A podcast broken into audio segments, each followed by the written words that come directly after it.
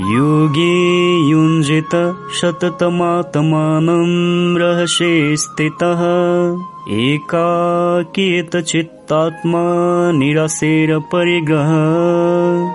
दशौं श्लोक। मन र इन्द्रिय सहित शरीरलाई आफ्नो बसमा राखेर कर्मको फल आशारहित र सङ्ग्रहरहित भएर जुन योगीले अनन्य भावले मनलाई स्थिर र अडोल बनाएर एकान्त स्थान स्थिर अवस्थामा रहेर इन्द्रिय तथा मनलाई आफ्नो नियन्त्रण गरेर समस्त आकांक्षा तथा सङ्ग्रह भावको आफ्नो इच्छाबाट मुक्त भएर सधैँ आत्मालाई प्राप्त गर्ने कोसिस गर्नुपर्छ।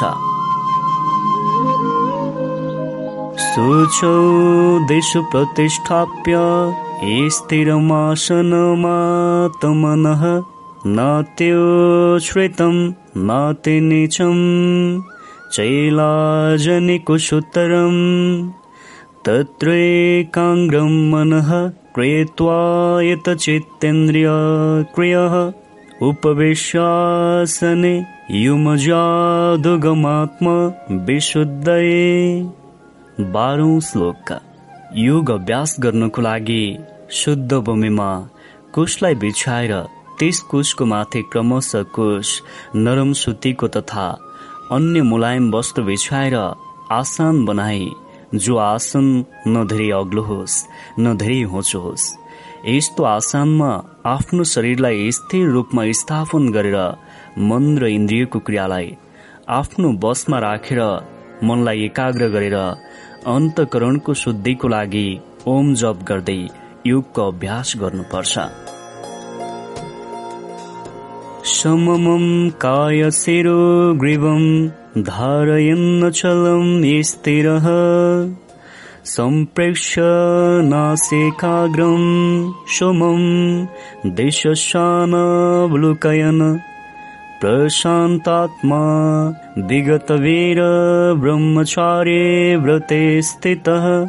मनः संयम्य मच्चित्तो युक्तासेतमत्परः तेह्रौं र चौधौं श्लोक शरीर टाउको र घाँटीलाई समान अर्थात् सिधा एवं अचल धारण गरेर आफ्नो मनलाई शून्यमा स्थिर गरेर आफ्नो नाकको अग्रभागमा अर्थात् भ्रेकुटीमा आफ्नो दुवै दृष्टि केन्द्रित गरेर अन्य सबै दिशालाई केवल नाकको अग्रभागमा नै स्थिर भएको सोच लिएर ब्रह्मचारीको व्रतमा स्थित भय रहित तथा आफ्नो शरीर अडुल शान्त सोच शून्य र मन केवल आफूभित्र प्रवेश गर्ने सुवायुमा केन्द्रित गरेर सम्पूर्ण शरीर संसारको विषय वास्नबाट सावधान भएर कर्म गर्ने योगी आफ्नो मनलाई नियन्त्रण गरेर मनमनै निराशक्त भएर मेरो स्मरण गर्ने मनुष्य शीघ्र मेरो परायण हुन्छ।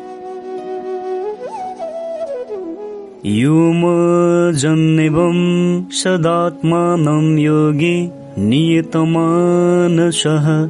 शान्तिं निर्वाणपरमाम मत्स्यं स्थामदे गच्छते। पन्ध्रौं श्लोक। शरीर मन तथा कर्ममा निरन्तर संयमता हुने अभ्यास गर्दै जुन मनुष्यको मन प्रत्येक कार्यमा संयमित हुन्छ। त्यस्तो योगीको यस पञ्च भौतिक अस्तित्वको शरीरको समाप्तिसँगै परमानन्दको पराकाष्ठ रूपको अन्तिम शान्तिलाई प्राप्त गर्दछन्। नत्यश्न तस्तु योगेस्तेन चैकान्तमनसन्त न चाते स्वप्नशीलस्य जाग्रतो नैव चार्जुन। सोह्रौं श्लोक। हे अर्जुन यो युग न त धेरै खाने मनुष्यलाई न बिल्कुल नखाने मनुष्यलाई न धेरै सुतिरहने स्वभाव भएको मनुष्यलाई न धेरै आराम गर्ने स्वभावको मनुष्यलाई र न सधैँ जागै मनुष्यका लागि सिद्ध हुन्छ। युक्ताहार विहारस्य युक्तचेष्टस्य कर्मसु। युक्त स्वप्नावबोधस्य योगो भवति दुःख। सत्रौं श्लोक। दुःखको नाश गर्ने यो युक्त यथायोग्य आहार विहार गर्ने मनुष्यलाई सात्विक कर्म गर्नको लागि सधैँ यथायोग्य चेष्टा गर्ने मनुष्यलाई र यथायोग्य र आफूलाई जरुरत अनुसार सुत्ने तथा जाग्ने र आफ्नो कर्मलाई नै धर्म सम्झेर कर्म गर्ने मनुष्यलाई यो योग सिद्धि प्राप्त हुन्छ।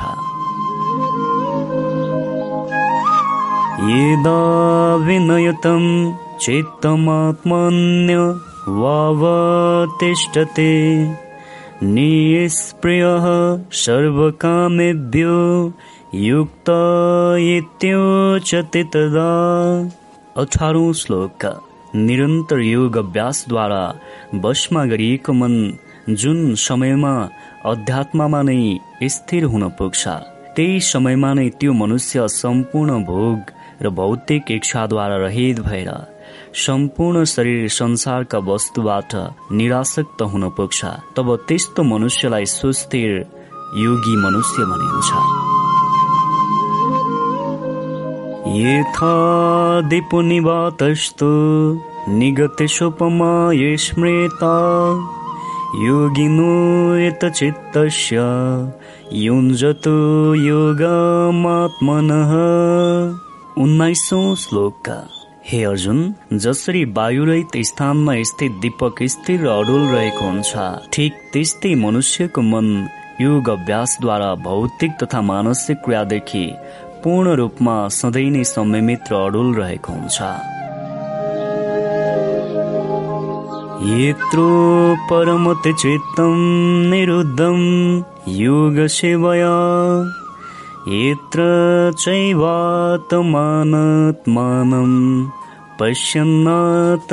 तुष्यते। सुखमात्यन्तिकम् यक्तद् देग्रायमतीन्द्रियम्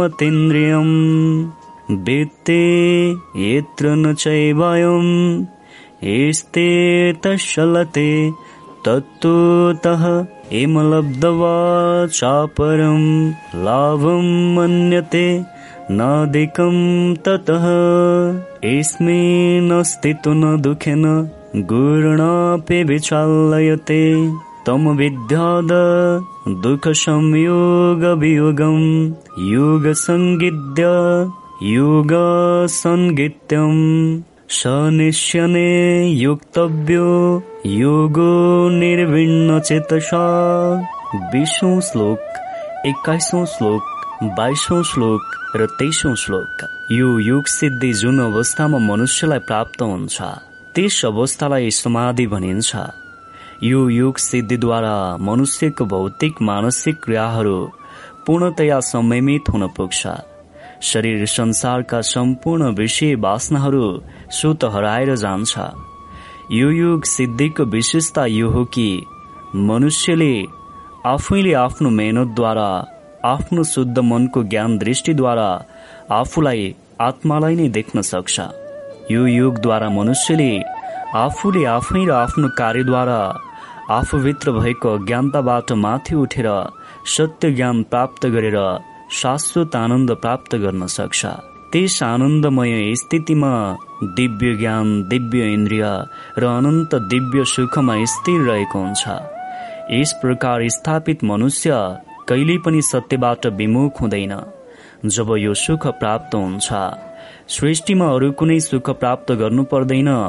यस्तो स्थितिलाई प्राप्त गरेको मनुष्य कुनै पनि समस्याबाट कहिल्यै पनि विचलित हुँदैन।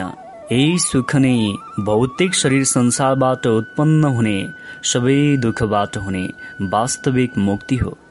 यसरी मनुष्यले दृढ संकल्प तथा श्रद्धाद्वारा निराशक्त भएर योग अभ्यासमा लाग्नुपर्छ।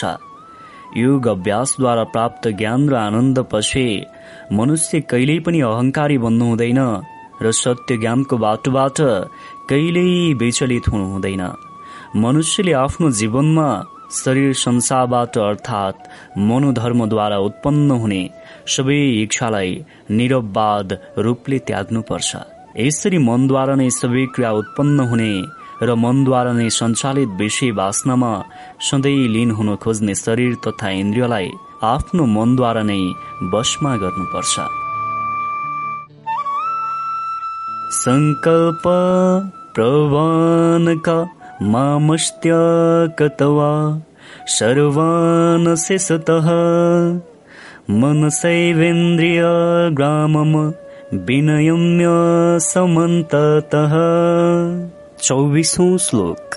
मन तथा शरीरको सङ्कल्पद्वारा उत्पन्न हुने सम्पूर्ण कामनालाई निशेष रूपले त्यागेर मनद्वारा इन्द्रियको समुदायलाई सबैतिरबाट आफूमा नियन्त्रण गरेर अर्थात् इन्द्रियलाई आफ्नो स्थिर बुद्धि र मनको नियन्त्रण राखेर मनलाई सुन्नेमा स्थिर गर्नुपर्छ।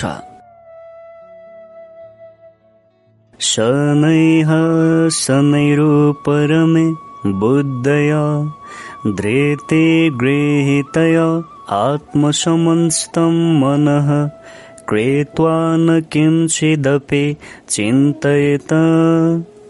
पच्चिसौँ श्लोक। बिस्तारै बिस्तारै निरन्तर पूर्ण विश्वाससँग स्थिर बुद्धिद्वारा सधैँ समाधिमा लिन हुने निरन्तर अभ्यास गर्नुपर्छ। यस प्रकारले मनलाई आत्मामा स्थिर गर्नुपर्छ। केवल ईश्वरलाई प्राप्त गर्ने चिन्तन मनन र लक्ष्य राखेर त्यही अनुरूप कार्य गर्नुपर्छ। त्यही चिन्तन मनन र लक्ष्यलाई धैर्ययुक्त स्थिर बुद्धि र मनद्वारा ईश्वरको बाहेक अरू केही देखिँदैन। केवल सर्वव्यापी ईश्वरको ईश्वर अनुभूति हुन्छ। एतो एतो निश्चरते मनम शल मस्थिरम ततस्ततो नियमै तदात्मनैव वंशमयत छब्बिसौँ श्लोक। निरन्तर अस्थिर तथा सधैँ चञ्चल रहने मन। जुन जुन शब्द आदिको विषय वासना तथा विषय वस्तुको निमित्त यस संसारमा विचित्रण गरेको हुन्छ सधैँ विषय वासनामा विचरण गर्ने मनलाई नियन्त्रण गरेर अर्थात् सधैँ विषय वासनामा आकर्षित तथा विषय वासनाप्रति चञ्चल रहने मनलाई नियन्त्रण गरेर मनलाई केवल ईश्वर अनुभूतिको लागि भक्ति मार्गमा लगाउने कोसिस गर्नुपर्छ। प्रशान्त मनसम योगिनम सुखमुक्तममम उपैते शान्तरजसम ब्रह्मभूतम कल्मषम सत्ताइसौँ श्लोक। जुन मनुष्यको मन शान्त र एकीभाव भएको होस्। जो मनुष्यको मनमा तामसी सोच नभएको होस् जो मनुष्यको सोचमा पनि पाप रहित होस् जुन मनुष्यमा रजुगुण शान्त भएको होस् जो मनुष्यको मन ईश्वरको ध्यानमा र आफ्नो कर्म मार्गमा सात्विक भएको होस् त्यस्तो मन भएको मनुष्य सधैँ सच्चिदानन्द घन ब्रह्मको साथ एकीभाव भएको हुन पुग्छ। युमजन्नेवं सदात्मनं योगिं विगतकल्मषः सुखेन ब्रह्म संस्पर्श मत्यन्तं सुखं सनुते। अठाइसौँ श्लोक पाप रहित योगी यस प्रकारले निरन्तर आफ्नो मनलाई आफ्नो अधीनमा राखेको हुन्छ। जसरी कछुवाले आफ्नो शरीरलाई कुनै आपातको अवस्थामा आफ्नो शरीरलाई आफूमा नै समेटेको हुन्छ। आफ्नो मनलाई आफ्नो नियन्त्रणमा राखेर कर्म गर्ने योगी सुखपूर्वक परब्रह्म परमात्माको प्राप्ति गरेर शाश्वत आनन्दलाई प्राप्त गर्छन्। सर्वभूतस्थमात्मानं सर्वभूतानि चातमने ईक्षते योगयुक्तात्मा सर्वत्र समदर्शन उनातिसौँ श्लोक। सर्वव्यापी अनन्त चेतनमा एकी भावद्वारा स्थिति रूपले योगयुक्त मन भएको तथा सबै प्राणीलाई नै समभावद्वारा देख्ने योगी आत्मालाई सम्पूर्ण भूत प्राणीमा स्थित र सम्पूर्ण भूत प्राणीमा आत्मालाई स्थित रहेको देखेको हुन्छ। यो माम पश्यति सर्वत्र सर्वचमयि पश्यति। तस्याहं न प्रणशयामि सचमेन प्रणशयति। तिसौँ श्लोक। हे अर्जुन जो मनुष्य सम्पूर्ण भूत प्राणीको आत्मरूपमा म वासुदेवलाई नै व्यापक देखेको हुन्छ र सम्पूर्ण भूत प्राणीलाई म वासुदेवकै अन्तर्गत देखेको हुन्छ। त्यसको लागि म सधैँ सदृश्य रहेको हुन्छु। जो मनुष्य सबै भूत प्राणीमा रहेको आत्मा र भूत प्राणी अलग अलग देख्ने गरेको हुन्छ त्यस मनुष्यको लागि म अदृश्य रहेको हुन्छु। अर्थात् जो मनुष्य सत्य ज्ञानले मलाई जानेको छैन त्यस मनुष्यको लागि म सधैँ अदृश्य रहेको हुन्छु। सर्वभूतस्थितम यो माम भजत्य सर्वथा वर्तमानोपे सयोगिमय वर्तते। एकतिसौँ श्लोक। जो मनुष्य एकी भावमा स्थित भएर सम्पूर्ण भूत प्राणीको आत्मरूपमा स्थित म सच्चिदानन्द घन वासुदेवलाई पुकार गरेको हुन्छ। त्यो योगीले आफ्नो सबै प्रकारको कार्यले मलाई नै पुकार गरेको हुन्छ। आत्मौपम्यन सर्वत्र पश्यते अर्जुन। सुखम वा यदि वा दुःखम सयोगी परम मत। बत्तीसौँ श्लोक। हे अर्जुन जो योगी सबै भूतमा समभाव देखेको हुन्छ। र सुख अथवा दुःखलाई पनि व्यवहार र भोगाइमा पनि समभाव तरिकाले भोगेको हुन्छ। त्यस्तो मनुष्यलाई परम योगी तथा परम श्रेष्ठ भनिन्छ। अर्जुनवाच योऽयं युगस्त्वया प्रोक्तः साम्यन मधुसूदन एतस्यां न पश्यामि। चञ्चलतवातय स्थितिम् स्थिराम् तेत्तिसौँ श्लोक। अर्जुनले भन्नुभयो हे मधुसूदन जो यो युग हजुरले समभावद्वारा भन्नुभएको छ मन चञ्चल हुने हुनाले म यस समभावको नित्य स्थितिलाई देखेको छैन। चञ्चलम् हि मनः कृष्ण प्रमाति बलवद दृढम् तस्याम् निग्रहम् मन्य वायुरिव सुदुष्करम्। चौतिसौँ श्लोक हे श्री कृष्ण यो मन धेरै चञ्चल प्रमथन स्वभाव भएको धेरै दृढ र बलवान रहेको छ। त्यसैले मनलाई बसमा गर्नु भनेको वायुलाई रोक्ने तथा प्रकृतिमा सबैतिर विचरण गर्ने वायुलाई आफूमा केन्द्रित गर्न जस्तै अत्यन्त कठिन तथा दुष्कर काम हो। श्री भगवानुवाच असंशयं महाबाहो मनो दुर्निग्रहं चलम् अभ्यासेन तु कौन्त्य वैराग्यण च गुयते पैतिसौँ श्लोक। श्री भगवानले भन्नुभयो हे महाबाहु अर्जुन निसन्देह मन अत्यन्तै चञ्चल छ। त्यसैले मनलाई आफ्नो बसमा गर्न अति नै कठिन छ यो सत्य हो। परन्तु मनलाई बसमा गर्न असम्भव भने छैन।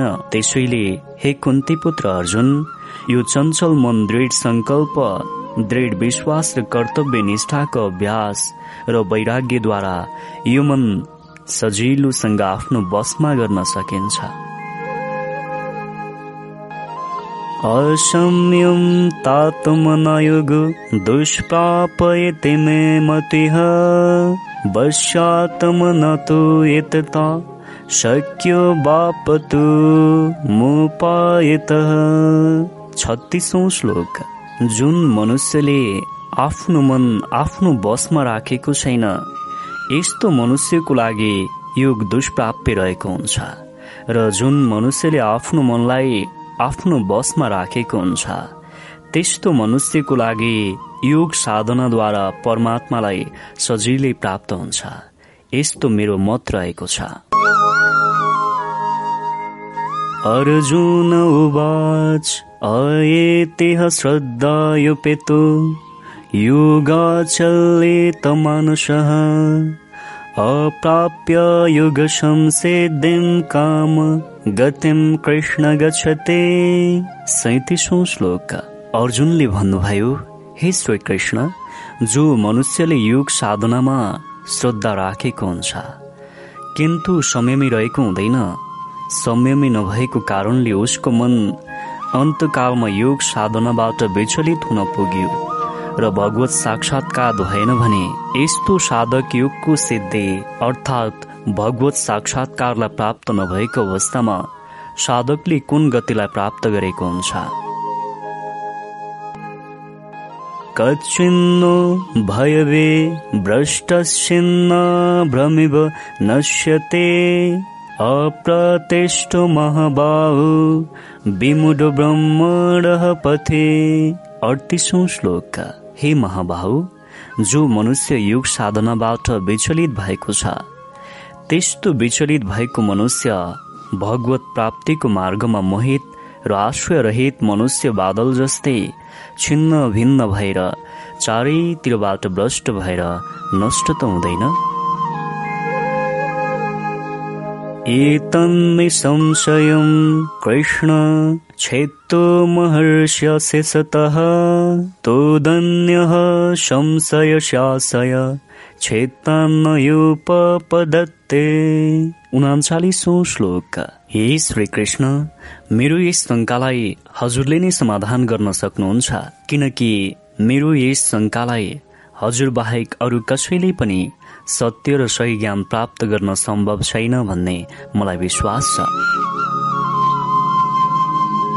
श्री भगवानुवाच पार्थ न मूत्रविनशस्तस्य विदते न हि कल्याणकृत कश्चिद दुर्गतिं तात गच्छते। चालिसौँ श्लोक। श्री भगवान श्री कृष्णले भन्नुभयो हे पार्थ योग साधना गरेको मनुष्यको न त यस लोकमा नाश हुन्छ न त परलोकमा नै। किनकि हे अर्जुन जुन मनुष्यले जीवात्मा उद्धारको लागि अर्थात् भगवत प्राप्तिको लागि कर्म गरेको हुन्छ। त्यस्तो मनुष्यको कहिल्यै पनि कुनै पनि दुर्गतिलाई प्राप्त गरेर नष्ट भ्रष्ट हुनै सक्दैन।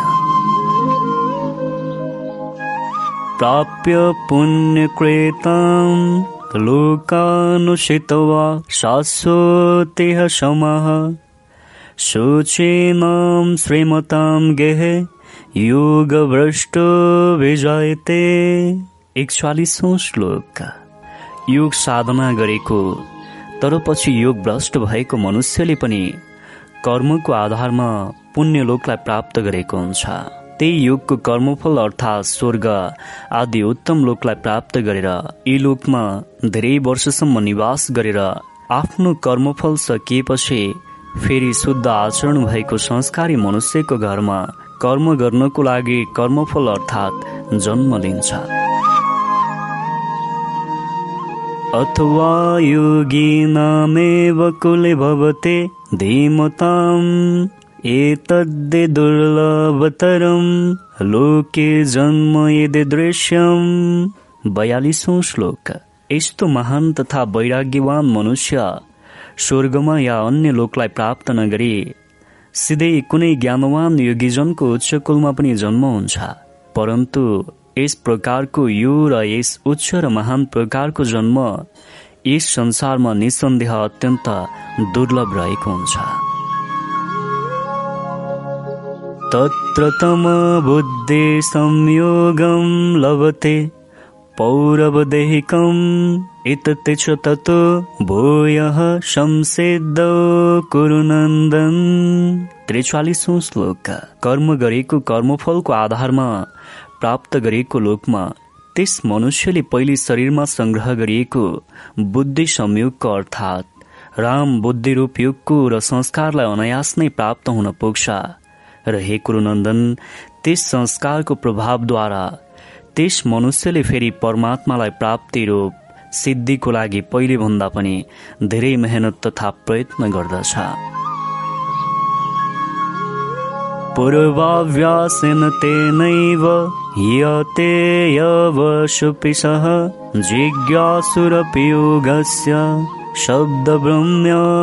वर्तते चौवालिसौँ श्लोक।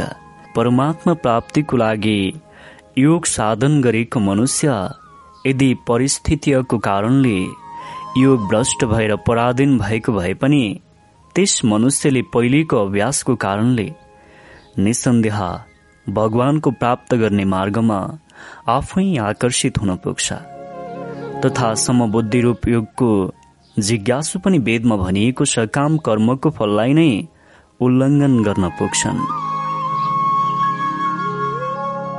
प्रयत्न धातुमानस्तु युगे संशुद्धि किल्विषः अनेक जन्म संसिद्धस्ततु याते परामगतिम् पैँचालिसौँ श्लोक।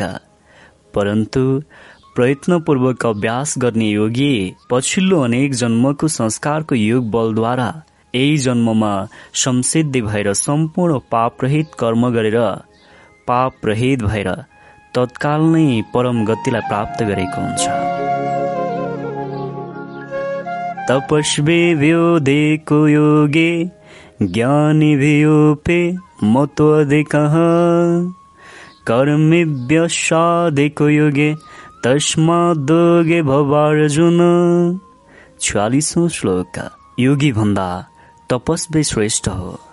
शास्त्र ज्ञानीलाई पनि श्रेष्ठ मानिएको छ र सकाम कर्म गर्ने मनुष्य भन्दा योगी महान हुन श्रेष्ठ हो।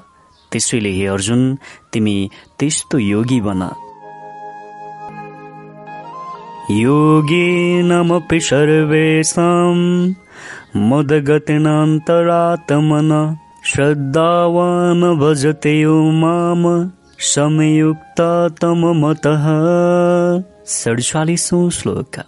सम्पूर्ण योगीमा पनि श्रद्धावान योगी जो योगीले आफ्नो अन्तर्मनले र अन्तरात्माले मलाई निरन्तर भजेको हुन्छ। त्यस्तो योगी परम श्रेष्ठ योगी हो। ॐ तत्सदिते श्रीमद्भगवद्गीतासूपनिषत्सु ब्रह्मविद्यायां योगशास्त्रे श्रीकृष्णार्जुनसंवादे आत्मसंयम योग नाम षष्ठ अध्याय इस प्रकारले उपनिषद ब्रह्म विद्या तथा योग रूप श्रीमद् भगवत गीताको श्रीकृष्ण अर्जुन संवादमा रहेको आत्मसंयम योग नामको छ अध्याय समाप्त भयो।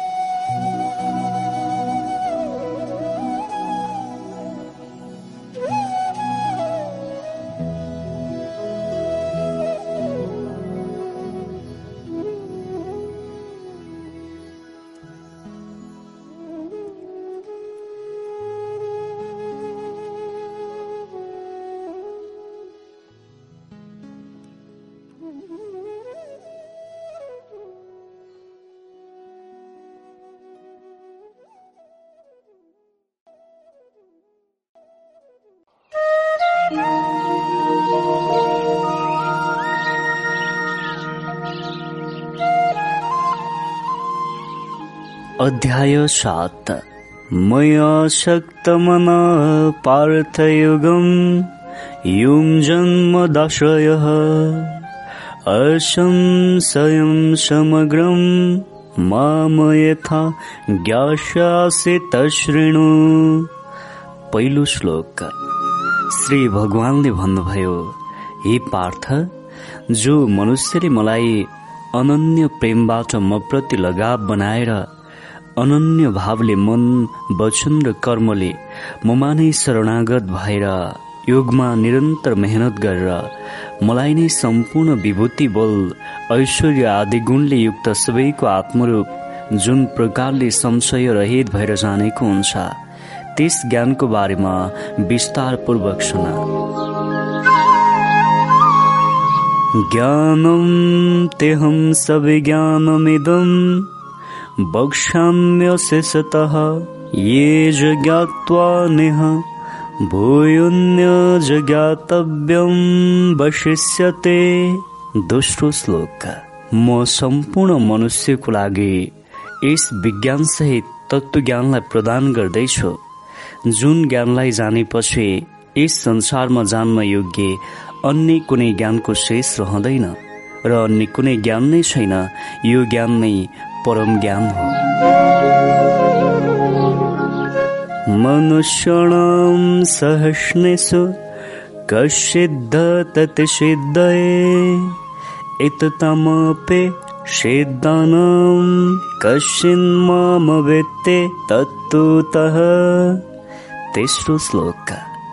हजारौं मनुष्यमा कोही एक मनुष्य मात्र मलाई प्राप्त गर्नको लागि कोसिस तथा प्रयत्न गरेको हुन्छ।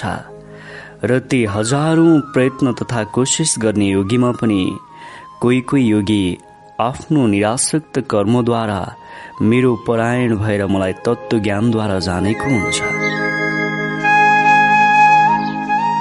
भूमिरापनलो वायु खममनो बुद्धिरेव च अहङ्कार इत्यं विभिन्न प्रकृतिरष्टदा अपरयेमि तस्तोन्यां प्रकृतिं विद्धि मे परम् जीवभूतं महाबाहु इदं धार्यते जगत।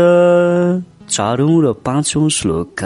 पृथ्वी जल तेज वायु तथा आकाश र मन बुद्धि एवं अहंकार। यी आठ प्रकारले विभक्ति भएकी पृथ्वी जल तेज वायु तथा आकाश र मन बुद्धि एवं अहंकार यी आठ प्रकारले विभक्त भएको प्रकृति अर्थात् माया छ यो आठ प्रकारको भेद अर्थात् ज्ञान अपरा ज्ञान हो अर्थात् यो मेरो जड प्रकृति हो र हे महाबाहु अर्जुन यो प्रकृतिलाई मेरो दोस्रो रूप जान यही प्रकृतिद्वारा नै मैले सम्पूर्ण जगतलाई धारण गरेको छु। मेरो जीव रूप परा अर्थात् चेतन रूप र प्रकृति हो भन्ने जान यही दोस्रो रूपद्वारा नै यो सम्पूर्ण जगतलाई मैले धारणा तथा नियन्त्रण गरेको हुन्छ। एतद्धोनि भूतानि सर्वाणि अहं क्रेतष्णस्य जगतः। प्रभव प्रलयस्तता मत्तः परन्तरम् नान्यत किञ्चिदस्ते धनञ्जय मयि सर्वमिदं प्रोतं सूत्रे मणिगण एव छैठौँ र सातौं श्लोक। हे अर्जुन तिमीले यो जान तथा सम्झ कि सम्पूर्ण भूत यी दुई प्रकृति परा अपराद्वारा उत्पन्न हुने गर्छ र म सम्पूर्ण जगतको प्रभाव उत्पत्ति तथा प्रलय रूप हुँ अर्थात् म नै सम्पूर्ण जगतको मूल कारण हुँ। हे धनञ्जय म भन्दा अलग तथा भिन्न अन्य कोही पनि परम कारण छैन। यो सम्पूर्ण प्रणालीहरू ममा नै एक सूत्रमा उनिएर रहेको छ। यो सम्पूर्ण सृष्टिको सूत्र मणिको माला जस्तै। सदृश्य भएर ममा नै उनिएको छ। सबै प्रणालीको शेषनाग अर्थात् शेष शक्ति मनै हो। सृष्टिको सम्पूर्ण शक्ति केन्द्र मनै हो। रसोऽहमप्सु कौन्तेय प्रभास्मे शशिसूर्यः प्रणव सर्ववेदेषु शब्दः खे पौरुषं नृषु पुण्यो गन्धः पृथिव्यां च तेजश्चास्मे विभावशो। जीवनं सर्वे भूतेषु तपस्यास्मे तपस्विषु आठौं र नौ श्लोक। हे अर्जुन जलमा विद्यमान रस मनै हो। चन्द्रमा र सूर्यमा विद्यमान प्रकाश मनै हो। सम्पूर्ण वेदमा विद्यमान प्रणव ओम महु। आकाशमा विद्यमान शब्द र पुरुषमा विद्यमान पुरुषत्व मनै हो। पृथ्वीमा विद्यमान पवित्र शब्द स्पर्श रूप गन्ध यो प्रसङ्गमा कारण रूप तन्मात्रको ग्रहण हुन्छ। यही ज्ञानलाई स्पष्ट गर्नको लागि पृथ्वीको गन्धको साथ पवित्र शब्द जोडिएको तर प्रकृति अपरा हो। गन्ध र अग्निमा विद्यमान तेज मनै हुँ। सम्पूर्ण भूतमा विद्यमान जीवन मनै हुँ। अर्थात् जुन जीवनद्वारा प्राणी विद्यमान अवस्थामा जीवित रहेको हुन्छ त्यसको तत्व मनै हुँ तथा तपस्वीको विद्यमान तप मनै हुँ।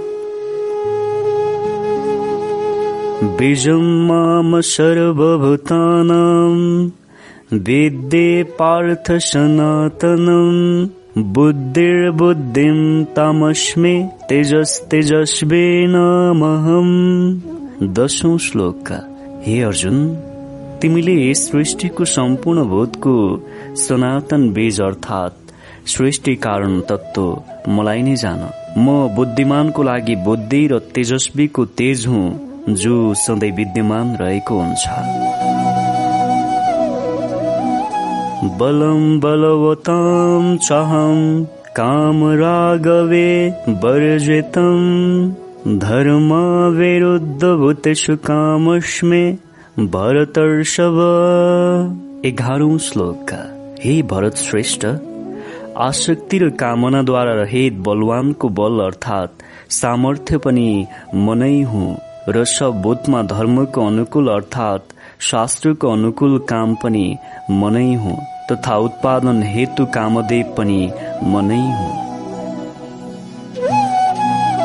ये चैव सात्विक भाव राजसास्तामशाश्चय मतैव ते तान् विद्येन त्वहं तेषु ते मयि। बाह्रौं श्लोकका। सम्पूर्ण प्रणालीमा जो पनि सत्व गुणद्वारा उत्पन्न हुने भाव रहेको हुन्छ। र रजगुणद्वारा तथा तमगुणद्वारा उत्पन्न हुने भाव रहेको हुन्छ। ती सबै गुण मद्वारा उत्पन्न हुने र मद्वारा नै प्रदान हुन्छ भन्ने जान। परन्तु वास्तवमा म ती सबै गुणमा म छैन र ती सबै गुण ममा पनि छैन।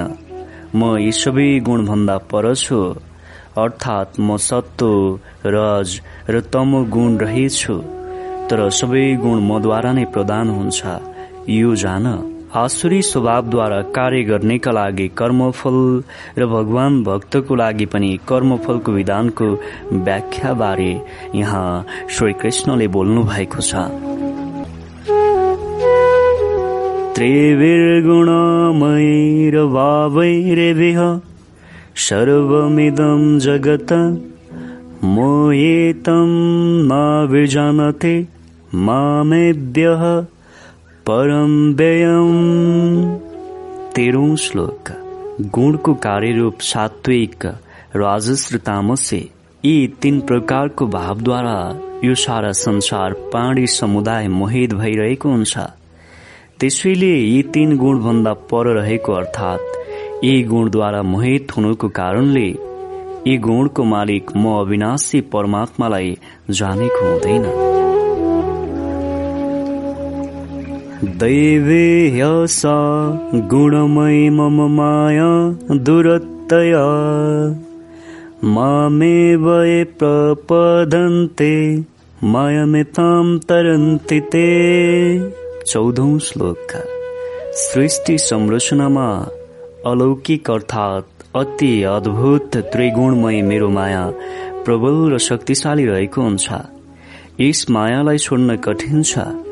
परन्तु जो मनुष्य अनन्य भावले केवल मलाई नै कर्मको विधाता जानेर सबै कर्म मलाई नै सम्पूर्ण गरेर मलाई नै निरन्तर भजेको हुन्छ।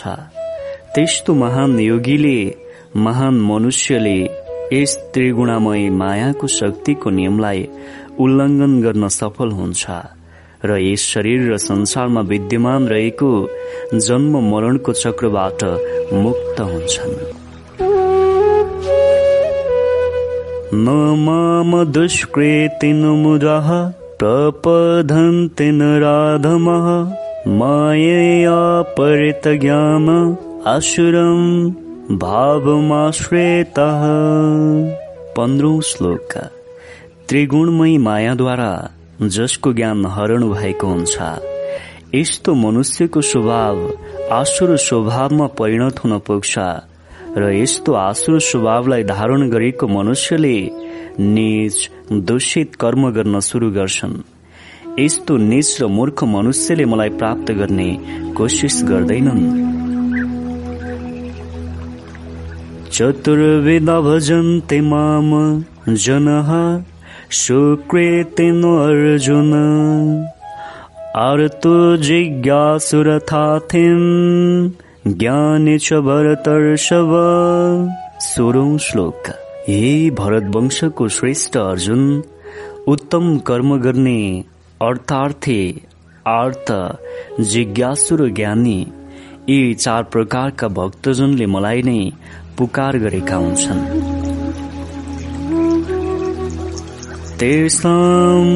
ज्ञान नित्यायुक्त एक भक्तिर्विशेष्यते प्रियो ये ज्ञानिनोत्यर्थमहम् स च मम प्रियः।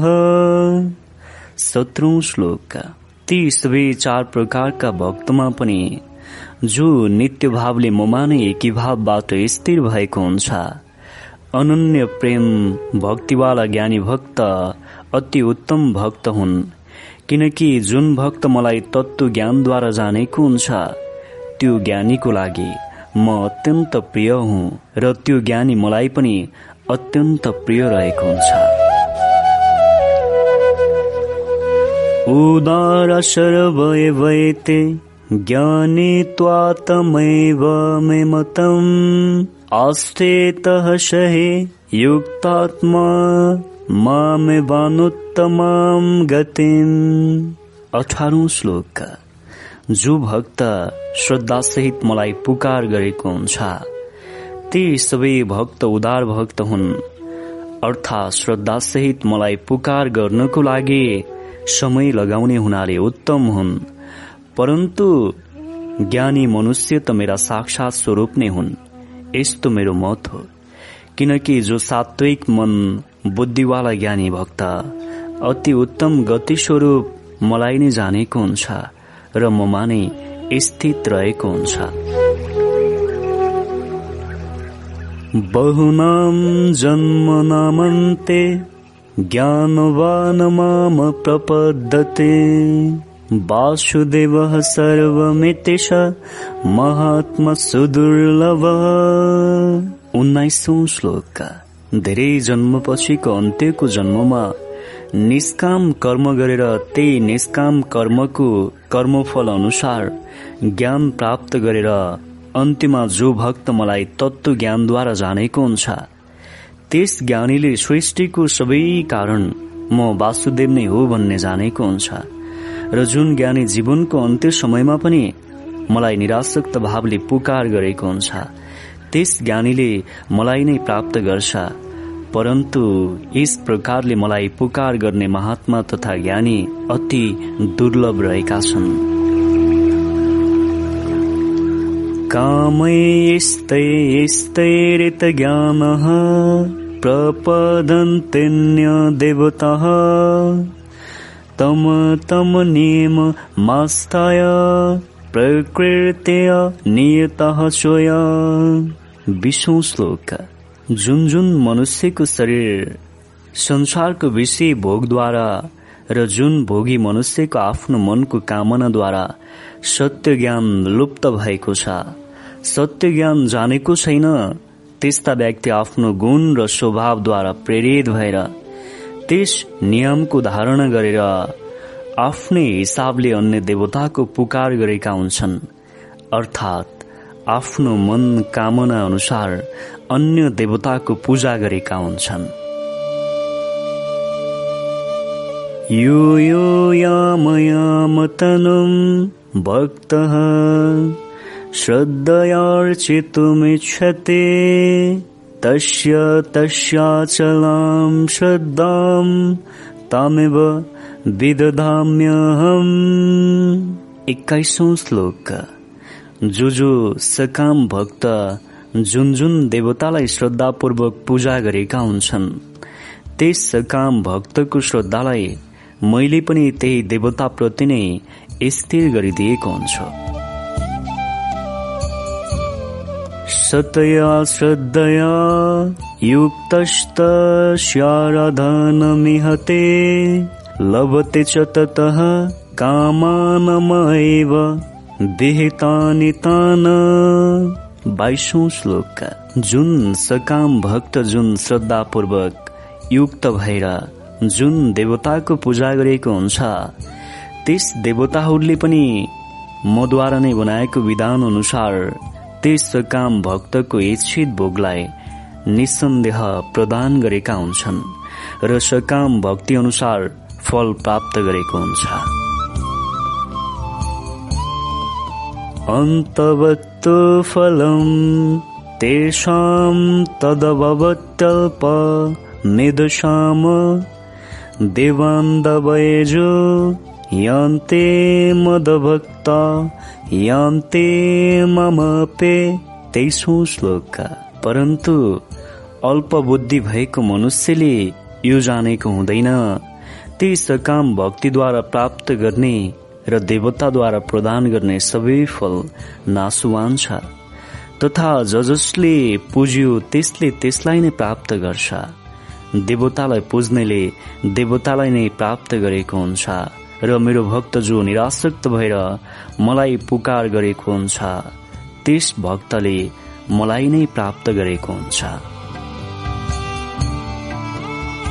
अव्यक्तं व्यक्तिमापन्नं मनयन्ते माम बुद्धयः।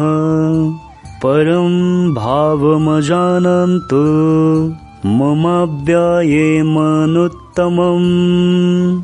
चौबिसौँ श्लोकका बुद्धिहीन पुरुष मेरो सबैभन्दा उत्तम अविनाशी परम भावलाई नजानेर मन इन्द्रिय भन्दा पर रहेको म सच्चिदानन्द घन परमात्मालाई मनुष्य नै हो भनेर व्यक्ति जस्तै भाव भएको मानेका हुन्छन्।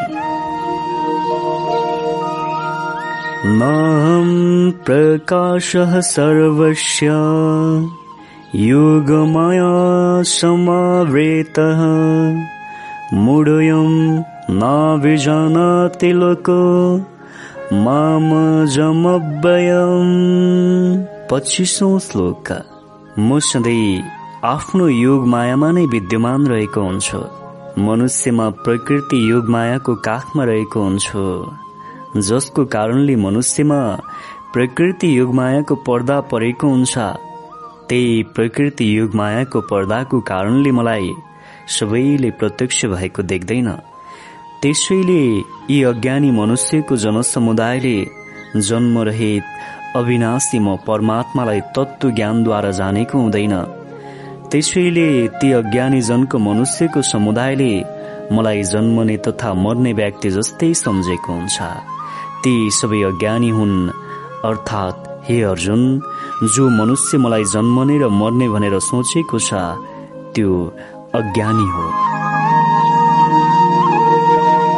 वेदाहम समते ताने वर्तमानानि चार्जुन भविष्याणि च भूतानि माम तु वेदन कशन श्लोकका हे अर्जुन पूर्व व्यतीत भएका सम्पूर्ण क्रियाको विवरण र वर्तमानमा स्थित भएका सम्पूर्ण क्रियाको विवरण तथा अघि हुने सम्पूर्ण क्रियाको विवरणलाई मैले पूर्ण रूपमा जानेको छु। मलाई भूतकाल वर्तमान काल र भविष्यत कालमा हुने सम्पूर्ण क्रियाको पूर्ण ज्ञान छ। किनकि म नै सबै कालको विदाता हुँ। त्यसैले मलाई रहित कुनै पनि मनुष्यले जानेको हुँदैन।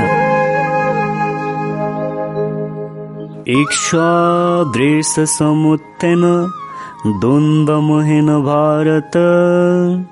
सर्वभूतानि सम्मोहं सर्गयान्ते परन्तप सत्ताइसौँ श्लोका हे भरतवंशी अर्जुन संसारमा इच्छा र द्वेषद्वारा उत्पन्न हुने सुख दुःख आदि विषय वासनाको कारणले मनुष्यलाई आन्तरिक तथा मानसिक द्वन्द र बाहिरी रूप प्रतिको मोहको कारणले मनुष्यले सत्य ज्ञान जानेको हुँदैन। त्यसैले शरीर संसारको विषय वासनामा लिप्त हुने सबै मनुष्यले सधैँ अज्ञानताको अन्धकारलाई प्राप्त गरेको हुन्छ। येषां त्वन्तगतं पापं जनानां पुण्यकर्मणां ते द्वन्द्वमोहनिर्मुक्ता भजन्ते माम दृढव्रता। अठाइसौँ श्लोक। निरासक्त भावले कर्म गर्ने अर्थात् श्रेष्ठ कर्मको आचरण गर्ने जुन मनुष्यले सम्पूर्ण कर्म तथा त्यस कर्मको कर्मफलको परिणामलाई समभाव राखेर आफ्नो कर्मफल पूरा भोग गरेका छन् ती सबै मनुष्यभित्र राग द्वेष आदि जनित द्वन्द बाहिर रूपको मोहबाट मुक्त समभावको लागि दृढ निश्चय भएको हुन्छ।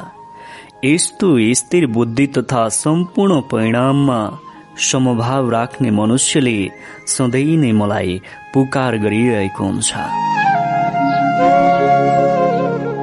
जरा मरण मोक्षाय मामाश्रित्य यतन्ते ते ब्रह्म तदिद्वा क्रेतस्नमध्यात्मम् कर्म चाखिलम् उनातिसौँ श्लोक। जो मनुष्य मेरो शरणगत भएर अर्थात् मलाई नै सर्वविधाता जानेर मद्वारा नै निर्देशित कार्य गर्दै जन्म मरणको चक्रबाट छुट्नको लागि निरासक्त कर्म गरिरहेको हुन्छ।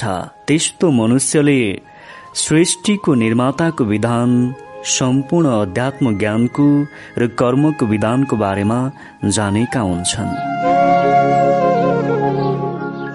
सादेवतादिदैवं माम सादेयज्ञं च विदुः। प्रयाणकालेऽपि च माम ते विदुरयुक्त चितसः तिसौँ श्लोक जो मनुष्यले मलाई नै अधिभूत र अधिदैव सहित अधियज्ञको विधाता।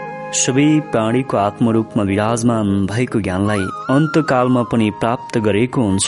त्यस्तो युक्त चित्त भएको मनुष्यले मलाई नै जानेको हुन्छ र मलाई नै प्राप्त गरेको हुन्छ। ॐ तत्सदिति श्रीमद्भगवद्गीतासुपनिषत्सु ब्रह्मविद्यायाम् युगशास्त्रे श्रीकृष्णार्जुनसंवादे ज्ञानविज्ञानयुग नाम सप्तमोऽध्याये। सत्य ज्ञान र विज्ञानको ज्ञान रहेको यस प्रकारले भगवानद्वारा भनिएको उपनिषद ब्रह्म विद्या तथा युग शास्त्र स्वरूप श्रीमद् भगवत गीतामा रहेको भगवान श्रीकृष्ण तथा अर्जुन बीचको संवादमा रहेको ज्ञान वियोग नाममा रहेको सातौं अध्याय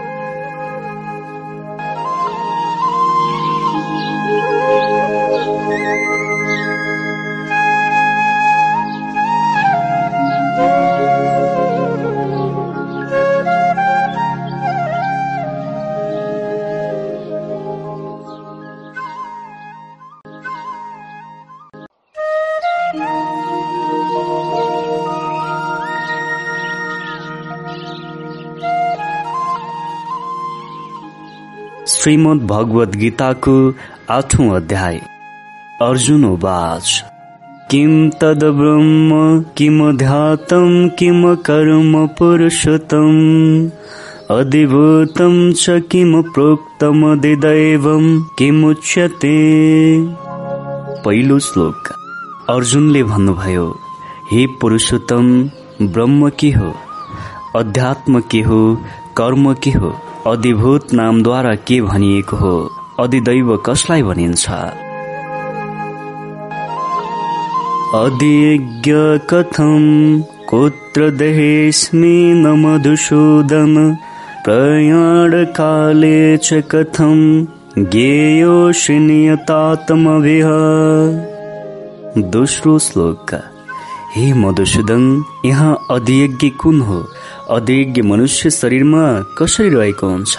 तथा युक्त चित्त भएको मनुष्यद्वारा अन्त्य समयमा हजुरलाई कुन प्रकारले जानेको हुन्छ? श्रीभगवानुवाच अक्षरम् ब्रह्म परं स्वभाव ध्यातममुच्यते भूतभावोदभवकरुविसर्गः कर्मसङ्गीतः तेस्रो श्लोक। भगवान श्रीकृष्णले भन्नुभयो परम अक्षर ब्रह्म हो आफ्नो स्वरूप अर्थात् जीवात्मालाई अध्यात्म नामद्वारा भनिएको हो तथा शरीर संसारको भावलाई उत्पन्न गर्ने जो त्याग छ त्यो कर्म नामद्वारा पुकार गरिएको छ। अधिभूतं छरुभाव पुरुषस्याधि दैवतम् वात्र देह देह व्रेताम्बर। चौथो श्लोक। उत्पत्ति र विनाश हुने सबै पदार्थ धर्ममा अधिभूत हुन् हिरण्यमय पुरुष नै अधिदैव। हो हे देहधारीमा श्रेष्ठ अर्जुन यस शरीरमा म वासुदेव श्रीकृष्ण नै अन्तर्यामी रूपद्वारा अधियज्ञ हुँ। अन्तकाले च मामेव स्मरण मुक्त वा कलेवरम्। एह प्रयाति सम्मदभावम्। याते नास्तयत्र संशयः। पाँचौं श्लोक। जो मनुष्यले जुन भाव लिएर आफ्नो शरीर त्याग गरेको हुन्छ त्यस जीवात्माले त्यही भाव अनुसार आफ्नो फल प्राप्त गर्छ। अर्थात् जो मनुष्य अन्तकालमा पनि मलाई नै प्राप्त गर्ने हिसाबले निराशक्त कर्म गर्ने तथा मलाई नै निराशक्त भावले स्मरण गर्दै आफ्नो नश्वर शरीरलाई त्याग गरेको हुन्छ। त्यस्तो भक्त मेरो साक्षात स्वरूपलाई नै प्राप्त गरेको हुन्छ। त्यस ज्ञानमा कुनै संशय नै छैन। यं यं बाफे स्मरन् भावम्। त्यजत्यन्ते कलेवरम् तं तमेवैते कौन्तय सदा तदभावभावितः छैठौं श्लोक। हे कुन्ती पुत्र अर्जुन जो मनुष्य अन्तकालमा जुन जुन भावलाई स्मरण गरेको हुन्छ र जुन भाव मनमा लिएको हुन्छ र जुन अवस्थामा रहेर आफ्नो नश्वर शरीरलाई तेस गरेको हुन्छ त्यही भाव अनुसार नै त्यस जीवात्माले त्यस भाव अनुसारको वस्तुलाई नै प्राप्त गरेको हुन्छ। किनकि त्यो मनुष्य सधैँ त्यही भावद्वारा नै भावित रहेको हुन्छ। तस्मात् सर्वेषु कालेषु मामनुस्मरयुध्य च मयर्पितमनुबुद्धिर्मामे वैश्यस्य संशयम्। सातौं श्लोक। त्यसैले हे अर्जुन तिमीले प्रत्येक कार्य गर्दा प्रत्येक पल प्रत्येक समयमा निरन्तर मेरो स्मरण गर तथा मेरो स्मरण गर्दै आफ्नो क्षेत्रीय धर्म निभाउनु। अहिले पनि मेरो नाम स्मरण गर्दै युद्ध गर्नु। युद्ध तिम्रो धर्म हो र त्यो धर्मको सम्पूर्ण कर्म मलाई यस प्रकारले अर्पण गर कि यो सम्पूर्ण कर्म तिमीले होइन मैले गरिरहेको छु। आफूलाई केवल माध्यम मात्र मान यस्तो ज्ञानलाई ग्रहण गर्दै मन बुद्धिले युक्त भएर निराशक्त रहेको मनुष्यले निसन्देह मलाई नै प्राप्त गर्ने गर्छ। अभ्यासयोगयुक्तेन चेतसा नान्यगामिन परमं पुरुषं दिव्यं याते पार्थानुचिन्तयन्। आठौं श्लोक। हे पार्थ ईश्वरको ध्यानको अभ्यास रूप योगद्वारा युक्त स्थिर चित्त भएर जसले मलाई नै निरन्तर चिन्तन गर्दै कर्मलाई निराशक्त रूपमा गरेको हुन्छ त्यस्तो मनुष्यले परम प्रकाश रूप दिव्य पुरुषलाई अर्थात् ईश्वरलाई नै प्राप्त गरेको हुन्छ। त्यो प्राप्त गर्ने ईश्वर मनै हो त्यो परम पद मेरै हो। कविम् पुराणमनुशासितार मणुरणीयम् समनुस्मरेद्दः सर्वस्य धातारमचिन्तय रूप मादित्यवणतमसः परैस्तात् प्रयाणकाले मनसचलेन भक्तया युक्तो योगबलेन चैव ब्रुवर्मद्य प्राणमावेश्य सम्यक् सतं परं पुरुषमुपैते दिव्ययम्। नौ तथा दशौं श्लोक।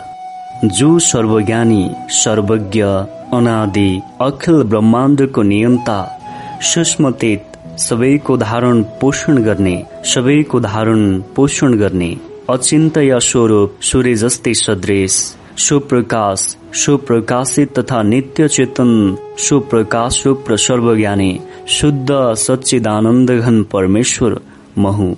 यो ब्रह्माण्डको मालिक मलाई नै जानेर मेरो नामलाई नै निराशुक्त भएर स्मरण गर्छ।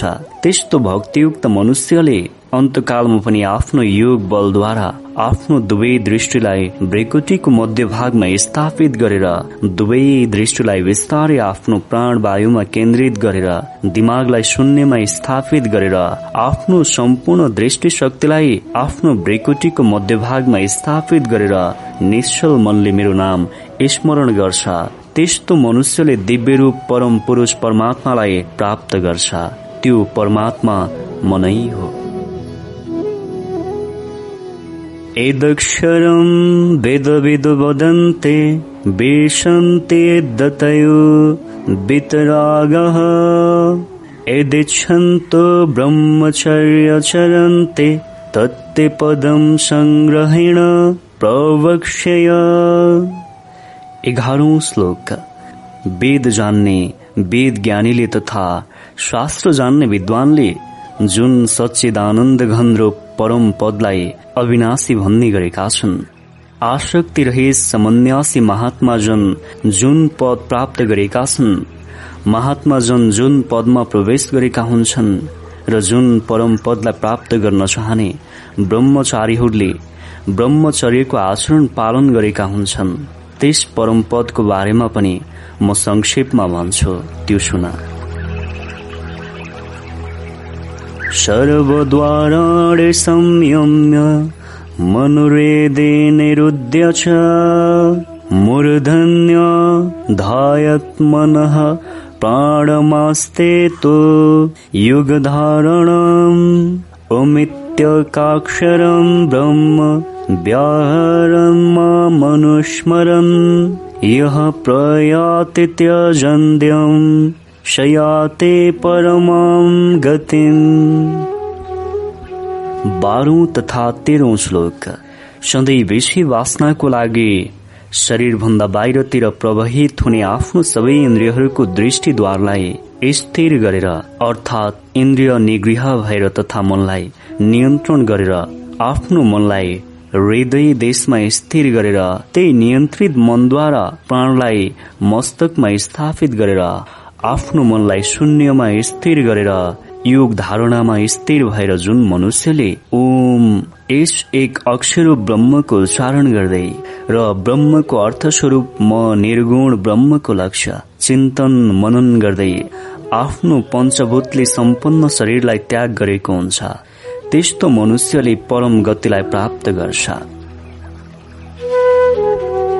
अनन्यचेतः सततम् यो मयि स्मरति नित्यशः तस्याहं सुलभः पार्थ नित्युक्तस्य योगिन। चौधौं श्लोक। हे अर्जुन जुन मनुष्यले मलाई नै अनन्य चित्त भएर निरन्तर म पुरुषोत्तमको स्मरण गर्छ। त्यस नित्य निरन्तर मलाई नै स्मरण गर्नेको लागि म सधैँ तिनीहरूमा नै युक्त तथा विद्यमान भएर रहेको हुन्छु। त्यस्तो योगीजनको लागि म सुलभ छु र सर्वव्यापी छु। अर्थात् म त्यस प्रकारको भक्तको लागि सहजतासँग प्राप्त हुन्छु।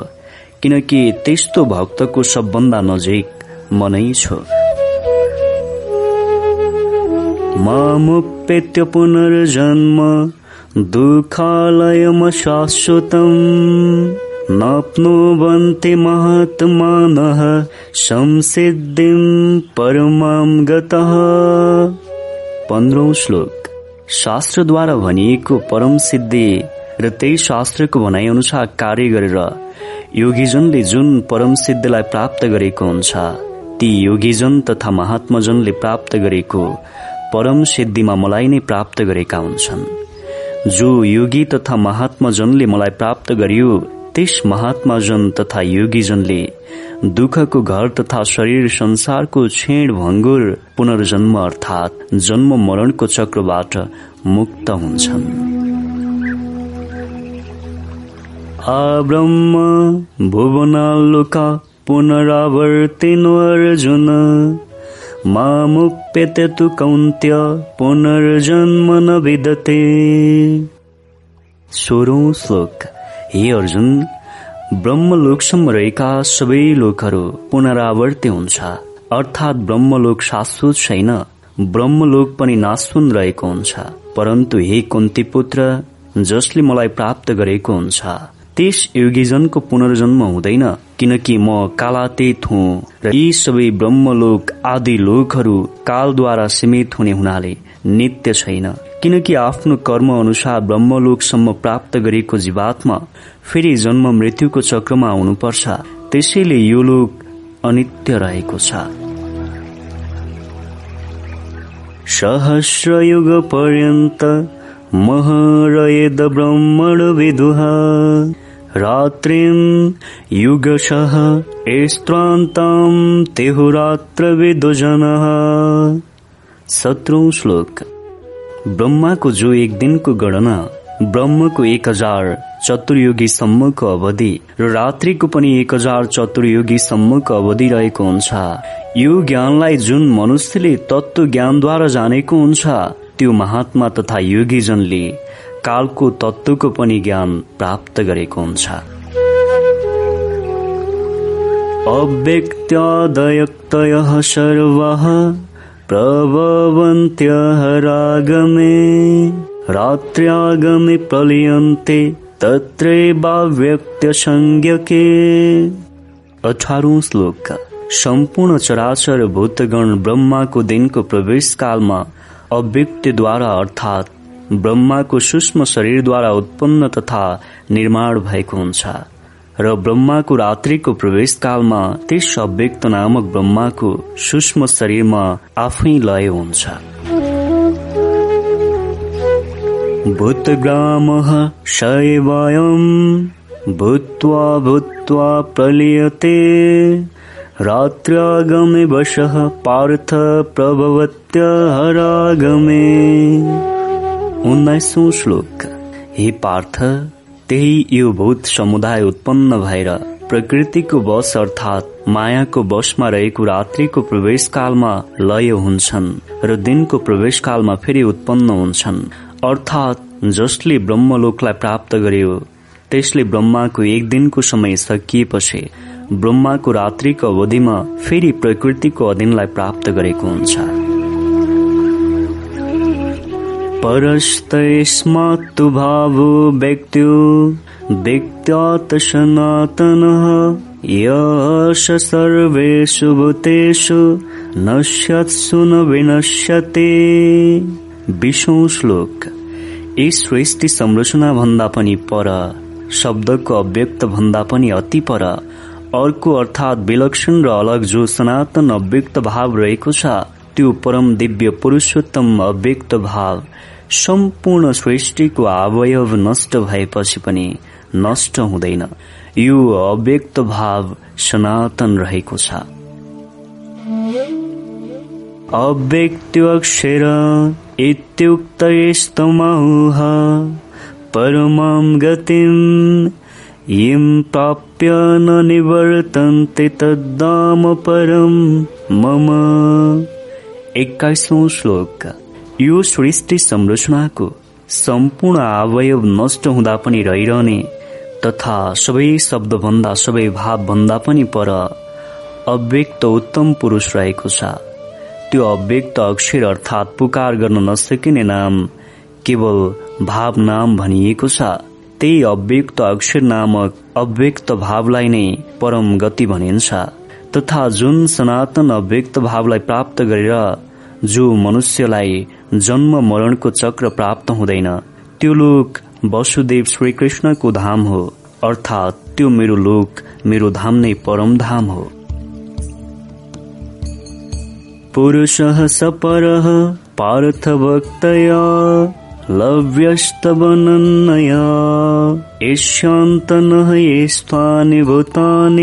येन सर्वमिदं ततम्।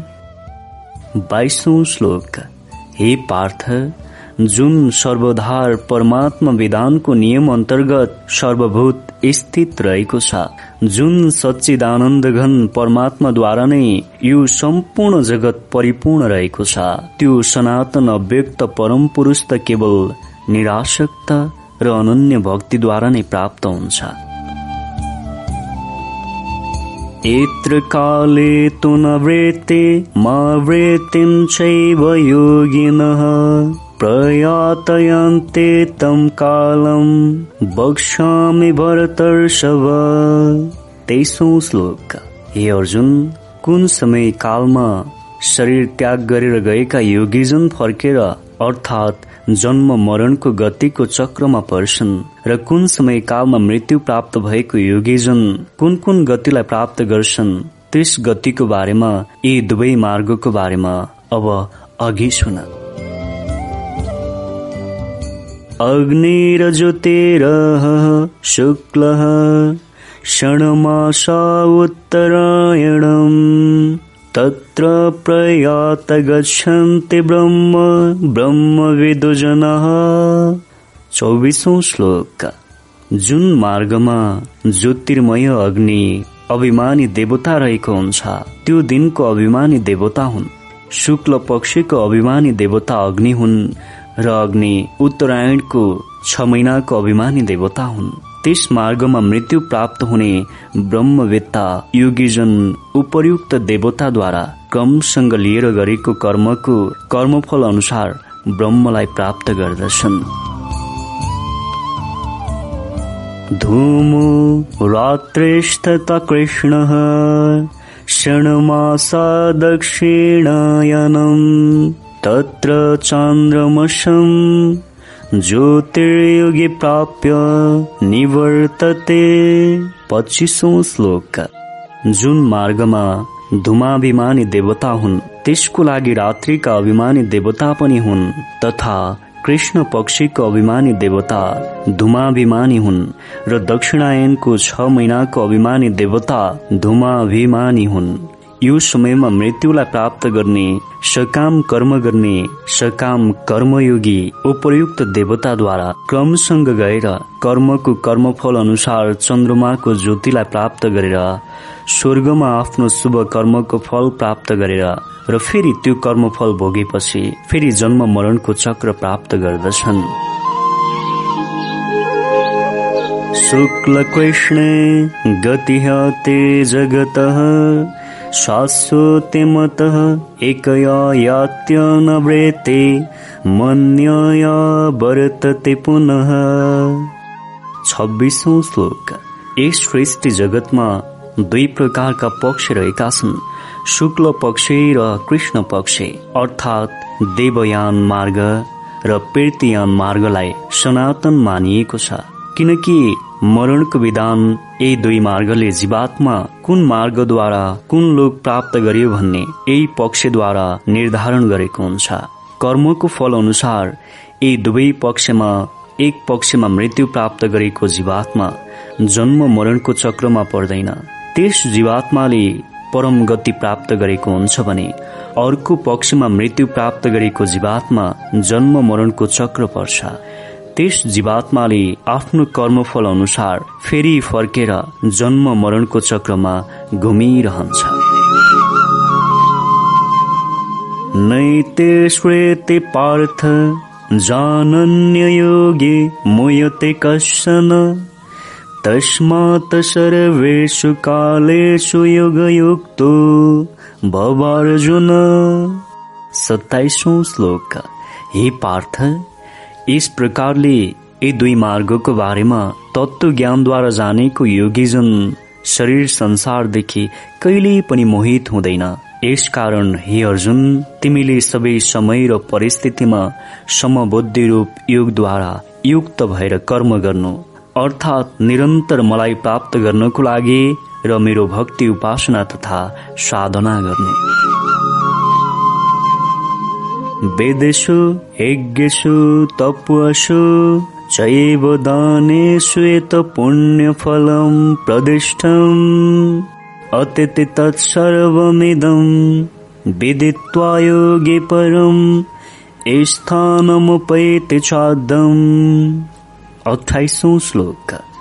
योगीजनहरूले यस रहस्यलाई तत्व ज्ञानद्वारा जानेर शास्त्रमा भनिएको मत अनुसार र शास्त्रमा भनिएको ज्ञान अनुसार शास्त्र पढेर शास्त्र अनुसारको कार्यहरू यज्ञ तप र दान आदि कर्म गर्नुलाई जो पुण्य कर्म भनिएको छ तर समबुद्धि भएको योगीजनले सम्पूर्ण चराचर जगतको विधाता मलाई नै जानेर म र मेरो भक्ति गर्ने योगीजनले सबै शास्त्र मतको सम्पूर्ण विधानलाई निसन्देह उल्लङ्घन गरेर मेरो भक्ति उपासना गर्न पुग्छन्।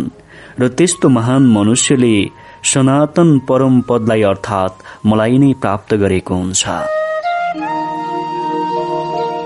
ॐ तत्सदिते श्रीमद्भगवद्गीतासुपनिषत्सु ब्रह्मविद्यायाम् युगशास्त्रे श्रीकृष्णार्जुनसंवादे अक्षरब्रह्मयुगो नाम अष्टमाध्याये।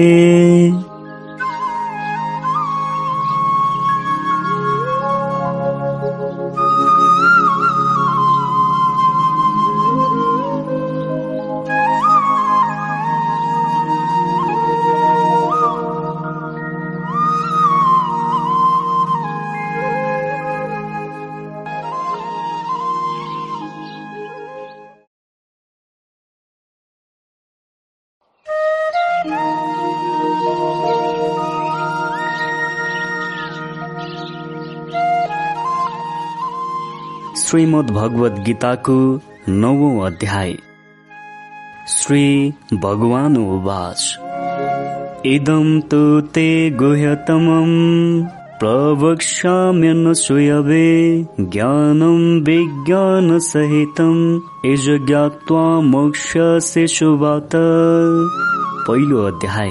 भगवानले भन्नुभयो दोष दृष्टि रहित भएको भक्तको लागि यस परम गोपनीय ज्ञान विज्ञान सहितको सत्य ज्ञानलाई म पुनः विस्तार पूर्वक भन्छु। जुन ज्ञानद्वारा कर्म गर्ने मनुष्य जन्म मरणको चक्र रूपमा रहेको दुखी रूपी संसारबाट मुक्त हुन्छ। राजविद्या राजगुह्यम पवित्रमिदमुत्तमम्। प्रत्यक्षावगमं धर्म्यं सुसुखं कर्तुं व्ययम् यो ज्ञान विज्ञान सहितको ज्ञान सम्पूर्ण विद्याको विद्या सम्पूर्ण ज्ञानको महाज्ञान सम्पूर्ण रहस्यको महारहस्य अति पवित्र अति उत्तम प्रत्यक्ष कर्मफल प्राप्त हुने धर्मयुक्त साधन तथा कर्म गर्ने सरल तथा सुगम र अविनाशी ज्ञान हो। अश्रद्धधानः पुरुषा धर्मस्य परन्तप अप्राप्य माम निवर्तन्ते मृत्यु संसारवतर्मने तेस्रो श्लोक। हे परन्तप यस सृष्टिमा उपयुक्त धर्ममा रहेर जुन मनुष्यले श्रद्धारहित भएको कारण म वासुदेव श्रीकृष्णलाई प्राप्त गरेको छैन त्यस कारणले त्यस मनुष्य जन्म मृत्यु रूपी शरीर संसारको चक्रमा भ्रमण गरिरहेको हुन्छ। मया ततमिदं सर्व जगदव्यक्त मूर्तिन मत्स्थानि सर्वभूतानि न चाहम तेषवस्थितः चौथो श्लोक। म निराकार परमात्माद्वारा नै यस सम्पूर्ण जगत जलद्वारा बर्फ जस्तै सदृश र परिपूर्ण रहेको छ र सबै अखिल ब्रह्माण्डको अवयव अर्थात् भूत मेरो अन्तर्गत संकल्पको आधारमा स्थित रहेको छ। तर यी सबै भूत अवयवमा वास्तवमा ती सबैमा म स्थित रहेको हुँदैन तर ती सबै भूतमा म स्थित रहेको हुन्छु। न मत्स्तानि भूतानि पश्यामि युगमैश्वरम्। भूतवृन्न च भूतस्तु ममात्मभूतभावनः। पाँचौं श्लोक। सृष्टिको सबै अखिल ब्रह्माण्डको अभाव भूत मद्वारा नै सञ्चालित रहेको छ। ती सबै भूतमा म छु तर ती सबै भूतमा म स्थित छैन। तर मेरो ईश्वरीय योग शक्तिको कारण ती सबै भूतको धारण पोषण गर्ने र सम्पूर्ण भूतको उत्पन्न गर्ने पनि मनै हो। तर मेरो शक्ति विग्रह सबै भूतमा स्थित रहेको छ तर सबै भूतमा म स्थित छैन। यथाकाशस्थितो नित्यं वायुः सर्वत्र गुमान् तथा सर्वाणि भूतानि मत्स्तानि तुय पधारयः। छैठौं श्लोक जसरी आकाशद्वारा उत्पन्न सर्वत्र विचरण गर्ने महान वायु सधैँ आकाशमा नै स्थित रहेको हुन्छ। ठिक त्यस्तै गरी मेरो संकल्पद्वारा उत्पन्न भएको सम्पूर्ण अभाव अर्थात् भूत ममा नै स्थित रहेको हुन्छ। सर्वभूतानि कौन्तय प्रकृतिं यान्ति मामि काम। कल्पक्षय पुनस्तानि कल्पाद। विसृजामयहम् सातौं श्लोक। हे अर्जुन कल्पको अन्त्यमा सबै भूत मेरो प्रकृतिलाई प्राप्त गरेको हुन्छ। अर्थात् सम्पूर्ण भूत कल्पको अन्त्यमा प्रकृतिमा नै लय हुन पुग्छन् र कल्पको आदिमा ती सम्पूर्ण भूतलाई मद्वारा नै फेरि रचना हुने गर्छ अर्थात् म नै रचनाकार हुँ। प्रकृतिं स्वामवष्टव्य विश्वेजामि पुनः पुनः भूतग्राममिं क्रेतस्नं वंश प्रकृतिर्वशात। आठौं श्लोक।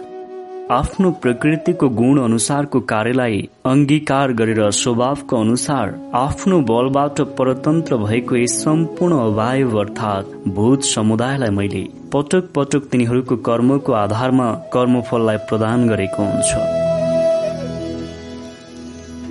न च मामतानि निवदन्नन्ते धनञ्जय। उदासीनवदासीनमसक्तं तेषु कर्मसु नौ श्लोक। हे अर्जुन सम्पूर्ण कर्महरूमा आसक्ति रहित अर्थात् निराशक्त हुने ईश्वरलाई शरीर संसारको उदासीनको सदृश स्थित भएका ती सम्पूर्ण गुणहरू तथा प्राकृतिक नियमले परमात्मालाई ती कर्म र कर्मफलको बन्धनले कहिल्यै पनि आफ्नो अधीनमा राखेको हुँदैन किनकि कर्म कर्मफलको विधाता परमात्मा हो र त्यो परमात्मा मनै हो। मयाध्यक्षेण प्रकृति सूयते सचराचरम् हेतु नानेन कौन्त्य जगति परिवर्तते। दशौं श्लोक। हे अर्जुन म सम्पूर्ण जगतको अधिष्ठाता हुँ र सृष्टि संरचनाको सम्पूर्ण नियम प्रकृति चराचर जगत सहित सर्व जगतको रचना त्यही नियम अनुसार गर्दछु र जो मद्वारा निर्मित नियम छ म त्यही नियम अनुसार नै सृष्टि मद्वारा नै सञ्चालित हुन्छ। त्यही मद्वारा निर्मित नियमद्वारा नै सृष्टि संरचना हुन्छ तथा सृष्टि लय पनि हुन्छ। यो सम्पूर्ण नियम मैले चलाएको छु। त्यही मेरो निगमद्वारा नै यो सम्पूर्ण संसार चक्र आफ्नो धुरीमा घुमिरहेको छ। अब जानन्ति माम मुढा तनुमाश्रितं परम भावमजानन्तु मम भूतमहेश्वरम्।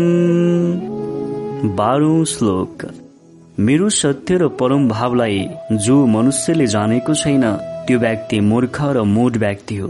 त्यस्तो मूर्ख र मूढ मनुष्यले मलाई जन्म मरण र शरीर धारण गर्ने प्राणीको सदृश्य सोच्ने गरेका हुन्छन् र अखिल ब्रह्माण्डको सम्पूर्ण सृष्टि सञ्चालन गर्ने म सम्पूर्ण भूतको पनि महान ईश्वरलाई सानो र तुच्छ भन्ने गरेका हुन्छन्। अर्थात् म आफ्नो योग मायालाई आफ्नो नियन्त्रणमा राखेर सम्पूर्ण प्राणी र संसारको उद्धारको लागि मनुष्य रूपमा आएको तथा अवतारण भएर रहेको हुन्छु। त्यसैले मूर्ख व्यक्तिले म परमेश्वरलाई साधारण मनुष्य जस्तै जन्मेको हो भन्ने गरेका हुन्छन्। म घास मग कर्माडो मग ज्ञान विचित राक्षसीमासुरीं चैव प्रकृतिमहिनीं श्रितः। बाह्रौँ श्लोक। जसले मलाई साधारण मनुष्य भन्ने गरेका छन् तिनीहरूले कहिल्यै पनि सत्य ज्ञान प्राप्त गर्न सक्दैनन्। मलाई नजान्ने मनुष्यको अन्य सम्पूर्ण ज्ञान व्यर्थ। अन्य आशा व्यर्थ अन्य कर्म व्यर्थ विक्षिप्त चित्त अज्ञानीजन राक्षसी आसुरी हुन्। मलाई नजान्ने सबैको गुणलाई मोहिनी रूप प्रकृतिले हरण गरेका हुन्छन् जसको कारणले ती सबै मनुष्यले प्रकृतिलाई नै सत्य मानेका हुन्छन् र त्यही प्रकृतिको अधीनमा रहेका तीन गुणलाई आफूमा धारण गरेको हुन्छ। महात्मानस्तु माम पार्थदैवीम् प्रकृतिमाश्रितः। भजन्त्यनन्यमनसु ज्ञात्वा भूतादिन्द्रियम् तेह्रौँ श्लोक। परन्तु हे कुन्तीपुत्र जुन महात्माले मलाई जान्यो ती सबै महापुरुषहरू दैवी प्रकृतिमा आश्रित भएको भए पनि मलाई नै सबैको बोधको अवयव तथा सनातन कारण र नाश नाडीरहित अक्षर स्वरूप जानेर अनन्य भक्ति भावले युक्त भएर निरन्तर मलाई पुकार गरेको हुन्छ। सततं कीर्तयन्तु माम एतन्तस्य दृढव्रता। न मशन्त्यः वक्तया नित्ययुक्ता उपासते। चौधौ श्लोक। जो दृढ निश्चय भएको भक्तजन निरन्तर मेरो नाम र गुणको बारेमा जानेको हुन्छ र मेरो कार्य अनुसार मेरो स्मरण गरेका हुन्छन् तथा मलाई प्राप्ति गर्ने उद्देश्यलाई लिएर सधैँ मेरो लक्ष्य चिन्तन र मनन गरेर मलाई नै प्राप्त गर्ने सरल निराशक्त मेहनत तथा यत्न गर्दै र मलाई नै पटक पटक स्मरण प्रणाम गर्दै सधैँ मेरो ध्यान मेरो स्मरणमा युक्त भएर अनन्य प्रेमद्वारा नै मेरो उपासना गरेका हुन्छन्। ज्ञानयज्ञेन चाप्यन्ये जन्तु। मापुपाशते एकत्वेन प्रेतक्तवेन बहुधा विश्वोत्तमुखम्। पन्ध्रौं श्लोक। अन्य मेरा भक्तहरू अर्थात् ज्ञानी योगीजनले मलाई निर्गुण निराकार ब्रह्मलाई ज्ञान यज्ञद्वारा अभिन्न भावद्वारा भक्ति उपासना गर्दै मेरो नै उपासना गरेका हुन्छन् र अन्य मनुष्य अनेक तरिकाले अनेक विविधताले र अनेक प्रकार स्थित म विराट स्वरूप सर्वधार परमेश्वरको पृथक भावद्वारा भक्ति उपासना गरेका हुन्छन्। र जसले मलाई जसरी पुकार गर्छ म त्यसरी नै त्यसको भावको स्वीकार गर्छु। म केवल भावलाई स्वीकार गर्छु विधानलाई होइन। अहं क्रतुरहं यज्ञः इष्दाहमहमौषधम् मन्त्रोऽहमहमिवाज्य महमग्निरहं हूतम्। सोह्रौं श्लोक। सृष्टिमा हुने सम्पूर्ण विधानको मालिक म नै हुँ। म भन्दा अलग केही छैन कोही छैन। म नभएको कोही कार्य कोही विधान कोही संरचना छैन।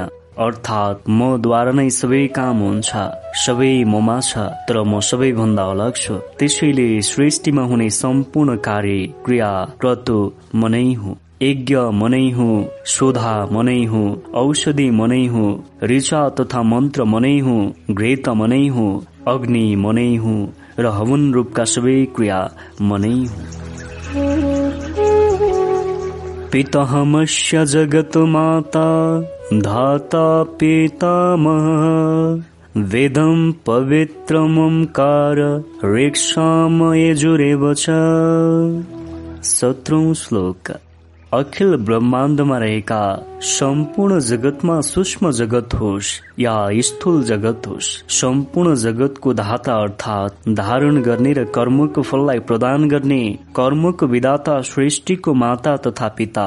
पितामह सम्पूर्ण ज्ञानले जान्न योग्य पवित्र शब्द तथा पवित्र शब्द तथा शब्द शिरोमणि ओमकार मनै हुँ तथा ऋग्वेदमा सामवेदमा यजुर्वेदमा भनिएका यी सबै ज्ञान मनै हो। गतिर्भर्ता प्रभुः साक्षिनिवासः शरणं सुरेत प्रभवः प्रलयः स्थानं निदानं बीजं व्ययम् अठारौँ श्लोक। मनुष्यले प्राप्त गर्ने अन्तिम सत्य प्राप्त गर्ने योग्य परमधाम सम्पूर्ण प्राणीको सुरुको बिन्दु सृष्टिको सञ्चालक सबै जगतको स्वामी सम्पूर्ण कर्म र कर्मफलको विवरण जान्ने सबै हुने शुभ अशुभ कार्यको दृष्टिगोचर गर्ने सबै प्राणीलाई भरण पोषण गर्ने र सबै प्राणीलाई सञ्चालन तथा वासस्थान प्रदान गर्ने प्राप्त गर्नुपर्ने शरण सबै प्राणीको हित गर्न चाहने तथा सबैको शुभ चिन्तक। अखिल ब्रह्माण्ड भित्रको सबै जगत सबै प्राणीको उत्पत्ति प्रलयको हेतु स्थितिको आधार निधान र अविनाशी कारण मनै हुन् तपाम्यमहं वर्षं निगृहाम्युत सृजामि च। अमृतं चैव मृत्युश्च सदशचाहमर्जुन उन्नाइसौँ श्लोक सूर्यमा ताप तथा प्रकाश मद्वारा नै प्रवाहित हुन्छ। सूर्यको तापद्वारा सबै प्राणी लगायत वनस्पतिलाई मैले नै तपता प्रदान गर्छु र सबै प्राणीलाई शक्ति प्रदान मद्वारा नै हुन्छ। बादलको विन्यास र वर्षाको आकर्षण गर्ने पनि मनै हो र मद्वारा नै वर्षा हुन्छ। हे अर्जुन मनै अमृत र मृत्युको कारण हो। सत असतको कारण पनि मनै हुँ। यी सबै विधानको विधाता अर्थात् कारण मनै हुँ। सुमपः पुतपापायज्ञैरेष्टवा स्वर्गतिम् प्रार्थयन्ते। ते पुण्यमसाद्य सुरेन्द्रलोकमश्यन्ते। दिव्यान् देवी देवभोगान्। विशौँ श्लोक। वेदमा विधान गरिएको तीन ज्ञान ती ज्ञानमा भनिएको सकाम कर्मलाई पनि गराउने सोम रसलाई पनि पिउने र मनुष्यको कल्याणको लागि सोम रस प्रदान गर्ने तथा पाप रहित मनुष्य मलाई यज्ञद्वारा पूजा गरेर स्वर्ग प्राप्तिको कामना गरेर कार्य गरेका हुन्छन्। ती सबै कार्य गर्ने मनुष्य आफ्नो कर्मको पुण्य कर्मबाट प्राप्त हुने फलस्वरूप प्रदान गर्ने र स्वर्गलोकलाई प्राप्त गरेर स्वर्गमा दिव्य देवताको साथ प्राप्त हुने आनन्दलाई भोग गरेका हुन्छन्। जबसम्म कर्मको कर्मफल रहेको हुन्छ त्यो कार्य पनि मद्वारा नै हुन्छ।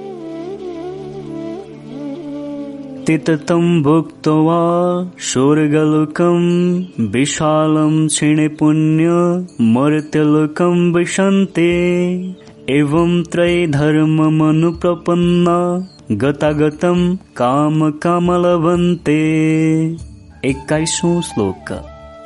जो मनुष्यले स्वर्गको कामना गरेर यज्ञ गरेर प्राप्त गरेको विशाल स्वर्गलोकको सुखलाई भोग गरेपछि पुण्य क्षीण भएपछि मृत्युलोकलाई फेरि प्राप्त गरेका हुन्छन्।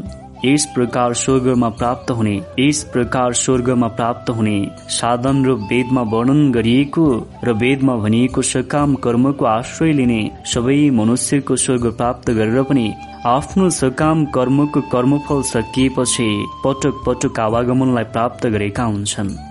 अर्थात् सकाम कर्म गर्ने मनुष्य पुण्य कर्मको प्रभावद्वारा स्वर्गलाई प्राप्त गर्छन् र पुण्य क्षीण भएपछि पटक पटक मृत्युलोकलाई प्राप्त गर्छन् अर्थात् जन्म मरणको चक्रलाई प्राप्त गर्दछन्। अनन्यासिन्तयन्तु मामय जनः पर्युपासते। तेषां नित्याभियुक्तानां युगक्षेमं वहाम्यहम्। बाइसौँ श्लोक। जो मनुष्य अनन्य भक्तिभावले प्रेमपूर्वक मलाई नै भज्ने मेरो नै भक्ति उपासना गर्ने गर्छन् र जो भक्तजनहरू म परमेश्वरको निरन्तर चिन्तन गर्दै निष्काम कर्मभावले मलाई नै पुकार गर्दै आफ्नो काम गरेका हुन्छन् ती सबै नित्य निरन्तर मेरो नै चिन्तन मनन र लक्ष्य राखेर मेरो भक्ति उपासना गर्ने मनुष्यलाई मैले मोक्ष प्रदान गर्छु। देवता भक्त श्रद्धानवितः तेऽपि मामेव कौन्तेय यजन्त्यविधिपूर्वकम् तेइसौँ श्लोक हे अर्जुन यद्यपि श्रद्धाद्वारा युक्त जो सकाम भक्त अन्य देवतालाई पूजा गरेका हुन्छन् ती सकाम भक्तले पनि मलाई नै पूजा गरेका हुन्छन् तर ती सबै सकाम भक्तको देवतालाई पूजा गर्ने पूजन विधि अविधि पूर्वक रहेको हुन्छ अर्थात् त्यो पूजा गर्ने विधि अज्ञान पूर्वक र भावरहित गरिएको पूजा विधि हो। अहम हि सर्वज्ञानम् भोक्ता च प्रभुरेव च। न तु माम विजानन्ते तत्त्वेनातशयवन्ते ते चौधौं श्लोक। सृष्टिमा हुने र भएका सम्पूर्ण यज्ञको भोक्ता पनि मनै हुँ र स्वामी पनि मनै हुँ। म भन्दा अलग कोही र केही छैन। परन्तु ती पूजा गर्ने मनुष्यले म परमेश्वरलाई तत्व ज्ञानद्वारा जानेका हुँदैनन्। त्यसैले सकाम कर्म गर्ने र देवताको पूजा गर्ने सबै मनुष्य प्रकृतिको अधीनलाई प्राप्त गरी स्वर्ग त प्राप्त गरेका हुन्छन्। तर जुन मनुष्य योनि प्राप्त अवस्थामा प्राप्त गर्नुपर्ने मोक्ष प्राप्त गर्न सक्दैनन् र तल झरेका हुन्छन् अर्थात् पटक पटक पुनर्जन्मलाई प्राप्त गरेका हुन्छन्। यान्ते देवव्रत देवान पीर्ते नयान्ते पीर्ते व्रतः। भूतानि यान्ते भूतेज्यायन्ते मध्याजिनोपि माम। पच्चिसौँ श्लोक। देवतालाई पुज्ने देव भक्तले देवतालाई नै प्राप्त गरेका हुन्छन्। केही समयको लागि देवलोकलाई प्राप्त गरेर आफ्नो कर्मफल भोग गरेका हुन्छन्। पीर्तिलाई पुज्ने पीर्ति भक्तले पीर्ति लोकलाई प्राप्त गरेका हुन्छन्। केही समयको लागि पीर्ति लोक प्राप्त गरेर आफ्नो कर्मफल भोग गरेका हुन्छन्। भूत प्राकृतिक वस्तुका अवयवलाई पुज्ने भूत भक्तहरूले भूतलाई नै प्राप्त गरेका हुन्छन्। त्यही अनुसार आफ्नो कर्मफल प्राप्त गरेर भोग गरेका हुन्छन्। निराकार सर्वधार र अव्यक्त मेरो पूजा गर्ने मेरा भक्तले मलाई नै प्राप्त गरेका हुन्छन्। त्यसैले मेरो अनन्य भक्ति उपासना गर्ने मेरा भक्तहरू कहिल्यै पनि पुनर्जन्मको चक्रमा पर्दैन अर्थात् जुन मनुष्यले जुन उद्देश्य लिएर जुन जुन देवता पीर्ति र भूत या अन्य कोही जस जसलाई पूजा गरेको हुन्छ त्यसले त्यही अवस्थालाई प्राप्त गरेको हुन्छ। पत्रं पुष्पं फलं तोयं यो मे भक्तया प्रयक्षते तदहं भक्त्योपरेतमश्नामि प्रयतात्मनः प्रयतात्मनः। छब्बिसौँ श्लोक। अनन्य भक्तिभावले जो कोही भक्त मेरो लागि प्रेमद्वारा पत्र पुष्प फल जल आदि अर्पण गर्दछ। ऊ शुद्ध बुद्धि निष्काम प्रेमी भक्तको प्रेमपूर्वक अर्पण गरिएको त्यो पत्र पुष्प फल जल आदिलाई म सगुण रूपद्वारा प्रकट भएर प्रीति सहित स्वीकार गर्दछु।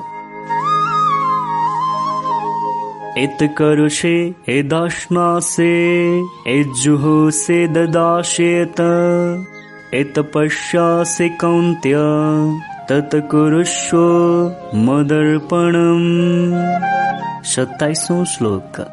हे अर्जुन तिमीले जुन कर्म गर्नेछौ जो वस्तु दैनिक तिमीले प्रयोग गर्नेछौ जो जो प्राकृतिक व्यवहारिक र सामाजिक उत्थान लगायतका जो सात्विक काम यज्ञ हवन जो कार्य गरेका हुन्छौ जो जो दान दिएका हुन्छौ र जे जे तप कार्य गरेका हुन्छौ त्यो सबै मलाई नै अर्पण गर्नु।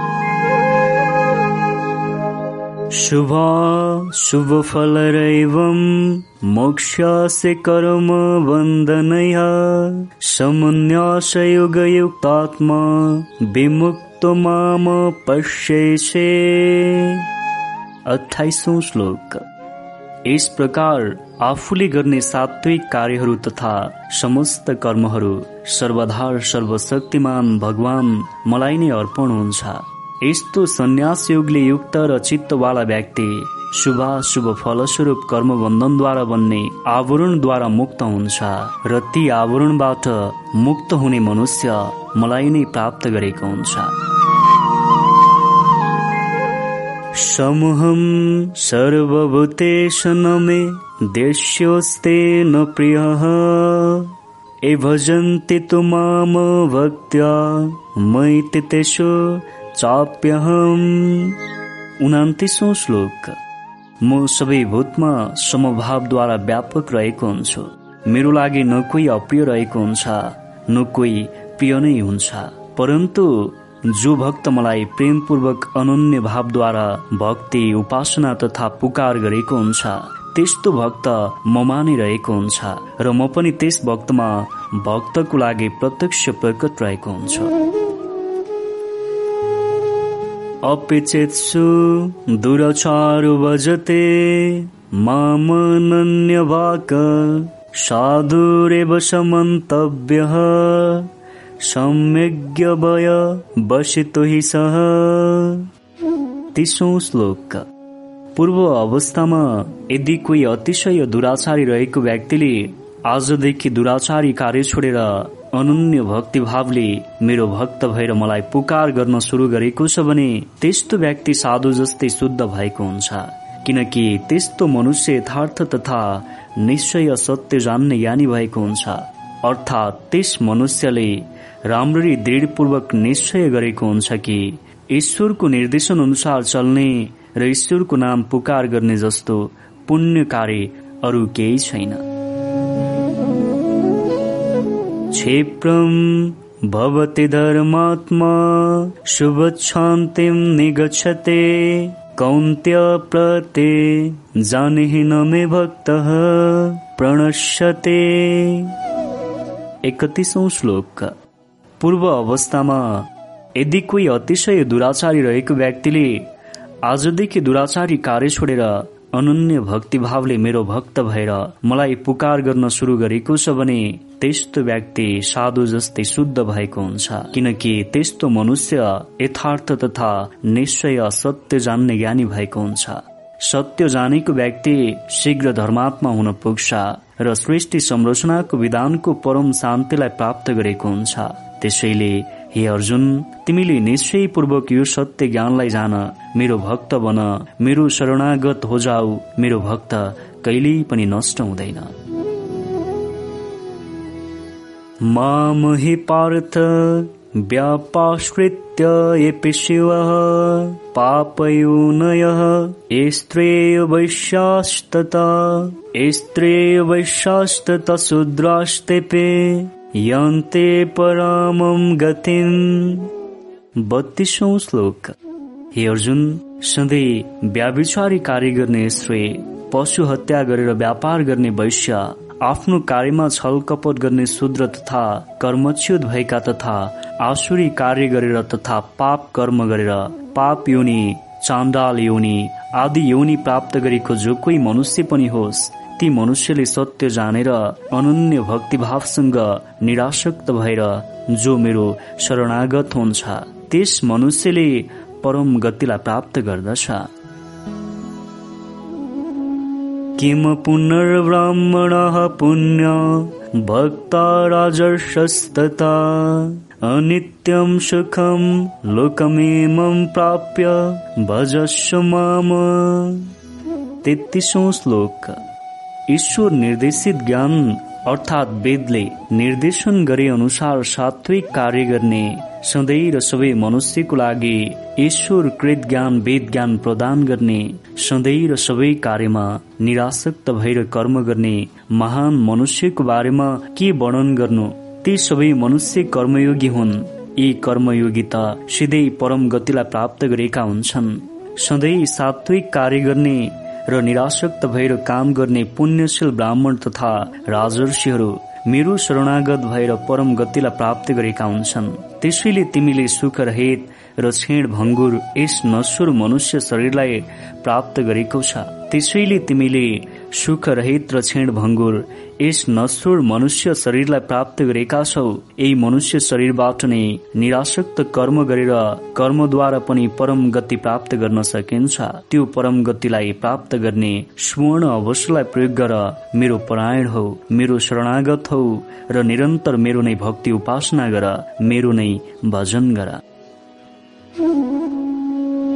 मन मन भव मद भक्तो। मद्दाजि माम नमस्कुरु। मामे वैश्यसे युक्तव्यवमात्मानं मतपरायण। चौतिसौँ श्लोक। मलाई नै सर्वधार जान मलाई नै सर्वशक्तिमान मान। मलाई नै विदाता मान मेरो भक्त बन मेरो भक्ति उपासना तथा पूजा गर मलाई नै प्रणाम गर। यस प्रकारले आफ्नो प्रत्येक सात्विक काम आफ्नो सम्पूर्ण कर्म मलाई अनन्य भावले समर्पित गर। मलाई नै हृदयमा नियुक्त गर र मेरो परायण हौ मेरो शरणागत हौ तिमीले मलाई नै प्राप्त गर्नेछौ। ॐ तस्सदिते श्रीमद्भगवद्गीतासुपनिषत्सु ब्रह्मविद्यायां युगशास्त्रे श्रीकृष्णार्जुनसंवादे राजविद्या राजगुह्ययोगो नाम नवमोऽध्याये इस प्रकार उपनिषद ब्रह्म विद्या तथा योग शास्त्र रूप श्रीमद भगवत गीताको श्रीकृष्ण अर्जुन संवादमा रहेको राज विद्या राज गुह्यायोग नामको नौ अध्याय समाप्त भयो।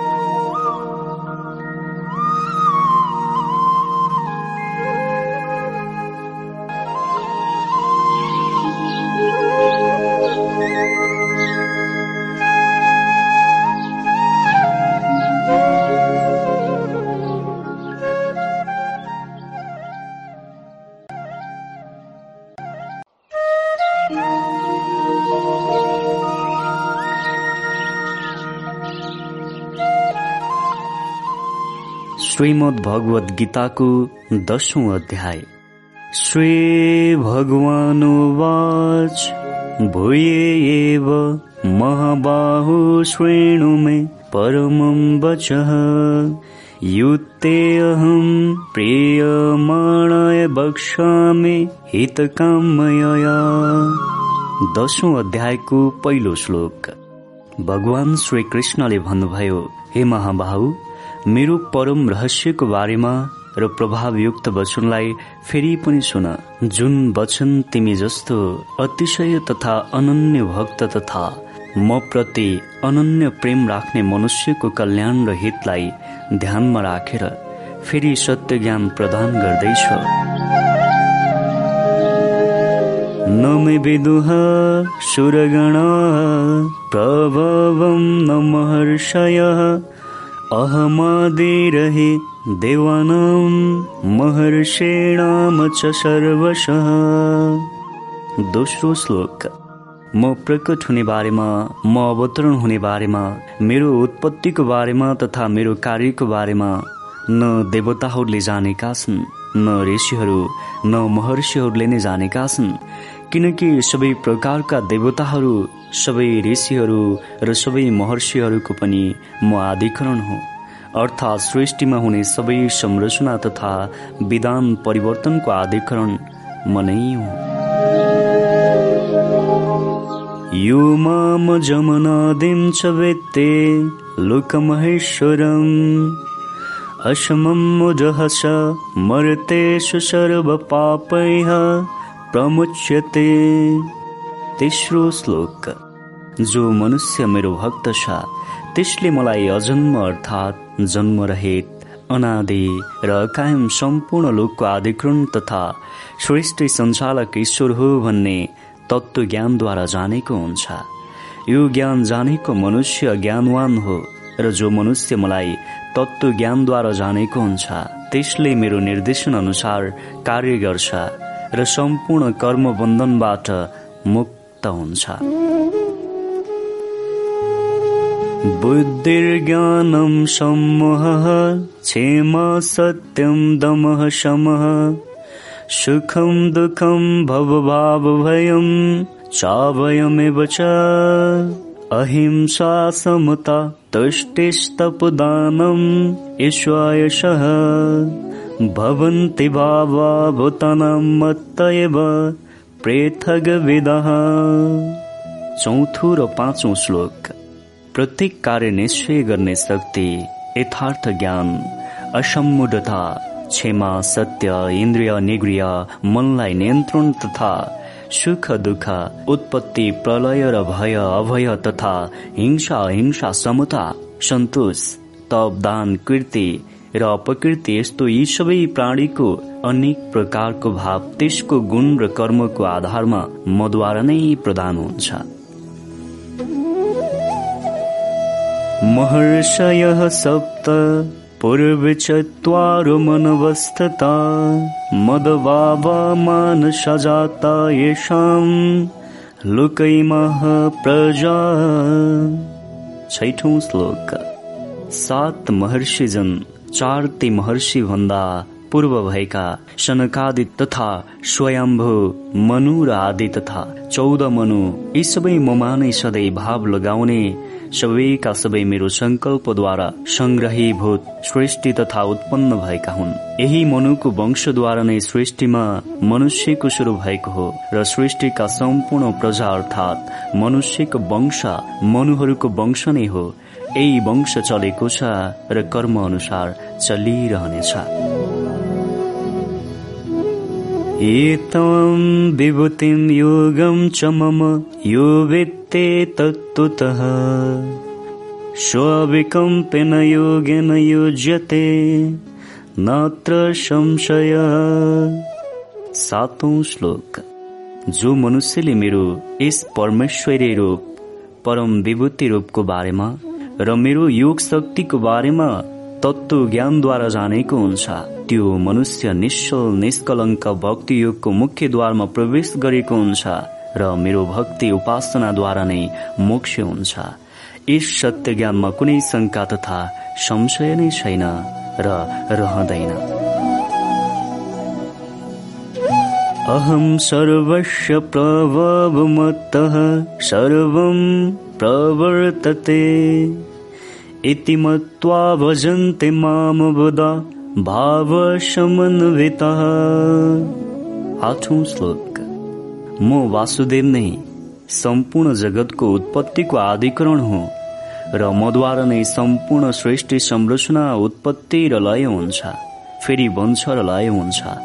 यो क्रम चलिरहन्छ यस प्रकार सम्पूर्ण सृष्टिको निर्माता नियन्त्रक र मालिक म वासुदेव नै हो भन्ने जानेका भक्तजनद्वारा श्रद्धा र भक्तियुक्त भएर मलाई नै निरन्तर तथा अनेक नामले पुकार गरेका हुन्छन्। मच्चित्ता मदमत प्राण बोधयन्त परस्परम् कथयन्त माम तुष्यन्ति च रमन्ति च। नवौं श्लोक।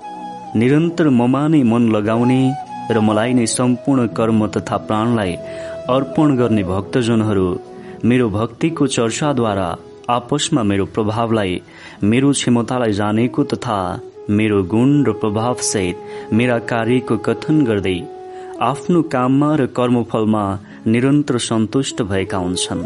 त्यस्तो अनन्त भक्तजनहरू म वासुदेवमा नै निरन्तर रमण गरेका हुन्छन्। तेषां सततयुक्तानां भजतां प्रीतिपूर्वकम् ददामि बुद्धियुगं तं येन मामुपयान्ति ते। दशौं श्लोक। निरन्तर मेरै ध्यान आदिमा लीन रहेको तथा मलाई प्रेमपूर्वक पुकार गर्ने मेरो अनन्य भक्तलाई मद्वारा नै तत्व ज्ञान रूप युगलाई प्रदान गरेको हुन्छु।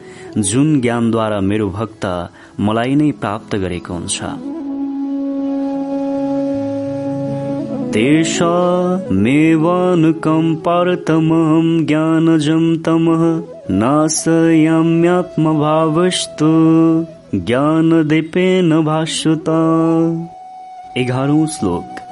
हे अर्जुन मेरो अनन्य भक्तको कर्मफल प्रदान गर्नको लागि ती सबै भक्तमाथि अनुग्रह गर्नको लागि तिनीहरूको हृदयमा विराजमान मैले ती सबै भक्तको अन्तस्करणमा ज्ञानको प्रकाश प्रकाशित गरेको हुन्छु। र ती सबै भक्तको अन्तस्करण विद्यमान रहेको शरीर संसार रूपी ज्ञान जनित अन्धकारलाई प्रकाशमय तत्व ज्ञान रूपी दीपकद्वारा अज्ञान रूपी अन्धकारलाई पूर्ण रूपमा नष्ट गरिदिन्छु। अर्जुनवाच परं ब्रह्म परं धाम पवित्रं परं भवान्। पुरुषं शाश्वतं दिव्यमादिदिवमजम् विभुम्। अहुस्तवमृषयः सर्वे देवर्षेरनारदैस्तथा अशितदेवलव्यासः स्वयं चैव ब्रवीषि मे बाह्रौँ तथा तेह्रौँ श्लोक अर्जुनले भन्नुभयो हजुर नै परम ब्रह्म परम धाम परम पिता र परम पवित्र हुनुहुन्छ। ऋषिगण सनातन दिव्य पुरुष र देवताहरूको पनि आदिदेव हुनुहुन्छ। यी सबै सृष्टिको आदि कारण हजुर नै हो भनेर हजुरको बारेमा सबै महर्षि तथा ऋषिहरूले भन्नुभएको छ। र साथ साथ देवर्षि नारद अक्षेत्र देवल ऋषि तथा महर्षि र साथ साथ देवर्षि नारद अक्षेत्र देवल ऋषि तथा महर्षि वेदव्यासजीले पनि हजुरलाई अजन्म अकायम सर्वव्यापी हुनुहुन्छ भनेर भन्नुहुन्छ र हजुरले पनि मलाई यही भन्नुभयो जो ऋषि महर्षिले आफ्नो ध्यानद्वारा देख्नु भएको थियो। सर्वमेतद्रेतं मन्य एन मां वदशे केशव। न एते भगवन व्यक्तिं विदुर्देवन दानवः चौधौं श्लोक। हे केशव हजुरले सम्पूर्ण मनुष्य र मेरो कल्याणको लागि जो ज्ञान प्रदान गर्नु भएको छ। यो सबै ज्ञानलाई म पूर्ण सत्य ज्ञान मान्छु। हे भगवान हजुरको कार्यको बारेमा हजुरको स्वरूपको बारेमा न त देवताले जानेका छन् न त दानवले नै जानेका छन्। हजुरको सम्पूर्ण कार्य लीलामय हो भनेर सबै ऋषिले स्वीकार गरेका छन्। स्वयमे वातमनात्मानं वेत्तत्वं पुरुषोत्तम भूतभावनभूतेश देवदेव जगतपते। पन्ध्रौं श्लोक। हे भगवान हजुरले नै सम्पूर्ण सृष्टिको भूत सृष्टिको सम्पूर्ण आभावलाई उत्पन्न गर्ने सृष्टिको सृजनहार हो। हे सम्पूर्ण भूतको मालिक हे देवताको पनि देव हे जगतको पालनकर्ता हे सृष्टिको स्वामी हे पुरुषोत्तम हामी अज्ञानी छौ। हजुर नै सर्वधार हो र हजुरले नै आफूलाई अर्थात् स्वयंलाई नै जान्नुहुन्छ। वक्तुमर्ष्य शेषेण दिव्या यातमविभूतयः याविर्विभूतिभिर्लोका निमामस्त्वं व्याप्य तिष्ठसे। सोह्रौं श्लोक। त्यसैले हजुर नै ती सबै आफ्नो दिव्य विभूतिको सम्पूर्णतालाई वर्णन गर्नको लागि समर्थवान हुनुहुन्छ। जुन विभूतिद्वारा हजुरले यी अखिल ब्रह्माण्डको सबै लोकलाई व्यवस्था तथा व्याप्त गरेर सर्वव्यापी भएर विद्यमान स्थितिमा चेतन सत्ता भएर रहनु भएको छ। कथम विद्यामहं योगिमिस्तवाम सदा परिचिन्तयन् केषु केषु च भाविषु चिन्तयुषे भगवन्मया। शत्रु श्लोक। हे योगेश्वर म हजुरलाई कुन प्रकारले निरन्तर चिन्तन मनन गरौं कुन प्रकारले मैले हजुरको बारेमा सत्य ज्ञान प्राप्त गर्न सकौं? हे भगवान हजुरलाई कुन कुन भावद्वारा पुकार हुन्छ र मद्वारा कुन कुन भावद्वारा चिन्तन गर्नको लागि योग्य हुनुहुन्छ? विस्तीर्णात्मनुयोगम विभूतिम जनार्दन।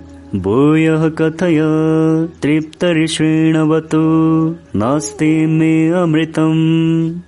अठारौं श्लोक। हे जनार्दन अपनी योग शक्ति बारेमा आफ्नो विभूतिको बारेमा आफ्नो स्वरूपको बारेमा फेरि पनि विस्तार पूर्वक बताउनुहोस् किनकि हजुरको यो अमृतमय वचनलाई श्रवण गर्दा मेरो मनलाई तृप्ति प्राप्त हुन सकेन। अर्थात् हजुरको बारेको यो गुह्य ज्ञान श्रवण गर्दा अरू जान्ने र सुन्ने उत्कण्ठा बनिरहेको हुन्छ। हन्तते कथयिष्यामि दिव्यायातम विभूतय प्राधान्यत कुरु श्रेष्ठ नास्तयन्त विस्तरस्य मे। उन्नाइसौँ श्लोक। श्री भगवानले भन्नुभयो अर्थात् हे कुरुश्रेष्ठ म जो र जे मेरा विभूतिहरू छन् ती सबै ज्ञान मेरो भक्तको ज्ञान र कल्याणको लागि प्रधानतासँग भन्नेछु किनकि मेरो सुरु र अन्त्य केही छैन किनकि सबैको विस्तारको आदि कारण म नै हुँ तर म अनादि छु। अहमात्मा गुडाकेश सर्वभूताशय स्थितः। अहमादेश मध्यम च भूतानामन्त एव श्लोक। हे अर्जुन म भूत प्राणीको शरीरधारीको अवयव हृदयमा स्थित सबै जीवात्माको आत्मा हुँ तथा सम्पूर्ण भूत प्राणीको आदि मध्य र अन्त मनै हुँ। आदित्य नमहम विष्णु र ज्योतिषाम रविरंशमान मरे चिरमरुतमस्मे नक्षत्राणमहम शशे। एक्काइसौँ श्लोक। अदितिको बाह्र पुत्रहरूमा विष्णु र ज्योतिहरूमा किरण र ताप सम्पन्न सूर्य मनै हुँ तथा उन्चास वायु देवताहरूको तेज र नक्षत्रहरूको अधिपति चन्द्रमा पनि मनै हुँ। वेदनम साम वेदस्मी दिवानमस्मी वासव। इन्द्रियाणां मनस्यास्मे भूतानमस्मे चेतना। बाइसौँ श्लोक। ज्ञान वेदमा सामवेद मनै हुँ। देवताहरूमा इन्द्र मनै हुँ इन्द्रियहरूमा मन मनै हुँ र भूत प्राणीहरूको चेतना शक्ति अर्थात् जीवन शक्ति पनि मनै हुँ। रुद्राणाम् शङ्कर शास्मि वित्तेषु ईक्ष रक्षसाम पावकशास्मि मेरुः शिखरेणमहम् तेषु श्लोक। म एकादश रुद्रहरूमा शङ्कर मनै हुँ र एक सय तथा राक्षसमा धनको स्वामी कुबेर पनि मनै हुँ। म आठ बसुहरूमा अग्नि हुँ पर्वतहरू र शिखरहरूमा सुमेरु पर्वत पनि मनै हुँ। पुरदशां च मुक्कयम् माम वेद्दि पार्थ बृहस्पतिम् सेनानिनामहम् शरसामस्मि सागर। चौबिसौँ श्लोक। ज्ञानी पण्डित तथा पुरोहितहरूको मुख्य बृहस्पति मनै हुँ भन्ने जान हे पार्थ सेनापतिहरूमा स्कन्द र जलाशयमा समुद्र मनै हुँ र यहीबाट सबै भूत प्राणीलाई सञ्चालन र सिन्चित मद्वारा नै भएको हुन्छ। महर्षेण भृगुरहं गिरामशाकमक्षरम् यज्ञानां जवयुग्योष्मे स्थावरणां हिमालयः। पच्चिसौँ श्लोक। महर्षिहरूमा भृगु शब्दमा एक अक्षर अर्थात् शब्द शिरोमणि ओमकार पनि मनै हुँ। सबै प्रकारको यज्ञमा जप यज्ञ र स्थिर रहने तथा सधैँ सबैमा समभाव राख्ने हिमालय पर्वत पनि मनै हुँ। अश्वत्तः सर्ववृक्षाणां देवर्षिणां च नारदः गन्धर्वाणां चित्ररथः सिद्धानां कपिलमुनिः छब्बिसौँ श्लोक। सबै वृक्षहरूमा पिपलको वृक्ष देवर्षीहरूमा नारद मुनि गन्धर्वहरूमा चित्ररथ र सिद्धि प्राप्त ऋषिमा कपिल मुनि पनि मनै हुँ उच्चैः श्रवसमश्वानां विद्ये माममृतुदभवम्।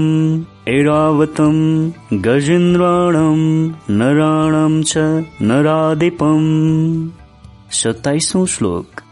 घोडाहरूमा अमृतसँग उत्पन्न भएको उच्चै श्रवा नामक घोडा हुँ श्रेष्ठ हात्तीहरूमा एरावत नामको हात्ती र मनुष्यहरूमा म नै सबै मनुष्यको राजा हुँ भन्ने जान किनकि म सबैको मालिक हुँ। आयुधानमहं वज्रम् धेनुनामस्मे कामदुःख प्रजनशास्मे कन्दर्प सर्पणास्मे वासुकिह अठाइसौँ श्लोक। सम्पूर्ण सत्रहरूमा वज्र शक्ति र गाईहरूमा कामधेनु पनि मनै हुँ। शास्त्रोक्त रीतिले सृष्टि सञ्चालनको लागि सन्तान उत्पत्ति गर्ने उत्पादन शक्ति कामदेव अर्थात् उत्पन्न गर्ने उद्देश्यलाई पूरा गर्ने कामदेव र सर्पहरूमा सर्पराज बासुकी पनि मनै हुँ अनन्तशास्मिनागणम् वरुण यादशमहम् पीडितेण मर्यमचास्मे ये मह संयम तमहम्। उनातिसौँ श्लोक। नागहरूमा शेष नाग र जलचरको अधिपति वरुण देवता पनि मनै हुँ। पितरमा अर्यमा नामक पितर तथा शासन गर्ने सात्विक शासकमा नियमकारी न्यायकारी यमराज पनि मनै हुँ।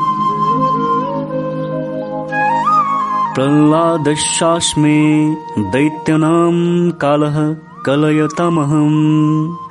मृगाणं च मृगेन्द्रहम् वैनत्यस्य पक्षिणाम् तिसौँ श्लोक। दैत्यहरूको सन्तानमा भक्त प्रहलाद र गणना गर्नेहरूको लागि काल गणना अर्थात् समय पनि मनै हो तथा पशुहरूमा मृगराज सिंह र पंक्षीहरूमा गरुड पनि मनै हो। पवनः पवतामस्मि रामः शस्त्रव्रेतमहम् जषणां मकरशास्मि श्रोताशामस्मि जाहवे। एकतिसौँ श्लोक। प्रकृतिको चारैतिर प्रवाहित हुने तथा सबैलाई पवित्र गर्ने तथा सबैमा प्राणी तथा वृक्षमा जीवन भर्नेमा वायु र शस्त्रधारीहरूमा मर्यादा पुरुषोत्तम श्रीराम पनि मनै हुँ तथा उभयश्वर तथा जलहरूमा गोही र पवित्र नदीमा श्री भागीरथी गङ्गाजी पनि मनै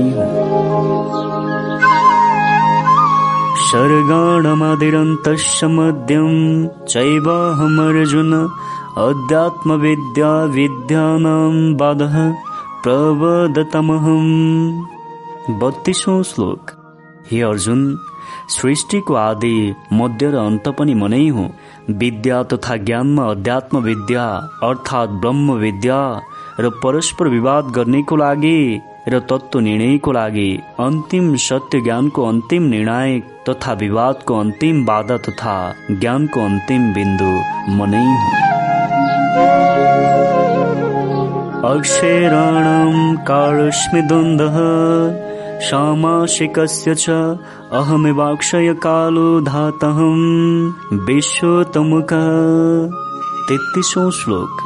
देवनागरिक अक्षरहरूमा म आकार हुँ। समासहरूमा द्वन्द्व नामक समास हुँ। अक्षकाल अर्थात् कहिल्यै क्षय नहुने तथा कालको पनि काल महाकाल अर्थात् समयको पनि समय मनै हुँ।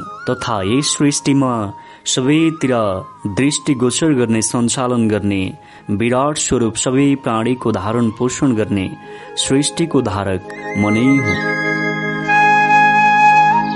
मृत्यु सर्वहर्षमुदा भवश्य भविष्यताम्। कीर्तिः नारिणाम् स्मृतिरमेधा धृतिः क्षमा।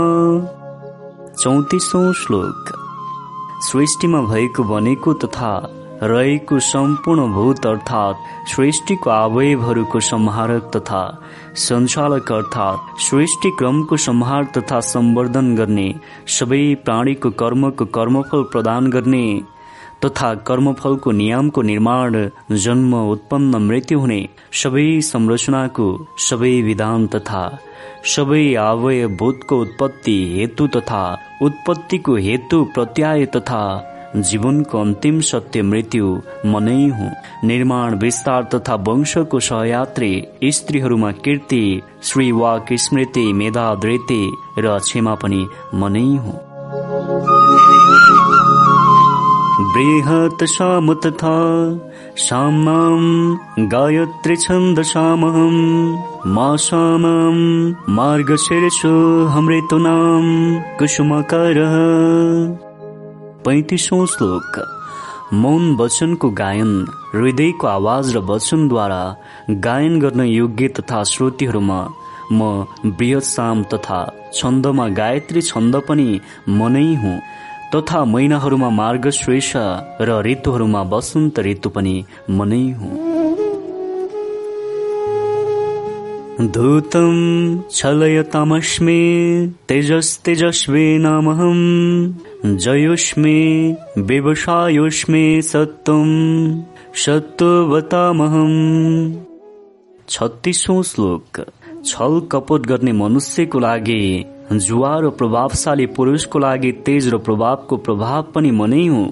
सात्विक विजय हुन चाहने र सत्य ज्ञान जान्न सत्य ज्ञान प्राप्त गर्नेको लागि सधैँ प्रयासरत रहने मेहनती मनुष्यको लागि विजय अर्थात् मेहनतको फल विजय पनि म नै हुँ।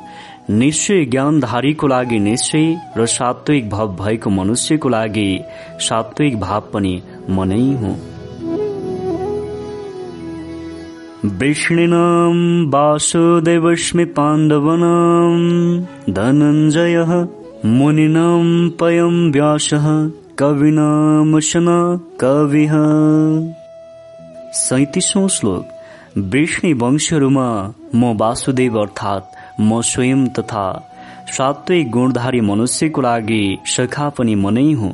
पाण्डवहरूमा धनञ्जय अर्थात् अर्जुन मुनिहरूमा महर्षि वेदव्यास र कविहरूमा दैत्य गुरु शुक्राचार्य पनि म नै हुँ। सृष्टिमा अन्तिम बिन्दु अन्तिम लक्ष्य सृष्टिको अन्तिम किनारको पनि किनार म नै हुँ। सृष्टिमा मनुष्यले प्राप्त गर्नुपर्ने अन्तिम ज्ञान पनि म नै हुँ। दण्डु दमयतामस्मे नितिरश्मे जिगिषताम् मौनम चैवास्मे गुयानाम ज्ञानम ज्ञानवतामहम। अडतिसौँ श्लोक। नियमको दण्ड नायक तथा दण्डद्वारा पनि कर्मफल प्रदान गर्ने र कर्मफलमा कुनै हेरफेर नगर्ने अर्थात् कर्मफलमा दमन गर्ने तथा प्राकृतिक नियम तथा प्राकृतिक नियमको विरुद्धको कार्य गरेर प्राकृतिक कानून मिच्नेको लागि दण्ड विधाता अर्थात् प्राकृतिक कानून मिच्नेको लागि दमन गर्ने शक्ति म नै हुँ। सात्विक जितको इच्छा राख्नेको लागि म नीति हुँ। गुप्त राख्न योग्य भावको रक्षक मौन पनि म नै हुँ र ज्ञानवानको लागि तत्व ज्ञान पनि म नै हुँ। इच्छापि सर्वभूतानां बीजं तदहमर्जुन। न तदस्ति विना एतस्यानमयभूतं चराचरम्। उनाचालिसौँ श्लोक। हे अर्जुन यस सम्पूर्ण सृष्टिको अवयव भूतको उत्पत्तिको कारण रहेको छ। त्यो कारणको अघि करण पनि रहेको छ। त्यही करण अर्थात् चेतन शक्ति पनि मनै हो। किनकि यस सृष्टिको चर र अचरमा रहेको सम्पूर्ण अवयवहरू भूत मरहित छैन। अर्थात् सृष्टिको सम्पूर्ण अवयवहरू भूत ममा नै समाहित भएर रहेको हुन्छ। सृष्टिको सम्पूर्ण अवयवहरू भूत ममा नै समाहित भएर रहेको भए पनि म सबै अवयवमा विद्यमान छु सबै अवयवमा विद्यमान भए पनि ती अवयव भन्दा म अलग छु। किनकि ती सबै अवयवको विद्यमान कारण भन्दा पनि म अलग छु। नान्तस्ते मम दिव्यनाम विभूतिनां परन्तप एष तुद्देशतः प्रोक्तो विभूतिर्विस्तरमया। चालिसौँ श्लोक हे परन्तप मेरो बनावट मेरो दिव्य विभूतिको कुनै अन्त्य छैन तैपनि तिम्रो ज्ञानको लागि मैले तिम्रो दृष्टिले तिम्रो दिमागले जति ज्ञान धारण गर्न सक्छ त्यति नै ज्ञानलाई सम्पूर्ण रूपले तथा विस्तृत रूपले ज्ञान प्रदान गरे। तर पनि यो ज्ञान पूर्ण र अन्तिम ज्ञान होइन। किनकि अघिको ज्ञान तिम्रो क्षमताले ग्रहण गर्न सक्दैन। त्यसैले तिमीले ग्रहण गर्न सक्ने ज्ञानको विवरण मात्र प्रदान तथा व्यक्त गरेको छु। र साथ मैले मेरो सम्पूर्ण विभूतिहरूको विस्तारको बारेमा तिम्रो ज्ञानको लागि संक्षेपमा अर्थात् एकदेश रूपले ज्ञानको प्रकाश प्रदान गरेको छु। एद्ददे भूतिमत सत्तम श्रीम दुर्जेतमेव वा तत्तदेवावगच्छतुम् मम तेजुम् अशशम्भवम् एकचालिसौँ श्लोक। यस सृष्टिमा जति पनि ज्ञान र वस्तुहरू छन् जुन ज्ञान तथा वस्तुहरू हाम्रो दृष्टिमा विद्यमान अवस्थामा रहेको छन्। र जो ज्ञान हाम्रो दृष्टिमा विद्यमान रहेको हुँदैन। ती सबै विभिन्न विभूतियुक्त ऐश्वर्ययुक्त कान्तियुक्त र शक्तियुक्त वस्तुको रूपमा विद्यमान रहेको छन्। ती सबै वस्तु तथा अवयवहरू भूत मेरो नै स्थिर शक्ति हो जुन स्थिर शक्ति चेतना शक्तिको तेजको अंशको अभिव्यक्ति हो भन्ने जान। अथवा बहुनै तेन किम ज्ञातेन तवार्जुन। वेष्टव्य हमिदं यस्ते तो जगत। बयालिसौँ श्लोक। हे अर्जुन यति उत्तम ज्ञान अहिले जानेर के कामको प्रयोजन भयो र तै पनि सुना। यस अखिल ब्रह्माण्डलाई मद्वारा सञ्चालित मेरो आफ्नो योग शक्तिको एक अंश मात्रले धारण पोषण नियन्त्रण गरेर राखेको हुनाले अखिल ब्रह्माण्डको सबै वस्तु आफ्नो धुरीमा स्थित रहेको हुन्छ विद्यमान रहेको हुन्छ। ॐ तस्सदिते श्रीमद्भगवद्गीतासुपनिषत्सु ब्रह्मविद्यायाम् योगशास्त्रे श्रीकृष्णार्जुनसंवादे विभूतियोग नाम दशमोऽध्याये। ओम। यस प्रकारले उपनिषद ब्रह्म विद्या तथा योग शास्त्र रूपमा रहेको श्रीमद भगवत गीताको श्रीकृष्ण अर्जुन संवादमा रहेको विभूति योग नामको दशौं अध्याय समाप्त भयो।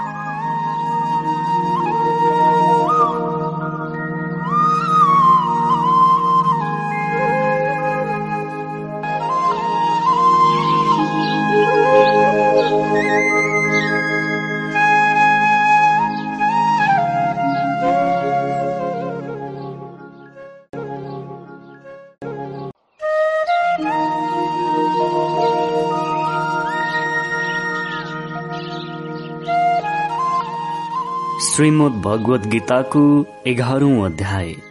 अर्जुन उवाच मदनुग्रहाय परमम् गुह्यं ध्यात्मसङ्गीतम् एतो योक्तं वचनैस्तेन मोहोऽयं विगत मम। पहिलो श्लोक। अर्जुनले भन्नुभयो हे प्रभु हजुरले मलाई अनुग्रह गर्नको लागि हजुरले आफ्नो जो परम गोपनीय अध्यात्म विषयक वचन अर्थात् उपदेश भन्नुभयो हजुरको त्यस अमृत वचनद्वारा मेरो अज्ञान नष्ट भएर गयो भवाप्ययौ हि भूतानां श्रुतौ तोत्तः कमलपत्राक्ष महात्मयमपि चावययम्। दोस्रो श्लोक। हे कमल नेत्र मैले हजुरद्वारा भूत सृष्टि संरचनाको आवयाव उत्पत्ति र प्रलयको बारेमा विस्तार पूर्वक सुनेको छु तथा हजुरको अविनाशी महिमाको बारेमा पनि सुनेको छु। एव मेतद्यताथ तुमात्मानं परमेश्वर पुरुषतम् तेस्रो श्लोक। हे परमेश्वर हजुरले आफूलाई आफ्नो बारेमा जस्तो भन्नुहुन्छ ठिक त्यस्तै नै अनन्त र विशाल तथा सीमा रहित हुनुहुन्छ। परन्तु हे पुरुषोत्तम मलाई हजुरको ज्ञान ऐश्वर्य शक्ति बल वीर्य र तेजद्वारा युक्त ऐश्वर्यमय रूपलाई मैले प्रत्यक्ष देख्न र अनुभव गर्न चाहन्छु। किनकि हजुरले मलाई जुन सत्य र दिव्य ज्ञान प्रदान गर्नुभयो त्यो ज्ञानद्वारा मेरो मनमा हजुरको पूर्ण कार्यलाई दृश्यमय देख्ने लालसा जागेर आयो। मन्यषेदितक्ष्यक्यं मया प्रभु योगेश्वर त्वं दर्शयात्मानमव्यम्। चौथो श्लोक। हे प्रभु यदि म हजुरको दृष्टिमा आफ्नो दिव्य रूप देखाउन लायक छु भने हजुरले त्यो रूप देखाउन मिल्छ भने र म हजुरको अनन्य भक्त हुँ हजुरले यस्तो मान्नुहुन्छ भने हे योगेश्वर मलाई हजुरको त्यस अविनाशी स्वरूपको दर्शन गराउनुहोस्। श्री भगवानुवाच। पश्यामि पार्थरूपाणि शतश्वथ सहस्रशः। नानविधानि दिव्यानि नानवर्ण कृतिनि च। पाँचौं श्लोक। श्री भगवानले भन्नुभयो हे पार्थ तिमीले मेरो अनेक रूपले कार्य सम्पन्न गर्ने शक्ति र मेरो आफ्नो गुण हेर म सृष्टिको सम्पूर्ण कार्य आफ्नो शक्तिद्वारा सम्पन्न गरेको हुन्छु। त्यो कार्य सम्पन्न गर्ने मेरो शक्ति विग्रहको मुख्य मुख्य आकृति भएको अलौकिक तथा दिव्य रूपलाई हेर। पश्य दित्यानवशुन रुद्रान् शिविनौ मरुतस्तता बहुन्यदृष्टपुरवाणे पश्याश्च रयाणि भारत। छैठौं श्लोक। हे भरतवंशी अर्जुन तिमीले ममा नै सधैँ निहित रहने तेत्तीस प्रकारका देवताहरूमा बाह्र आदित्य अर्थात् अदिति बाह्र पुत्र अर्थात् परिवर्तन। आठ वसुलाई ब्रह्माण्डको भूत अवस्था अर्थात् सृष्टिका अवयवहरू एघार रुद्र अर्थात् पाँच इन्द्रिय पाँच कर्मेन्द्रिय तथा एक मन दुई अश्विनी कुमार अर्थात् एक विद्युत तथा एक यज्ञ गरेर जम्मा तेत्तीस प्रकारका देवता र उनपचास मरुदगणलाई हेर तथा अन्य र अनेक प्रकारका नियम परिवर्तन निर्माण र लय तथा निर्माण यी सबै विधानलाई जो तिमीले आजसम्म जानेका र देखेका थिएनौ आज त्यस आश्चर्यमय मेरोमा आश्रित सबै रूप र मेरो बारेमा तिम्रो ज्ञानले स्वीकार गर्न सक्ने सम्पूर्ण कार्यलाई हेर।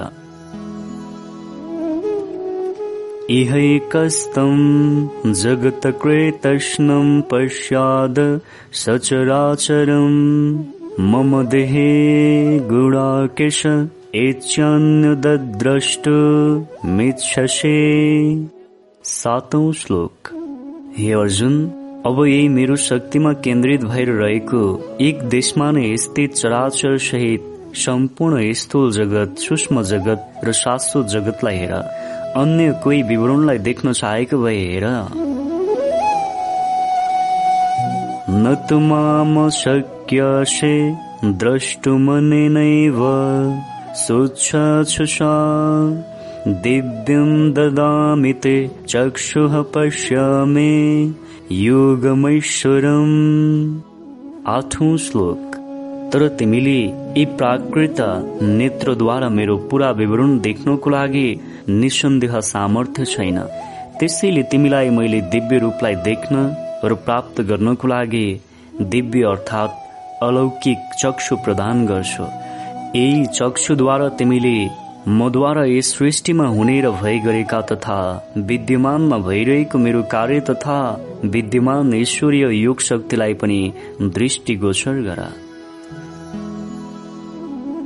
सञ्जय वाच एवमुक्त्वा राजन्महायोगश्वरो हरिः।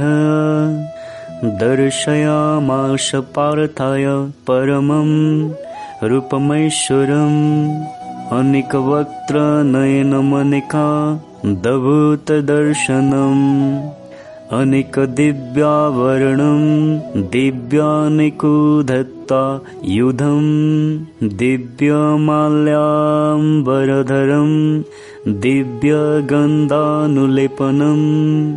सर्वाश्चर्यमयम् देवमनन्तम् विश्वतुमुखम्। नौ दशौं तथा एघारौं श्लोक। सञ्जयले भन्नुभयो हे राजन महायोगेश्वर र सबै कर्मको कर्मफल प्रदान गर्ने र कर्म अनुसार पापलाई पनि नाश हुने कर्मफल प्रदान गर्ने भगवानले शाश्वत ज्ञान प्रदान गरेर तथा दिव्य चक्षु प्रदान गरे पश्चात अर्जुनलाई आफ्नो परम ऐश्वर्ययुक्त दिव्य स्वरूप देखाउनुभयो सबैतिर जाजुल्यमान भएको। आफैमा सो प्रकाशित चेतनमय प्रकाश विद्यमान सबै आफ्नो शक्तिले सृष्टि सञ्चालन तथा नियन्त्रण गर्ने। शक्तिलाई विद्यमान रूपले सबैतिर प्रवाहित भइरहेको सबैतिर नियन्त्रण भइरहेको। सम्पूर्ण विभूतिहरूको मालिक तेज र प्रकाशयुक्त विभिन्न अवयव अद्भुत दर्शनीय असीमित र प्रवाह गुण र दिव्य भूषणले युक्त सुन्दरता तथा ऐश्वर्यले युक्त दिव्य शस्त्र तथा दिव्य ज्ञानको मालिक दिव्य सुप्रकाश सत्यको धारक सम्पूर्ण सोमको मालिक सुन्दरता तथा कलाको जनक सबै प्रकारको सात्विक गुण सम्पन्न र शक्तिको अन्तिम बिन्दु सबै प्रकारको आश्चर्यले युक्त सीमा रहित र सबैतिर विद्यमान भएको सर्वगुण सम्पन्न आदि मध्य र अन्त्यको उद्गम बिन्दु। सृष्टिको सम्पूर्ण अवयवको सञ्चालक तथा नियन्त्रक भएर सृष्टिलाई आफ्नो धुरीमा सधैँ विद्यमान रहने विधानले सम्पन्न विराट स्वरूपले सम्पन्न भएको परमदेव श्रीकृष्णले अर्जुनलाई दिव्य चक्षुद्वारा दर्शन गर्नुभयो।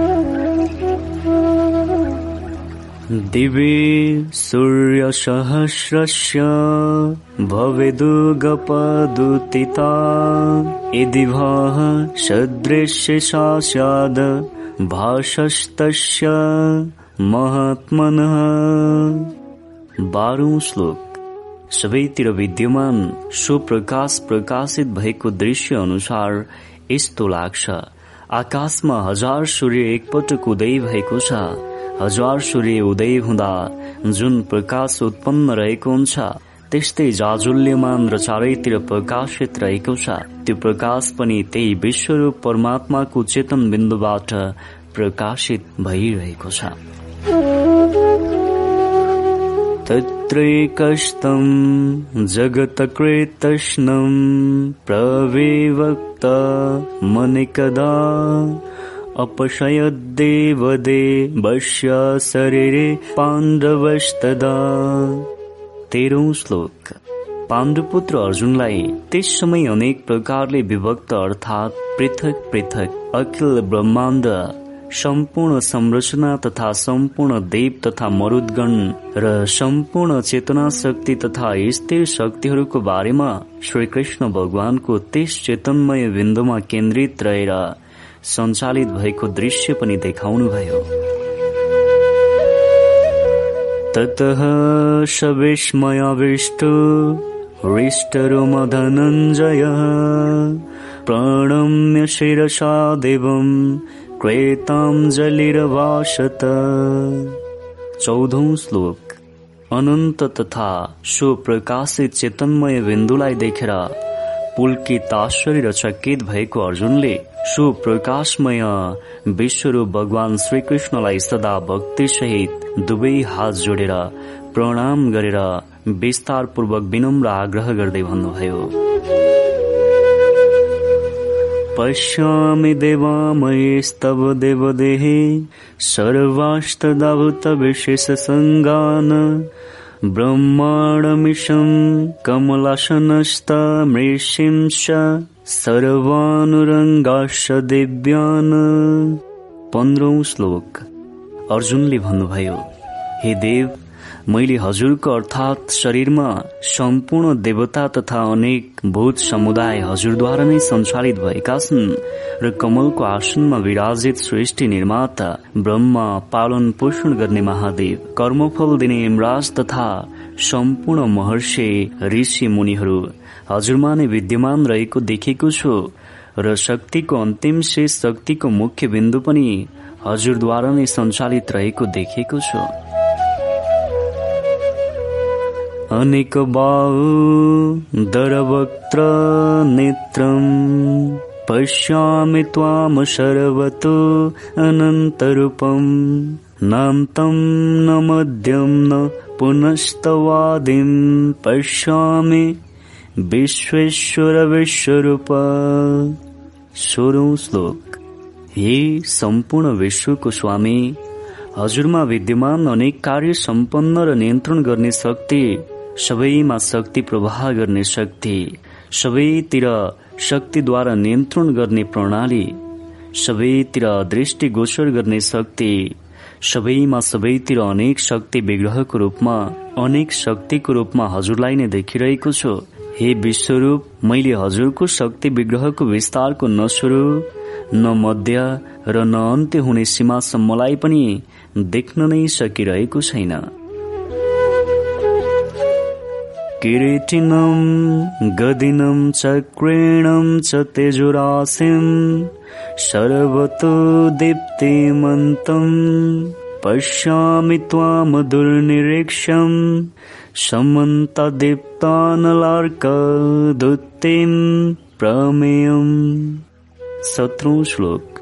हजुरले नै मुकुटयुक्त सुन्दर गदायुक्त शक्तिवान र चक्रयुक्त क्रियाशील तथा सबैतिर जाजुल्यमान रहेको सो प्रकाशमान तेजको पुञ्ज सो प्रज्वलित अग्नि जस्तै सो प्रकाश र सुताप तथा सूर्य जस्तै प्रकाशित तेज तथा सदृश ज्योतियुक्त आफ्नो चार्म चक्षुद्वारा देख्न नसकिने ज्ञानद्वारा जान्न अनुभूति गर्न योग्य र सबैतिरबाट अप्रमेय स्वरूप रहनु भएको छ। तुमक्षरम् परमं वेदितव्यम् तुमस्य विश्वस्य परम् निदानम् त्वमव्ययः शाश्वतधर्मगुप्ता सनातनस्तम् पुरुषमतो मे। अठारौं श्लोक। हजुर नै जान्न योग्य परम अक्षर अर्थात् पर ब्रह्म परमात्मा हुनुहुन्छ। हजुर नै सम्पूर्ण जगतको परम आश्रय हुनुहुन्छ। हजुर नै अनादि र धर्मको रक्षक र हजुर नै अविनाशी सनातन परम पुरुष हुनुहुन्छ। यही मेरो अनुभूति तथा दृष्टिगत भएको छ। यही सत्य ज्ञान तथा मेरो मत हो। जो पूर्ण दृश्यवान भएर मैले अनुभूति तथा दृष्टिगोचर गरिरहेको छु। अनादि मध्यान्त मनन्त वीर्य मनन्तबाहुम् शशिसूर्यनेत्रम् पश्यामि त्वामदीप्त हुताशवक्त्रम् सुतेजसविश्वमिदम् तपन्तम् उन्नाइसौं श्लोक। हजुर आदि मध्य र अन्तरहित अनन्त सामर्थ्यद्वारा युक्त अनन्त शक्तिधारी चन्द्रमा जस्तै शीतलता प्रदान गर्ने तथा सधैँ आफ्नै ताप सुप्रकाशमान र सुप्रज्वलित अग्निरूप हुने सूर्य जस्तै तेजले हजुरले यस जगतलाई प्रत्यक्ष सन्तप्त तथा सञ्चालन गर्दै गरेको मैले देखिरहेको छु। धावा पृथिवीरिद मन्तरम् हि व्याप्तं तोयैकन दिशस्य सर्वा। दृष्टवादवतं रूपमग्रं तविदं लोकत्रयं प्रवयथितं महात्मन। विष्णु श्लोक। हे महात्मन यो स्वर्ग र पृथ्वीको बीचको सम्पूर्ण शून्य आकाश तथा सबै दिशा एक आपसमा परिपूर्ण रहेका छन् यो हजुरको शक्तिको कारण हो। तथा हजुरको यस अलौकिक अलङ्कार विशाल अकथनीय रूपलाई देखेर तीन लोक अति उत्साहित भएको अवस्थालाई प्राप्त गरिरहेका छन्। अमिहि त्वाम सुरसङ्गाविशन्ति केचिदविताः प्राञ्जलयो गृह्णन्ते स्वस्ते तयुक्त्वा महर्षिसिद्धसंज्ञाः स्तुवन्ति त्वाम स्तुतिभिः पुष्कलाभिः एक्काइसौँ श्लोक सम्पूर्ण देवताहरूको समूह पनि हजुरद्वारा सञ्चालित भएर तपाईँमा नै प्रवेश गरिरहेका छन् भने अन्य कैयौं देवता हात जोडेर हजुरसँग प्रार्थना गरेका छन् भने कैयौं देवता तथा अन्य गणले त हजुरको नाम र कार्यको गुणको गुणगान तथा उच्चारण गरेका छन् त्यस्तै महर्षि ऋषि र सिद्ध साधकले सम्पूर्ण कल्याण होस् भनेर मन्त्रद्वारा हजुरको स्तुति गरेका छन् यस्तो मैले देखिरहेको छु। रुद्रादित्या वशवे च साध्या विश्वस्य विनौ मरुतशुष्म पाश। गन्धर्वैक्ष्या सुरसिद्धसंज्ञा वीक्षन्ते त्वाम विस्मिताश्चैव सर्वे। बाइसौं श्लोक।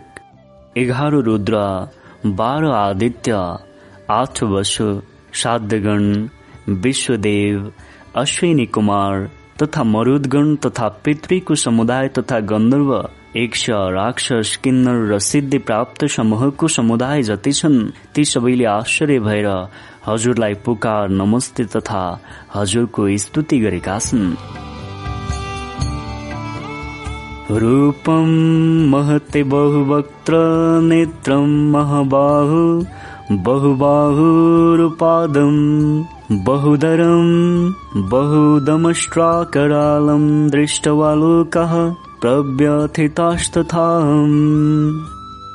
श्लोक।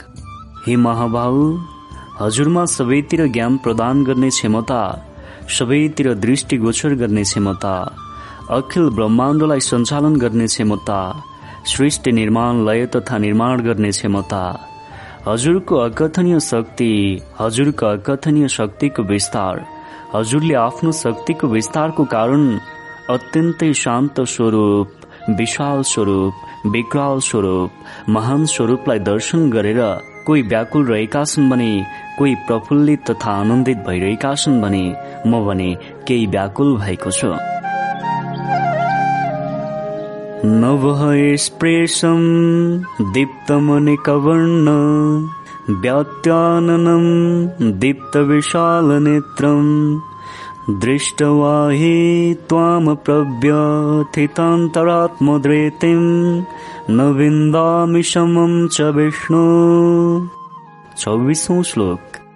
किनकि हे मङ्गलकारी आकाश शून्य भएर पनि हजुरमा विद्यमान रहेको छ र आकाश रूपमा रहेर स्पर्श गर्ने तथा आकाश बिन्दुबाट नै सृष्टि निर्माण गर्ने दिदीप्यमान अनेक वर्णले युक्त तथा सबैतिर फैलाएको ज्ञान र प्रकाशमान र सबैतिर दृष्टिगोचर गर्ने क्षमताले युक्त हजुरलाई देखेर पनि मेरो मन शान्त र धैर्यवान हुनुको साटो अशान्त र भयभेद भएको छ जसको कारणले मैले धैर्यता र शान्ति प्राप्त गर्न सकिरहेको छैन।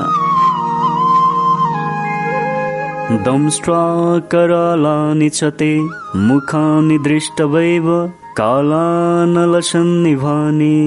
देशो न जाने न लवे च शर्म प्रसेद देवेश जगन्निवास। पच्चिसौँ श्लोक। शक्ति विग्रहको कारण विकराल रूप र प्रलय कालको अग्नि समान प्रज्वलित भइराखेको हजुरको तेज पुञ्ज स्वरूप। सो प्रकाश मुख्य शक्ति प्रवाह मुख्य बिन्दु दर्शन गरेर पनि मैले सबै दिशाको बारेमा पूर्ण ज्ञान प्राप्त गर्न तथा पूर्ण सत्य ज्ञान जान्न असमर्थ भएको छु र सुख पनि प्राप्त गर्नको लागि असमर्थ भएको छु।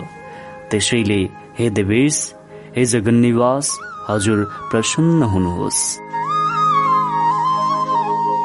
अमिच त्वाम् धृतराष्ट्रस्य पुत्राः सर्वे सहैवाव निपालसङ्गैः। भीष्मो द्रोणः सुतपुत्रस्तथासौ सहास्मदेयैरपि युधमुक्कैः वक्त्राणि ते तूरमाणविष्यन्ते दंष्ट्राकरालानि भयानकानि केचिद्दे लग्नदशान्तरेषु सन्दृश्यन्ते चूर्णे तैरुक्तमाङ्गैः। छब्बिसौँ तथा सत्ताइसौँ श्लोक। यही हजुरको विशाल शक्तिभित्र धृतराष्ट्रका सबै पुत्र तथा सातका सम्पूर्ण राजाहरूको समुदाय सम्पूर्ण योद्धाहरू सहित सबै हजुरमा नै प्रवेश गरिरहेका छन्। भीष्म पितामह द्रोणाचार्य तथा कर्णको साथ साथ हाम्रो पक्षमा रहेका कैयौं राजा योद्धा तथा प्रधान योद्धा सहित सबैका सबै हजुरबाट प्रभावित रहेको शक्तिमा प्रभावित भएर विलिन भइरहेका छन्। साथ साथ हजुरको विकराल तथा भयानक मुख जस्तै देखिने सबै लय हुने हजुरद्वारा नियन्त्रित भइरहेको चक्रको एक बिन्दुमा तीव्र गतिको साथमा प्रवेश गरिरहेका छन् भने कोही चक्रको बीचमा अड्किएको पनि देखिएको छ। एथा नदीनां बहवो अम्बुवेगः समुद्रमेवाभिमुखा द्रवन्ते। तथा तवामि नरलोका विराविशन्ते वक्त्राण्य विविज्वलन्ते। अठाइसौँ श्लोक। मलाई लाग्छ जसरी नदीमा अत्याधिक पानीको प्रवाह भयो भने स्वाभाविक रूपले तीव्र रूपमा पानी समुद्रलाई सम्मुख प्राप्त गर्नको लागि दौडिरहेको हुन्छ। अर्थात् तीव्र गतिमा बगेको पानीले सिधा समुद्रमा प्रवेश गरेपछि आफ्नो तीव्र प्रवाहलाई स्थिर गरेको हुन्छ।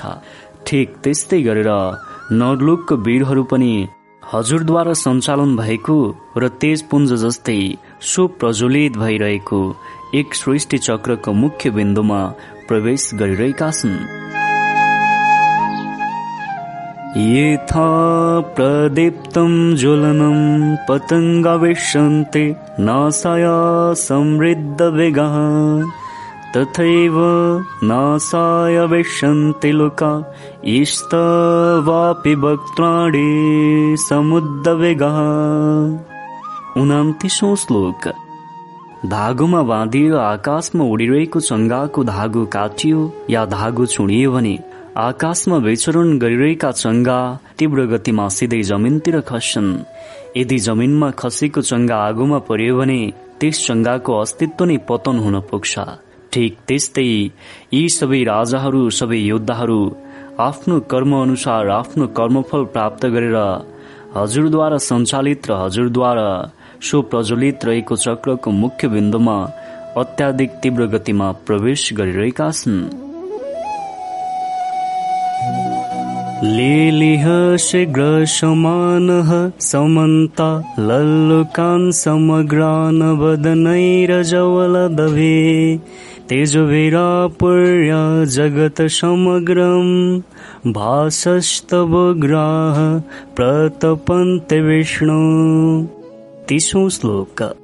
हजुरद्वारा नै ती सम्पूर्ण योद्धाहरूलाई यो सबै लोकलाई प्रज्वलित गरिरहेको चक्रको मुख्य बिन्दुमा प्रवेश गराइरहनु भएको छ र त्यस अवस्थामा कोही बीचमा अड्किएको या रोकिएको भए चक्रमा प्रवेश गराइरहनु भएको छ।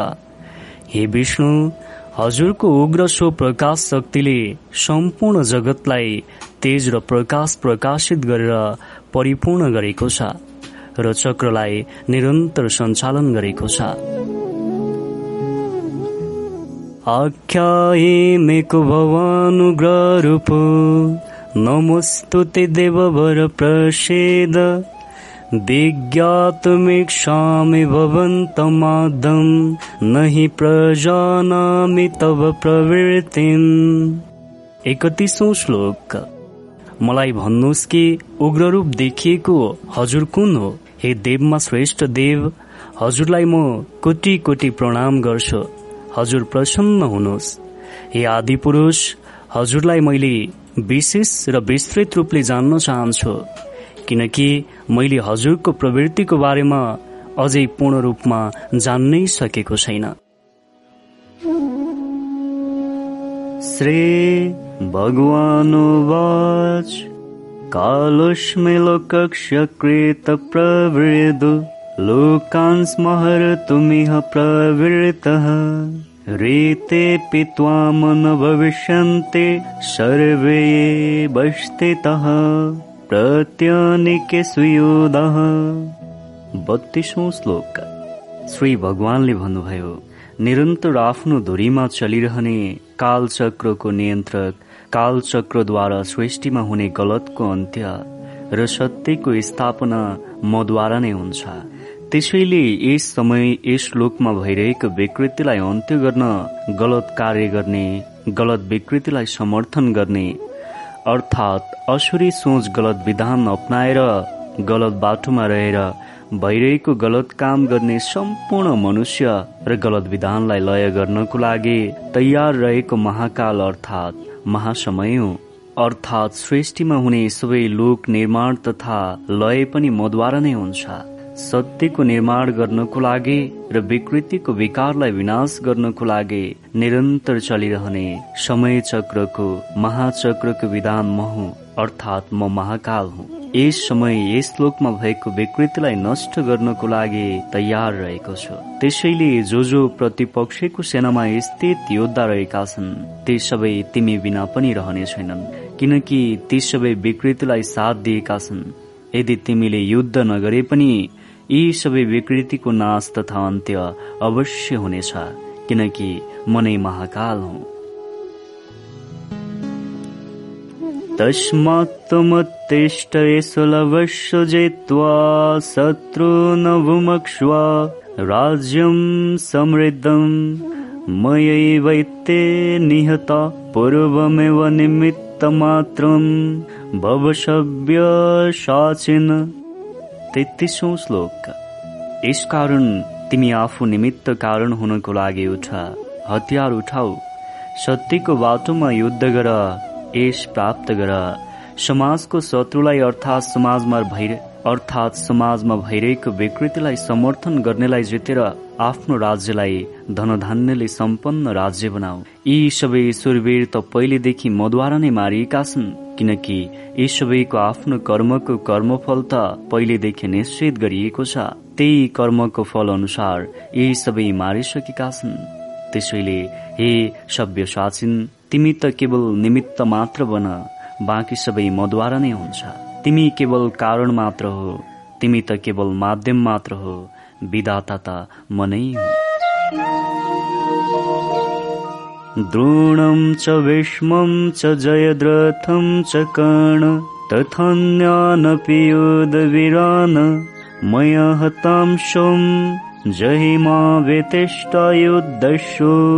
वेतिष्ठयुद्धशो जिताशिरणे शपथनान चौतिसौं श्लोक द्रोणाचार्य भीष्म पितामह जयद्रथ र कर्ण तथा अन्य सबै धेरै योद्धा मद्वारा निर्मित कर्मफलको विधानको आधारमा सबैले आफ्नो आफ्नो कर्मफल प्राप्त गरेर मद्वारा नै मारिसकिएका छन्। तिमी केवल माध्यम हो। त्यसैले तिमीले सत्य स्थापना गर्नको लागि यस युद्धमा भाग लिएका धेरै सुरवीर योद्धाको अन्त्य गर्नको लागि तिमी निमित्त कारण बनेर युद्ध गर। तिमीले भय गर्नुको कुनै कारण छैन। निसन्देह तिमीले युद्धमा शत्रुमाथि विजय प्राप्त गर्नेछौ।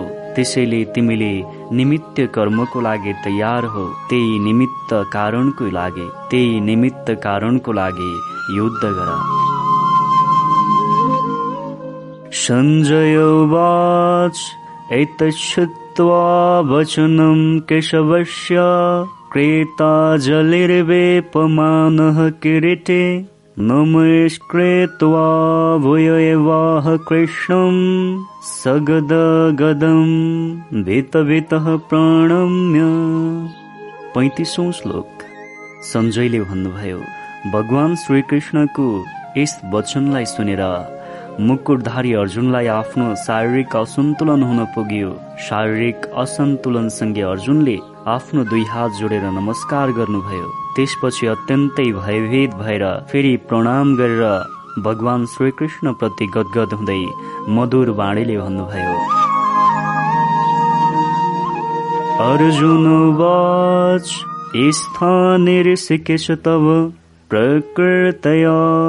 जगत तयनुरजयते च। सर्वे। नमस्यन्ति च सिद्धसङ्गः छत्तिसौँ श्लोक। अर्जुनले भन्नुभयो हे अन्तर्यामी यो सत्य जान्न योग्य कथन र दृश्य हो। हजुरको नाम गुण र प्रभावद्वारा जगतमा सबै अति हर्षित प्रफुल्लित भइरहेका छन्। हजुरद्वारा प्रदान भइरहेको ज्ञान भक्ति काम र मोक्षको बारेको ज्ञानको अनुरागलाई प्राप्त गरिरहेका छन् भने साथ साथमा आसुरी सोच र आसुरी कार्य गरिरहेका असुरहरू आफ्नो कार्यको दिशालाई बदलेर अन्यत्र भागिरहेका छन्। अन्य सबै सिद्ध गणको समुदायहरूले हजुरलाई नमस्कार गरिरहेका छन् र हजुरको नाम पुकार गरिरहेका छन्।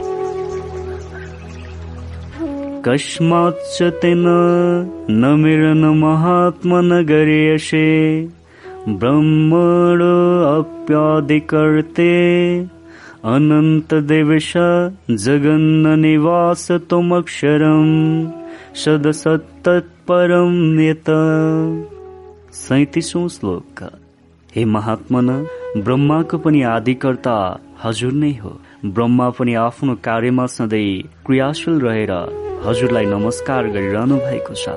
हे अनन्त हे देवेश हे जगन्म निवास जो सत असत र त्यसभन्दा पनि पर अर्थात् आनन्द भन्दा पनि पर जो अकथनीय परम अक्षर अर्थात् सबै अक्षर सबै उच्चारण लेखन भन्दा पनि पर सबै वचन भन्दा पनि पर हजुर सच्चिदानन्द घन ब्रह्म हुनुहुन्छ।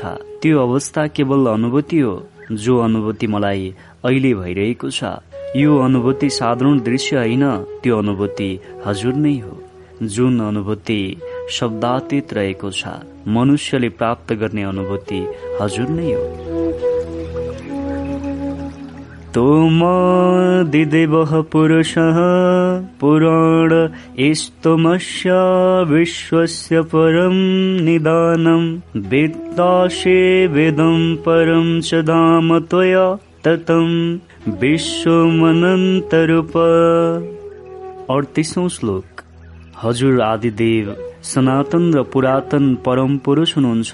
हजुर नै यस जगतको परम आश्रय हुनुहुन्छ। ज्ञानद्वारा जान्ने पराज्ञान पनि हजुर नै हुनुहुन्छ। मनुष्यले प्राप्त गर्ने परम धाम पनि हजुर नै हो।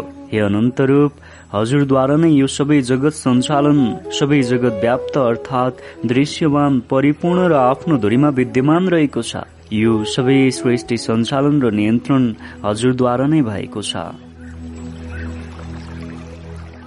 वायुरयमग्निरवरुणः शशङ्कः प्रजापतिष्ठम् प्रपेतमहश नमो नमस्ते अस्तु सहस्रकृत्वः पुनश्च। भूयोपे नमो नमस्ते। उन्चालिसौँ श्लोक। हजुर वायु हेमराज अग्नि वरुण चन्द्रमा प्रजाको स्वामी ब्रह्मा र ब्रह्माको पनि पिता हुनुहुन्छ। सृष्टिको मालिक विदाता पालक हजुर नै हो। अखिल ब्रह्माण्डको मालिक हजुरलाई म कोटी कोटी प्रणाम गर्दछु। नमः। पुरस्तादथ तस्ते नमस्तुम्। ते सर्वत एव सर्व अनन्तवीर्यामितविक्रमस्तम् सर्वसमाप्नोषि ततोषि सर्वः। चालिसौँ श्लोक। हे अनन्त सामर्थ्य सम्पन्न प्रभु हजुरलाई म कोटी कोटी प्रणाम गर्छु। सर्व दिशाको सञ्चालक हजुरलाई फेरि पनि कोटी कोटी प्रणाम। अनन्त पराक्रमशाली हजुर समस्त संसारलाई आफ्नो शक्तिद्वारा आफ्नो धुरीमा निरन्तर क्रियाशील गराउनु भएको छ।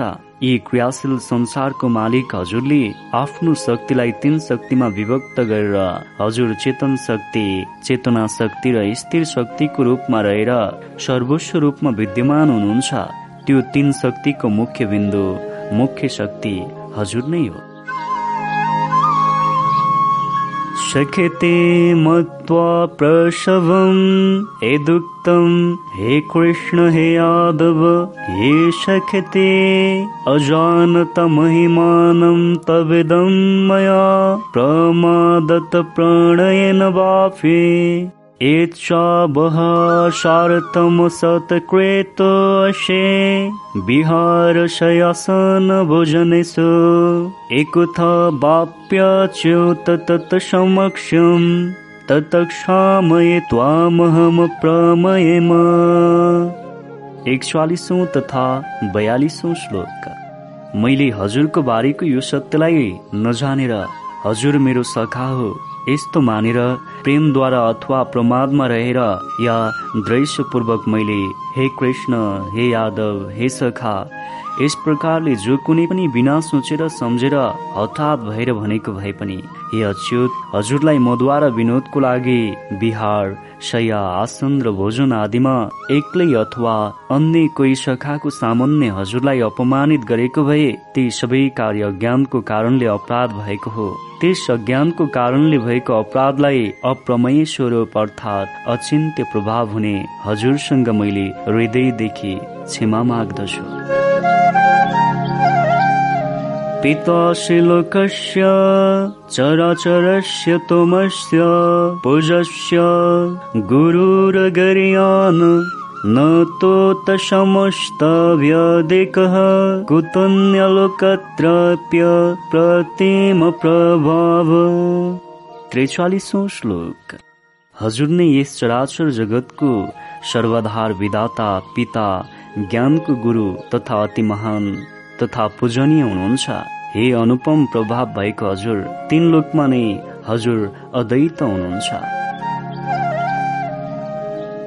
तस्मात् प्रणम्य प्रणिधाय कायं प्रसादय त्वामहनि समिड्डयम् पितेव पुत्रस्य सखेव सख्युः प्रियः प्रियाय रसिदेव सोढुम् चौवालिसौँ श्लोक। यसकारण हे प्रभु म शरीरको पनि अज्ञानीले हजुरको चरणमा भक्तिपूर्वक निवेदन गर्दै अनन्य भावले प्रणाम गर्दै भक्ति उपासना र स्तुति गर्न योग्य हजुर परमेश्वर हुनुहुन्छ। हजुरसँग अनन्य भावले प्रार्थना गर्दछु। हजुर प्रसन्न हुनुहोस्। हे देवादि देव पिताले जसरी पुत्रको सखाले जसरी सखाको र पतिले जसरी प्रियतमा पत्नीको अपराधलाई सहन गरेको हुन्छ। ठिक त्यस्तै हजुरले पनि मेरो गल्ती तथा जान अनजान भएको अपराधलाई माफ गर्नुहोस्। हजुरसँग मेरो विनम्र अनुरोध आग्रह तथा प्रार्थना गर्दछु।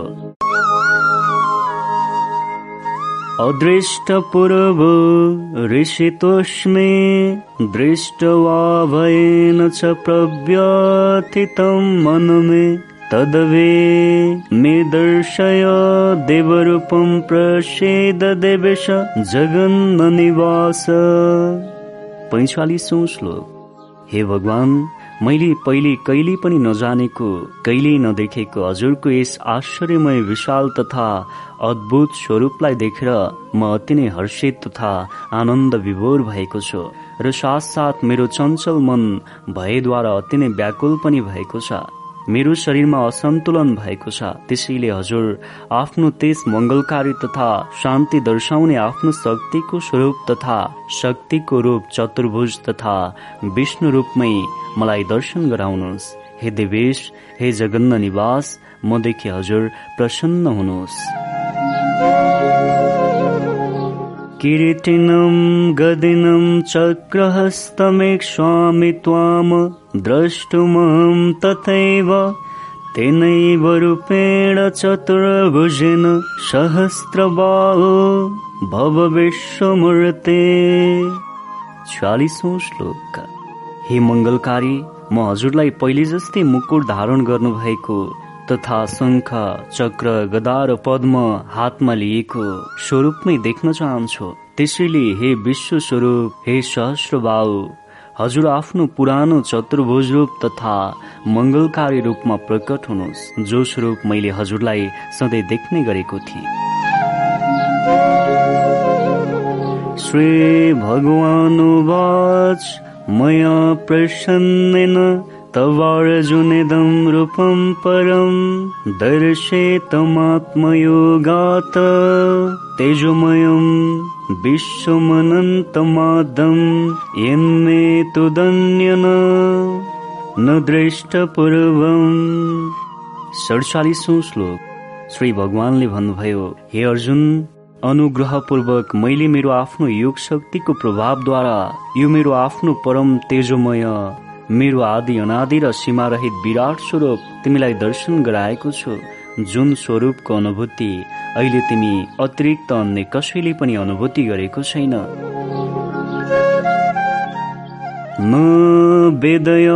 ज्ञाध्य एनैरन दानैरन च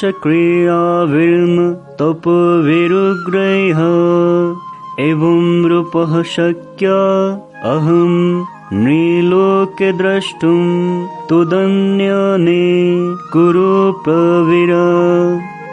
अडचालिसौँ श्लोक। हे अर्जुन मनुष्य लोकमा यस प्रकारको विश्वरूपको यो यस विशाल स्वरूपलाई न वेद मात्र अध्ययन गर्नाले न यज्ञ मात्र गर्नाले न दान मात्र गर्नाले न कुनै क्रिया मात्र गर्नाले र न कुनै उग्र तप मात्र गर्नाले प्राप्त हुन्छ। यो रूप त केवल अनन्य भक्ति गर्नाले प्राप्त हुन्छ। त्यसैले अहिले यो मेरो विश्व स्वरूप तिम्रो अतिरिक्त अन्य कसैले पनि यस रूपको अनुभूति गरेको छैन। माते व्यथा मा च विमुढ भाव दृष्टवारूपम् घोरमि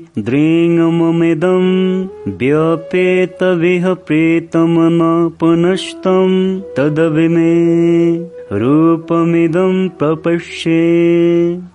उनपचासौँ श्लोक। मेरो यस प्रकारको विशाल तथा विश्वरूपको यस विकराल स्वरूपलाई देखेर तिमी कहिले पनि व्याकुल हुनु हुँदैन थियो र आफूमा मूढभाव पनि आउन दिनु हुँदैन थियो तिमी भयरहित र प्रीतियुक्त मन धारक भएर अब मेरो मङ्गलकारी रूप शङ्ख चक्र गदा पद्मयुक्त चतुर्भुज रूप अर्थात् मङ्गलकारी रूपलाई हेर। सञ्जयोवाच इत्यर्जुनं वासुदेवस्ततोक्त्वा शोकं रूपं दर्शयामास वयः आश्वासयमास च वितमेनम् भूत्वा पुनः सौम्य वपुर्मात्मा पचासौँ श्लोक। सञ्जयले भन्नुभयो वासुदेव भगवान श्रीकृष्णले अर्जुनलाई आफ्नो विशाल रूप देखेर शान्त हुनुपर्ने भनेर भगवानले आफ्नो शान्त तथा मङ्गलकारी चतुर्भुज रूप अर्जुनलाई देखाउनुभयो र फेरि भगवान श्रीकृष्णले आफ्नो विशाल रूपलाई सौम्य मूर्तिमा परिवर्तन गरेर भयभीत र चिन्तित अर्जुनलाई शान्त निश्चिन्त बनाइदिनु भयो अर्जुन दृष्टविदं मानुषं रूपं सौम्यं जनार्दन इदानीमस्मि सव्रेतः सचेतः प्रकृतम गतः। एक्काइसौँ श्लोक। अर्जुनले भन्नुभयो हे जनार्दन हजुरको यस अति शान्त र निर्मल मनुष्य स्वरूपलाई देखेर अब मेरो मन शान्त र स्थिर चित्त भएको छ। म आफ्नो निश्चित र आफ्नो स्वाभाविक स्थितिमा भएको अनुभव प्राप्त गरेको छु। श्री भगवान वाच सुदुर्दर्शमिदं रूपम् दृष्टवानस्यन् मम देवाप्यस्य रूपस्य नित्यम् दर्शनकामक्षिण। बयालिसौँ श्लोक। श्रीकृष्ण भगवानले भन्नुभयो मेरो यो चतुर्भुज रूप पनि तिमीले देखेका छौ।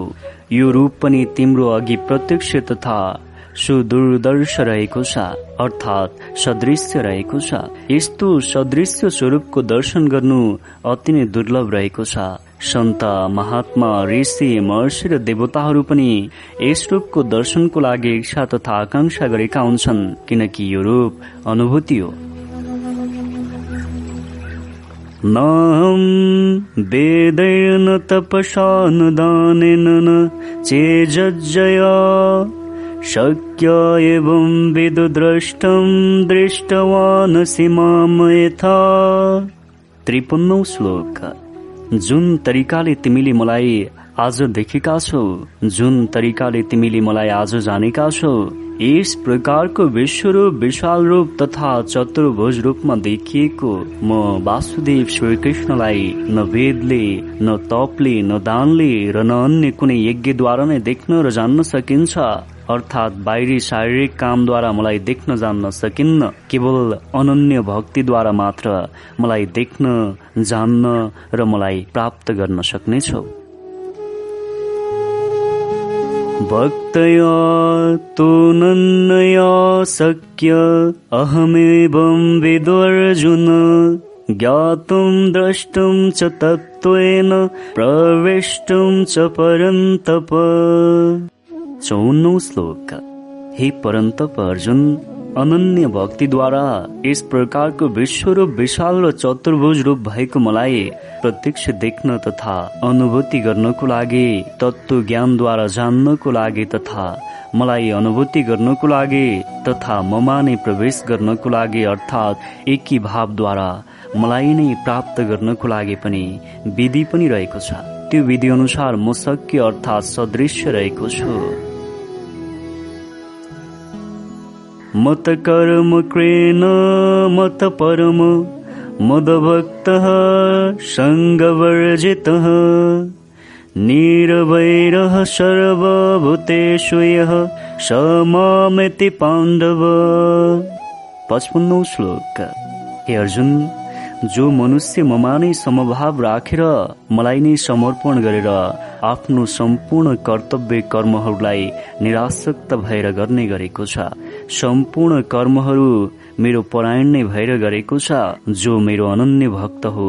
सम्पूर्ण कर्महरूमा आसक्ति रहित अर्थात् निरासक्त भएको छ र सम्पूर्ण भूत प्राणीमा वैरभावबाट रहित भएको छ। त्यस्तो अनन्य भक्तियुक्त भक्तले नै मलाई प्राप्त गरेको हुन्छ। यस्तो भक्तको लागि सधैँ प्रत्यक्ष रहेको हुन्छु म। ॐ तत्सदिति श्रीमद्भगवद्गीताशुपनिषत्सु ब्रह्मविद्यायाम् युगशास्त्रे श्रीकृष्णार्जुनसंवादे विश्वरूपदर्शनयोगो नाम एकादशोऽध्याये। इस प्रकारले उपनिषद ब्रह्म विद्या तथा योग शास्त्र रूप श्रीमद भगवत गीताको श्रीकृष्ण अर्जुन संवादमा रहेको विश्वरूप दर्शन योग नामको एघारौं अध्याय समाप्त भयो।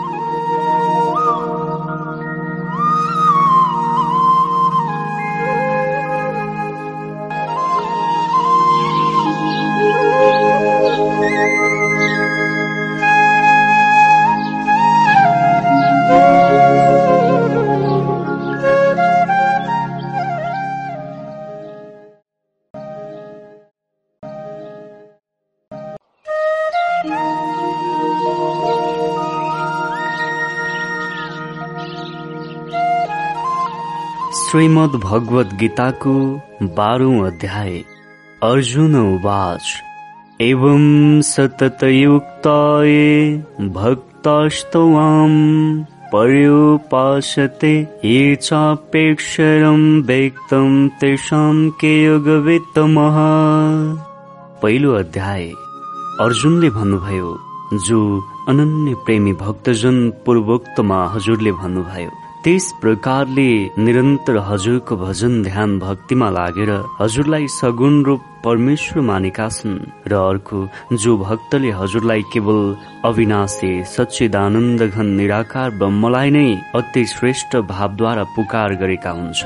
यी दुवै प्रकारको भक्त तथा उपासकमा उत्तम भक्ति तथा उत्तम योगवेत्ता कुन हो?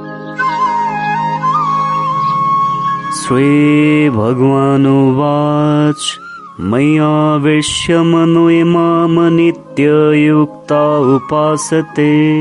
श्रद्धया परयो पेतास्ते मे युक्ततममतः। दोस्रो अध्याय। श्री भगवानले भन्नुभयो आफ्नो मनलाई एकाग्र गरेर आफ्नो मनमा नै निरन्तर मेरो भजन ध्यान भक्ति उपासनामा लागेको जो भक्तजन अतिशय श्रेष्ठ श्रद्धाद्वारा युक्त भएर म सगुण तथा साकार रूपमा परमेश्वरलाई नै पुकार गरेको हुन्छ। त्यस्तो भक्तहरू मलाई योगीहरूमा अति उत्तम योगी हो भनेर मान्ने रहेको हुन्छ। ये तोक्षरम निर्दशयम व्यक्तम परयोपासते सर्वत्र गमचिन्तयं च कुटस्थमचलं ध्रुवम् संनियम्यन्द्रिग्रामं सर्वत्र समबुद्धयः ते प्राप्नुवन्ति मामेव सर्वभूतहिते रताः क्लेशो अधिकतरस्तेषामव्यक्ता सक्तचितशाम अव्यक्ता हि गतिरदुःखम् देहवदवीरवाप्यते तेस्रो चौथो तथा पाँचौं श्लोक। परन्तु जो मनुष्यले आफ्नो इन्द्रियहरूको समुदायलाई निराशक्त भावले आफ्नो वशमा गरेर मन बुद्धि भन्दा पर सर्वव्यापी अकथनीय स्वरूप र सधैँ समान तथा एकरस रहने नित्य अचल निराकार अविनाशी आजन्म कायम सर्वाधार सच्चिदानन्दगन ब्रह्मालाई निरन्तर एकी भावले ध्यान गर्दै भजेका हुन्छन्। ती सम्पूर्ण भूत सृष्टि आवयवको हितमा क्रियाशील तथा रत रहेका हुन्छन् र सबैमा समभाव राख्ने योगीहरूले पनि मलाई नै प्राप्त गरेका हुन्छन्। सच्चिदानन्द घन निराकार ब्रह्ममा आसक्त चित्त भएको मनुष्यको साधनमा परिश्रम विशेष रहेको हुन्छ। किनकि देहाभिमानीको मनुष्यको लागि निराकार अव्यक्त विषयको प्राप्त गर्नको लागि मेहनतको गति अति नै दुःखपूर्वक रहेको हुन्छ। किनकि मनुष्यको शरीर विषय वासनामा सधैँ लालायित भएको हुनाले साकार अनुभव प्राप्त गर्नुभन्दा निराकार प्राप्त गर्नको लागि अति कठिन हुने गर्छ। यतु सर्वाणि कर्माणि मयि समन्यस्य मत्परः अनन्यनैव युगेन माम ध्यायन्त पसते तेषामहं समुद्रता मृत्यो संसारसागरात् भवामि न पार्थ मया विषितचितसाम छैठौँ तथा सातौँ श्लोक। परन्तु जो भक्त मेरो परायण भएको हुन्छ चाहे त्यो मेरो साकारको भक्त होस् या मेरो निराकारको भक्त होस् जुनसुकै भक्तजन होस् जुन मनुष्यले आफ्नो सम्पूर्ण कर्मलाई निरासक्त भएर मलाई नै अर्पण गरेर मलाई सगुण रूप परमेश्वर मानेर या मलाई निराकार परमेश्वर मानेर मेरो नै अनन्य भक्ति युगद्वारा निरन्तर चिन्तन मनन गर्दै मेरो भजन भक्ति र उपासना गरेका हुन्छन्। हे अर्जुन जुनसुकै विधिले मेरो भक्तले मलाई नै निरासक्त भावले पुकार र चित्त लगाउने गर्छ र मेरो नै प्रेमपूर्वक भक्ति उपासना गर्ने काम सुरु गरेको हुन्छ। त्यस्तो भक्तको लागि मैले शीघ्र नै मृत्यु रूप संसार समुद्रबाट उद्धार गर्नेछु। मयव मन आदत्सवमये बुद्धिं निवशय निवशिष्यासि मयवत उधर्वनय संशय। आठौँ श्लोक। तिमीले सधैँ निराशक्त भएर ममा मनलाई लगाऊ ममा बुद्धिलाई लगाऊ मलाई भज मलाई पुकार गर। यसो गर्नाले तिमीले मलाई नै प्राप्त गर्नेछौ। यस सात्य ज्ञानमा कुनै शङ्का अर्थात् संशय रहेको छैन। अथ चित्तं समाधातुं शक्नोषि मये स्थिरम्। अभ्यासयोग्यन ततो मामेक्षाप्तुं धनञ्जय। नौ श्लोक। यदि तिमीमा आफ्नो मनलाई निरासक्त भावको साथ साथमा ममा स्थिर तथा अचल स्थापना गर्नको लागि समर्थ छैन भने हे अर्जुन अभ्यास रूपी योगद्वारा मलाई प्राप्त गर्ने प्रयास गर। मलाई प्राप्त गर्नको लागि निरासक्त कर्म गर। अभ्यासप्यसमर्थो शमे मत्कर्म परम भव। मदर्थमपि कर्माणि कुर्वन् सिद्धिं वापस्यसे दशौं श्लोक। यदि तिमी उपयुक्त अभ्यास रूपी योगमा पनि असमर्थ भयो भने तिमी केवल निराशक्त हौ र तिमीले गर्ने सम्पूर्ण कर्म मेरो लागि समर्पण गर। तिमीले गर्ने सबै कर्म मेरो लागि गर र मेरो नै परायण भएर गर। यस प्रकारले तिमीले मेरो लागि निमित्त कर्मलाई गर्दै गर्दा योग रूपी सिद्धि प्राप्त हुनेछ। त्यो योगद्वारा पनि मलाई नै प्राप्त गर्नेछौ। अथैतदप्यशक्त शिखरतु मद्दोगमाश्रेतः। सर्वकर्मफलत्यागं ततः कुरु एतात्मवान। एघारौं श्लोक। यदि मेरो प्राप्त गर्ने योग रूपी सिद्धिको आश्रय भएर पनि उपयुक्त योग रूपी सिद्धि गर्नको लागि पनि तिमी असमर्थ भयो भने मन बुद्धि आदि भन्दा पनि पर विजय पराजय हुने सबै कर्मको कर्मफल प्राप्त गर्ने आसक्ति हुने विचारलाई त्याग गर। तिमीले गर्ने सम्पूर्ण कर्म मलाई नै समर्पण गर। श्रेयो हि ज्ञानं व्यासाज्ञानदयानं विशिष्यते ध्यानात् कर्मफलत्यागस्ता गाछान्तेरनन्तरम्। बाह्रौं श्लोक। कर्मको मर्मलाई नजानी गरिएको अभ्यास कर्म भन्दा ज्ञान कर्म श्रेष्ठ हो। ज्ञान कर्म भन्दा परमेश्वरको भक्ति कर्म उपासना र ध्यान श्रेष्ठ कर्म र ध्यान कर्म भन्दा पनि कर्मको कर्मफल प्राप्तिको आसक्तिलाई त्याग गरेर निरासक्त हुनु श्रेष्ठ कर्म हो। किनकि कर्मको कर्मफल त्याग गरेर निरासक्त भएर गरिएको कर्मद्वारा तत्काल नै परम शान्तिलाई प्राप्त हुन्छ। अदृष्ट सर्वभूतानां मैत्रः करुण एव च। निर्मम निरहङ्कार समदुःखसुख क्षमे सन्तुष्टः सततं योगे एतात्मदृढनिश्चयः। मयरपितमनुबुद्धिरयो मदभक्तः शमे प्रेय। तेह्रौं तथा चौधौं श्लोक जुन मनुष्यले सबै भूत सृष्टि अवयवमा दृश भाव रहित भएर स्वार्थ रहित भएर सबैलाई प्रेमी र हेतु रहित भएर दयालु हुन्छ। तथा ममता रहित अहंकार रहित सुख दुःखको प्राप्तिमा सम र क्षमावान रहेको हुन्छ।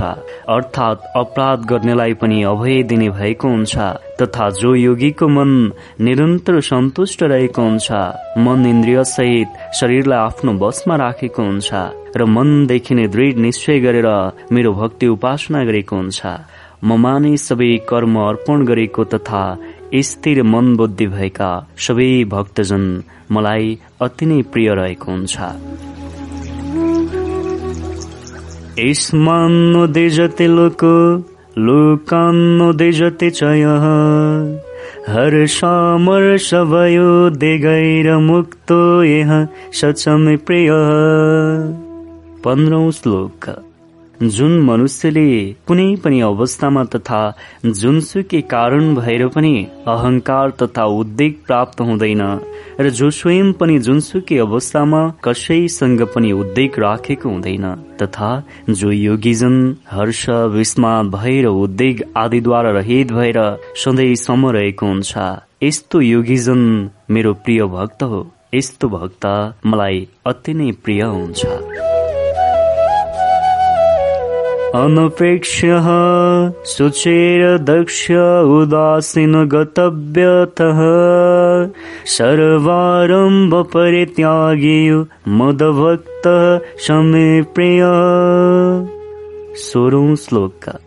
जो मनुष्य आकांक्षा रहित बाह्य तथा आन्तरिक शुद्ध ज्ञान तथा कर्ममा निरासक्त तथा चतुर पक्षपात रहित र दुःख सुख लाभ हानि सबैबाट पर अर्थात् निरासक्त भएको छ। यस्तो निरासक्त भएको सबै आसक्तिको साधन त्याग गर्ने त्यागी भक्तजन मेरो लागि अति नै प्रिय छ। यो न न न सोचते न शुभाशुभ परित्यागे भक्ति मान्य शमे प्रिय। सत्रौं श्लोक जो मनुष्य न कहिले कुनै पाएर हर्षित हुन्छ न केही गुमाएर चिन्ता गर्छ न केही पाएर खुसी हुन्छ र अन्य कसैको द्वेष गर्छ न कुनै वस्तुको शोक गर्छ न मनमा कुनै किसिमको कामना राखेको हुन्छ तथा जो शुभ र अशुभ सम्पूर्ण कर्मलाई त्याग गरेर निरासक्त भएको सधैँ सम भएर कर्म गर्ने यस्तो भक्तियुक्त भक्तजन मलाई अति नै प्रिय छ। समः शत्रौ च मित्रे च तथा मानापमानुय। शीतोष्णसुखदुःखे सुषमः सङ्गविवर्जितः तुल्यनिन्दास्तु तिरमौनि सन्तुष्टयन केनचित्। अनिकेतः ये स्थिरमतेर्भक्ते मनमे प्रेयो नर। अठारौं तथा उन्नाइसौं श्लोक जो मनुष्य शत्रु मित्रमा र मान अपमानमा सुख दुःखमा समरहेको हुन्छ तथा सर्दै गर्मी लाभ हानि खुसी विस्मात आदि द्वन्द्वमा पनि सधैँ समरहेको हुन्छ। र शरीर संसार विषय वास्नमा सधैँ आसक्ति रहित भएको हुन्छ। जो मनुष्य निन्दा घृणा स्तुतिलाई पनि समान हो भन्ने जानेको हुन्छ।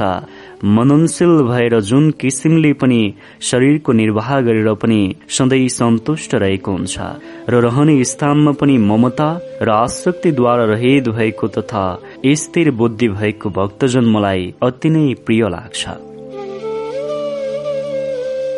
ये तु धर्म्यामृतमिदम् युतक्तम् पर्योपासते श्रद्धानमतपरमा भक्तास्ते वह मे प्रेय। श्रीमद् भगवत गीताको अन्तिम तथा विशौं श्लोक। परन्तु जो श्रद्धायुक्त मनुष्य मेरो परायण भएर माथि भनिएको धर्ममय अमृतलाई निष्काम प्रेम भावले सेवन गरेको हुन्छ। यस्तो भक्त मलाई अतिशय प्रिय लाग्छ। ॐ तत्सदित श्रीमद्भगवद्गीता सुपनिषत्सु ब्रह्मविद्याय योगशास्त्रे श्रीकृष्णार्जुन संवादे भक्तियोग नाम द्वादशोऽध्याये इस प्रकारले उपनिषद ब्रह्म विद्या तथा योग शास्त्र रूपमा रहेको। श्रीमद भगवत गीताको श्रीकृष्ण अर्जुन संवादमा रहेको भक्ति योग नामको बाह्रौं अध्याय समाप्त भयो।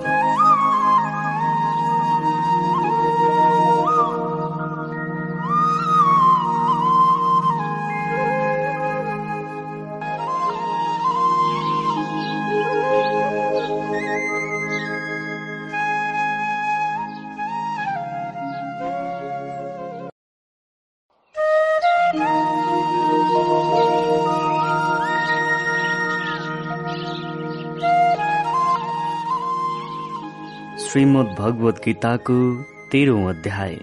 अर्जुन उवाच प्रकृतिं पुरुषं चैव क्षेत्रं क्षेत्रज्ञमेव च एतद्दितुमेक्षामि ज्ञानं ज्ञेयं च केशव। पहिलो श्लोक।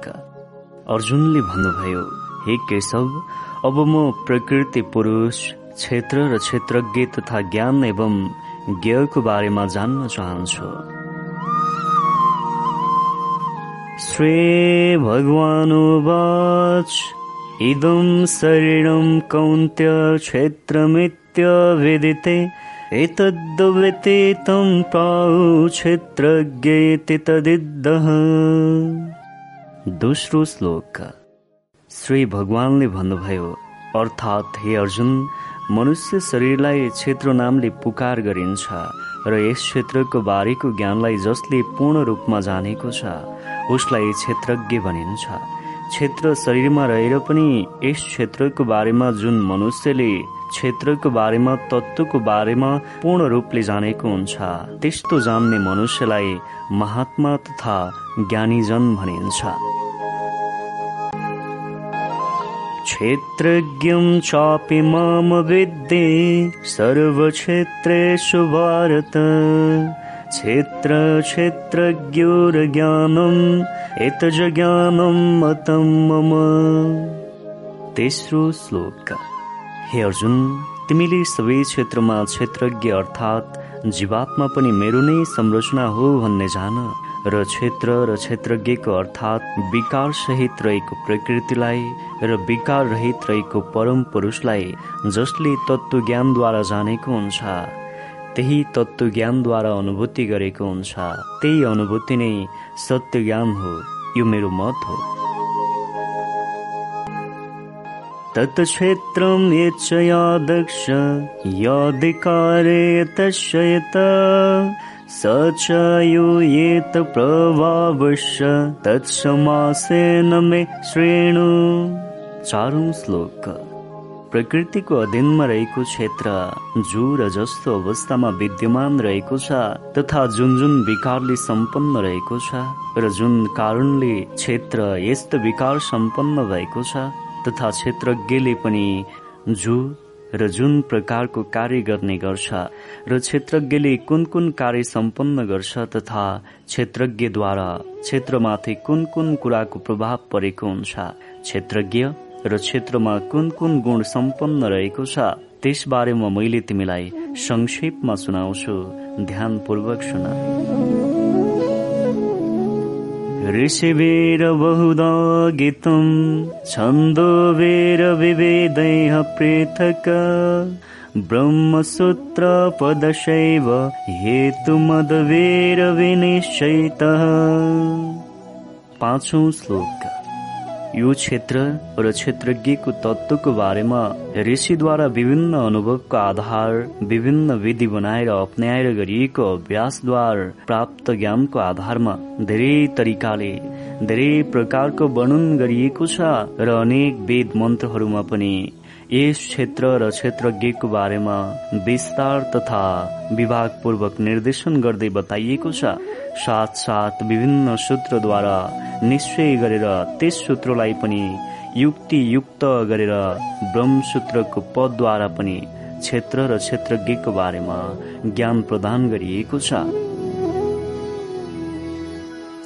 महाभूतान्यहङ्कार बुद्धिरव्यक्तमेव च इन्द्रियाणिम् दशैकं च पङ्क्ष चेन्द्रियगोचरः ईक्षादिशः सुखम् दुःखम् सङ्गातश्चेतनद्रेतिः एतत् क्षेत्रम् समासेन सविकारमुदरेतम् छैठौं तथा सातौं श्लोक पाँच महाभूत अहङ्कार बुद्धि र मूल प्रकृति पनि तथा पञ्च इन्द्रियहरू तथा पञ्च कर्मेन्द्रियहरू एक मन र पाँच इन्द्रियको विषय अर्थात् शब्द स्पर्श रूप रस र गन्ध तथा इच्छा दृश्य सुख दुःख यस्तो शरीरको पिण्ड चेतना र धृति अर्थात् संयमता गरेर विभिन्न प्रकारका इन्द्रिय विकार सहित सम्पन्न रहेको पञ्च तत्वको एक चक्रको पूर्ण संग्रहीभूत अवस्थामा रहेको शरीरलाई क्षेत्र भनिन्छ भनेर संक्षेप पूर्वक वर्णन गरिएको छ। अमानित्वदम्बित्वमहिंसा क्षन्तेरार्जवम्। आचार्योपासनं शौचम् स्थैरमात्मविनिग्रह इन्द्रियार्तेषु वैराग्यमनङ्कार एव च जन्म मृत्युजरा दुःख दोषानुदर्शनम्। असक्तिरन विश्वङ्गः पुत्रादारगृहादेशो नित्यं च समचित्तत्वमिष्टानिष्टोपपतिषु मयि चानन्ययुगन भक्तेरव्यविचारिणि विविक्तदिशसे वित्तो। मरतिर्जन संशदे अध्यात्मज्ञान नित्यत्तम् तत्त्वज्ञानार्थदर्शनम्।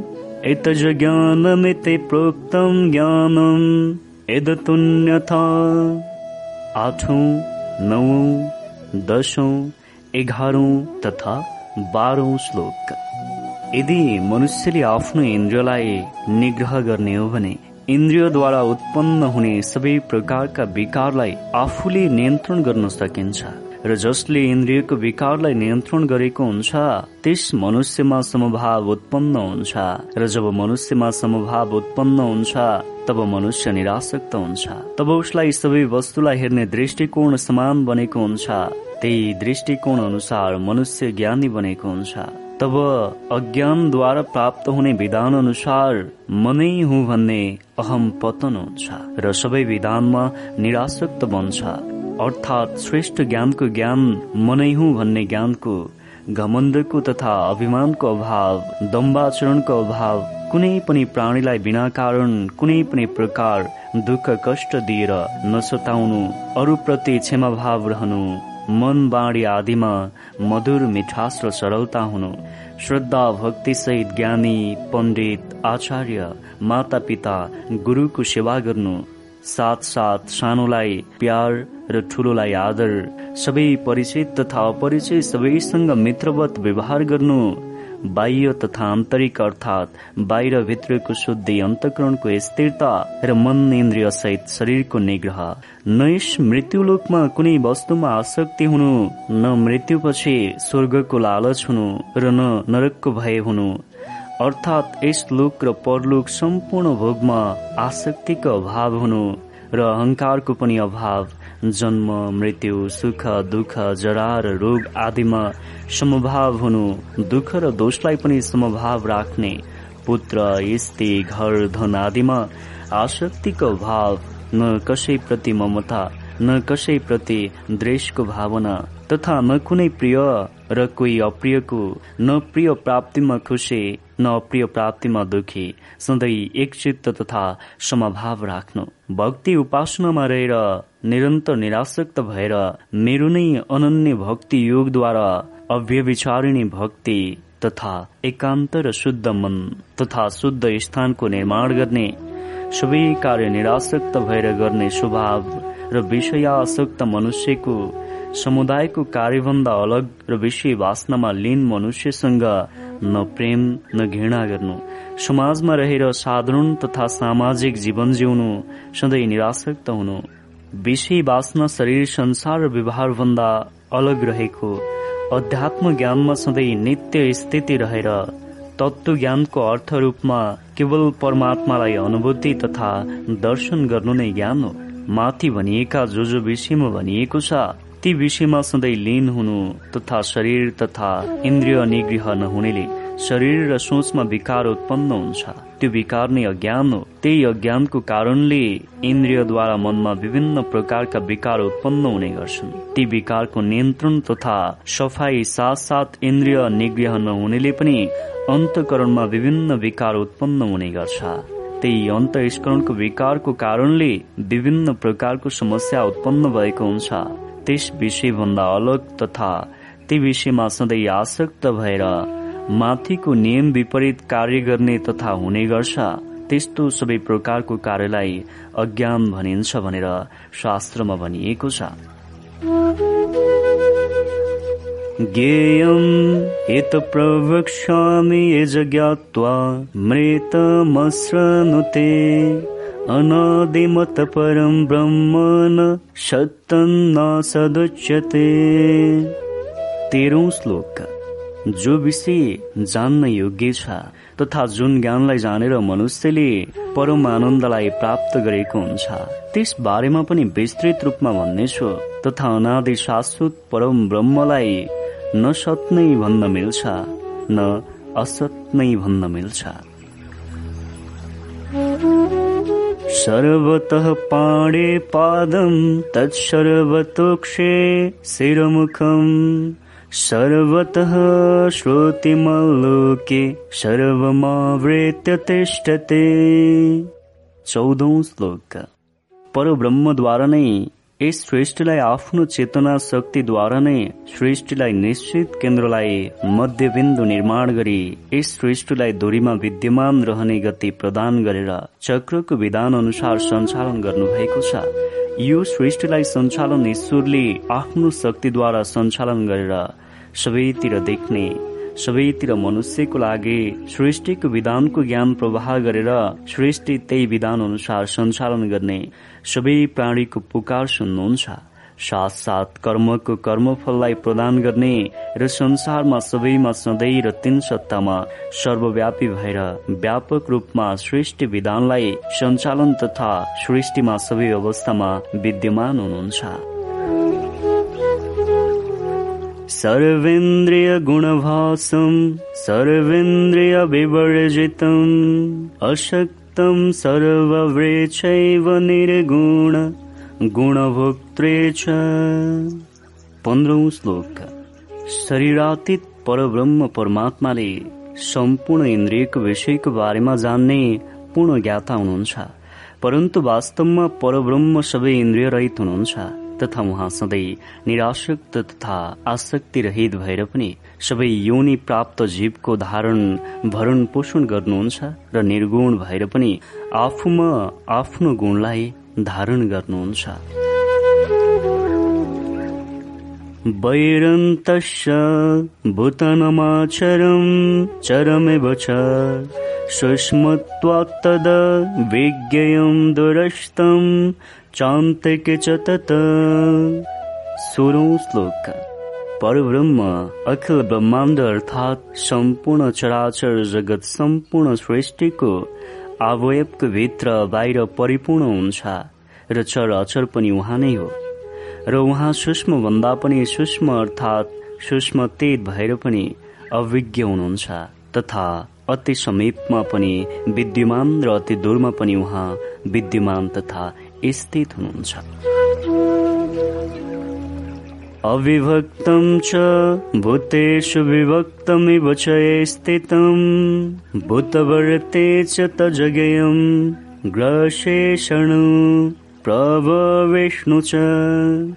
सत्रौं श्लोक। सर्वव्यापी परमात्मा विवाक रहित एक रूपले आकाश जस्तै सदृश र परिपूर्ण भएर पनि चराचर सम्पूर्ण सृष्टिको अभावमा विभक्त जस्तै स्थित प्रतीत भएको हुन्छ। तथा सर्वव्यापी परमात्मा जान्न योग्य तथा परमात्मा सधैँ चेतना र स्थिर शक्ति रूपले सबै अवस्थामा मंगलकारी हुनाले सम्पूर्ण सृष्टि अवयवलाई धारण सञ्चालन भरण पोषण लय गर्नुहुन्छ। र रुद्र अवस्थाले कर्म विधान अनुसारको कर्मफल प्रदान गर्ने विधान अनुसार संहार गर्ने तथा कर्मको गुण रूपले परमात्मा ब्रह्मा रूपले सबैको श्रेष्ठलाई उत्पन्न गर्नुहुन्छ। जुते समपे तज्जायुतिस्तमसः परमुच्यते ज्ञानं ज्ञेयं ज्ञानगम्यं हृदि सर्वस्य विष्टितम् अठारौं श्लोक। परब्रह्म सम्पूर्ण सृष्टिको विधाता तथा सृष्टिको प्रकाशको मुख्य स्रोत सम्पूर्ण ज्ञानको ज्योतिको पनि ज्योति र प्रकृति तथा माया भन्दा अत्यन्त परमायाको कुनै प्रभाव पर्दैन अर्थात् मायातीत हुनुहुन्छ। परमात्मा बोध हुनुहुन्छ। ज्ञानको अन्तिम जान्न योग्य ज्ञान तथा तत्व ज्ञानद्वारा प्राप्त गर्न तथा अनुभूति योग्य हुनुहुन्छ। र सबै सत्ता उहाँको तथा उहाँ सबैको हृदयमा चेतना सत्ताको रूपले विशेष अवस्थामा विद्यमान हुनुहुन्छ। इति क्षेत्रम् तथा ज्ञानं ज्ञेयं चोक्तम् समासतः। मदभक्त एतद्दिगाय मदभावायुपपद्धते। उन्नाइसौं श्लोक। यस प्रकारले क्षेत्र ज्ञान र जान्न तथा प्राप्त गर्न योग्य परमात्माको स्वरूपको बारेमा शब्दमा संक्षेप रूपले यसरी वर्णन गर्दै भनिएको छ। यदि मेरा भक्तले यस ज्ञानलाई तत्वद्वारा जानेर ग्रहण गर्छ र मैले निर्देशित गरेको निर्देशन अनुसार काम गरेमा कर्मको कर्मफल मलाई नै प्राप्त गरेको हुन्छ। यही नै मोक्ष हो। प्रकृतिं पुरुषं चैव। विद्यनादि उवावफे विकरमश्च गुणामश्चैव विद्ये प्रकृतिसम्भवान्। विष्णु श्लोक। प्रकृति र पुरुष यी दुवैलाई तिमीले अनादि सत्ता हो भन्ने जान। र क्षेत्रमा उत्पन्न हुने इन्द्रिय विकार राग दृश्य आदि तथा मनमा उत्पन्न हुने अन्य विकारहरूको साथ साथ प्रकृतिमा विद्यमान देख्ने तथा व्यवहारमा लागू गर्ने सम्पूर्ण गुण तथा त्रिगुणात्मक रूपमा उत्पन्न हुने सम्पूर्ण पदार्थहरूलाई पनि प्रकृतिद्वारा नै उत्पन्न हुन्छ भन्ने जान। कार्यकरणकर्तृत्वे हेतुः प्रकृतिरुच्यते। पुरुषः सुखदुःखानाम् भोक्तृत्वे हेतुरुच्यते। एक्काइसौँ श्लोक। विधाताद्वारा विधि निर्माण। त्यही विधिद्वारा सृष्टिको निर्माण। सृष्टिमा कर्ता त्यही कर्ताद्वारा कार्य कार्यद्वारा कारणको उत्पन्न हुन्छ। त्यही कारणलाई प्राप्त गर्ने र भोग गर्ने अवस्था प्रदान गर्ने हुनाले अनादि सत्तालाई प्रकृति भनिन्छ। अर्थात् परमात्माको स्थिर शक्तिलाई प्रकृति भनिन्छ। प्रकृति हेतु प्रति कर्म विधान अनुसार कर्मको कर्मफल प्राप्त गर्ने माध्यम प्रकृति भएको हुनाले प्रकृतिलाई स्थिर शक्ति भनिन्छ। त्यही ईश्वरको स्थिर शक्ति अर्थात् जड शक्तिलाई प्रकृति भनिन्छ।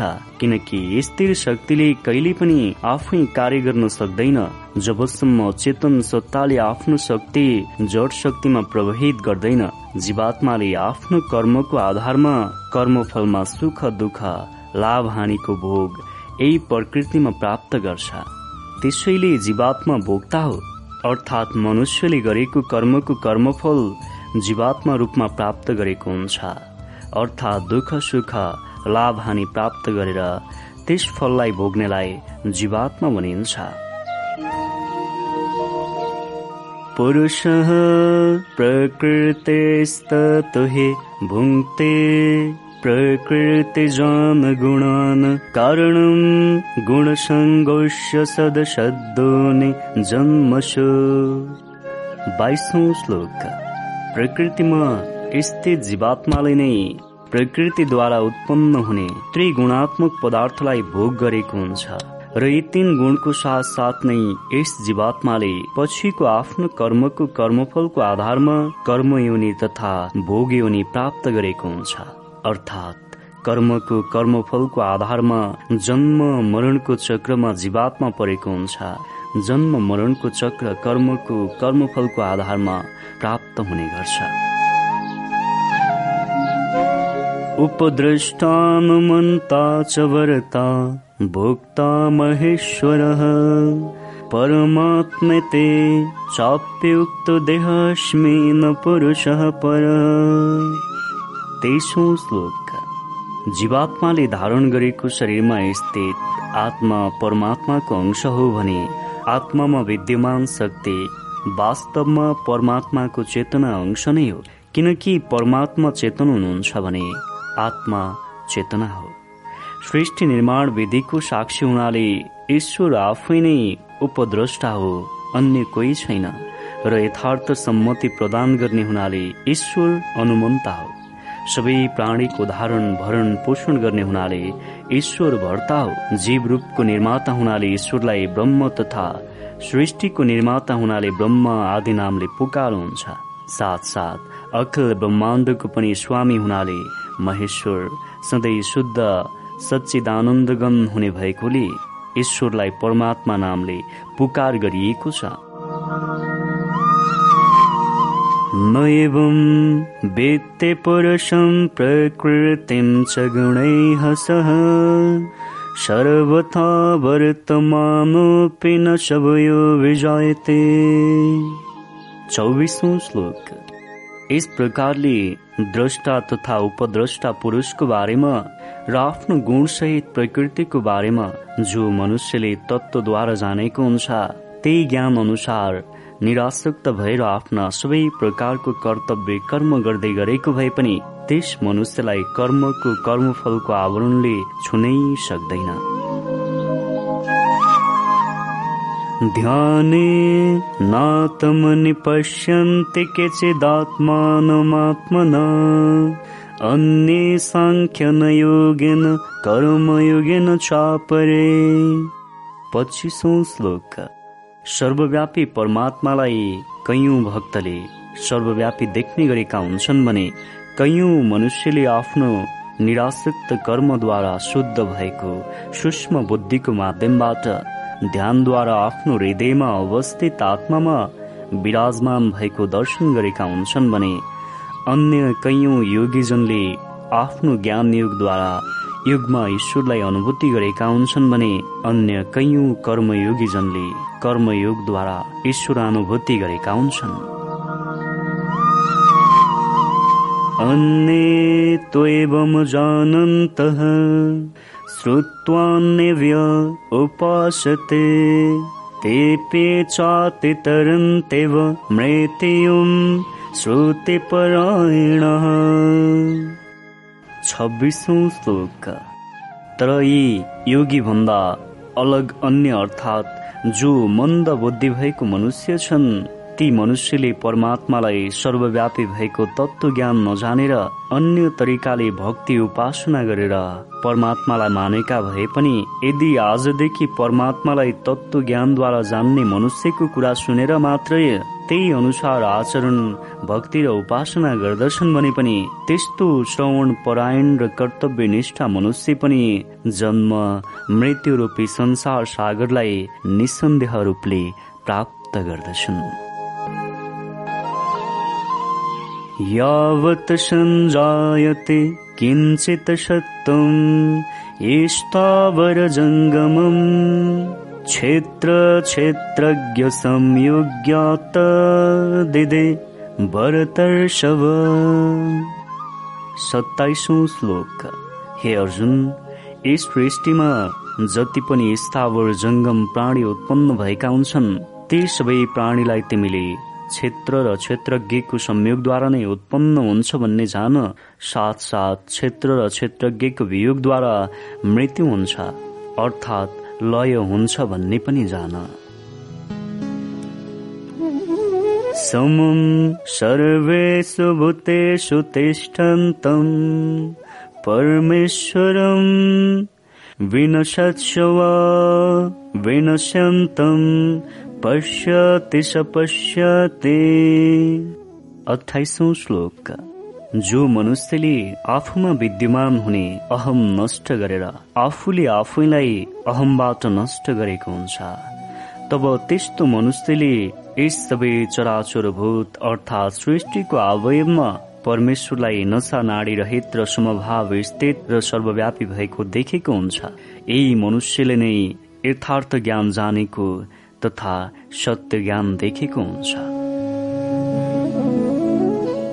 समम पश्यानि सर्वत्र समवस्ते तमेश्वरम् न हि नस्त्यात्मनात्मानम् ततो याति परमां गतिम्।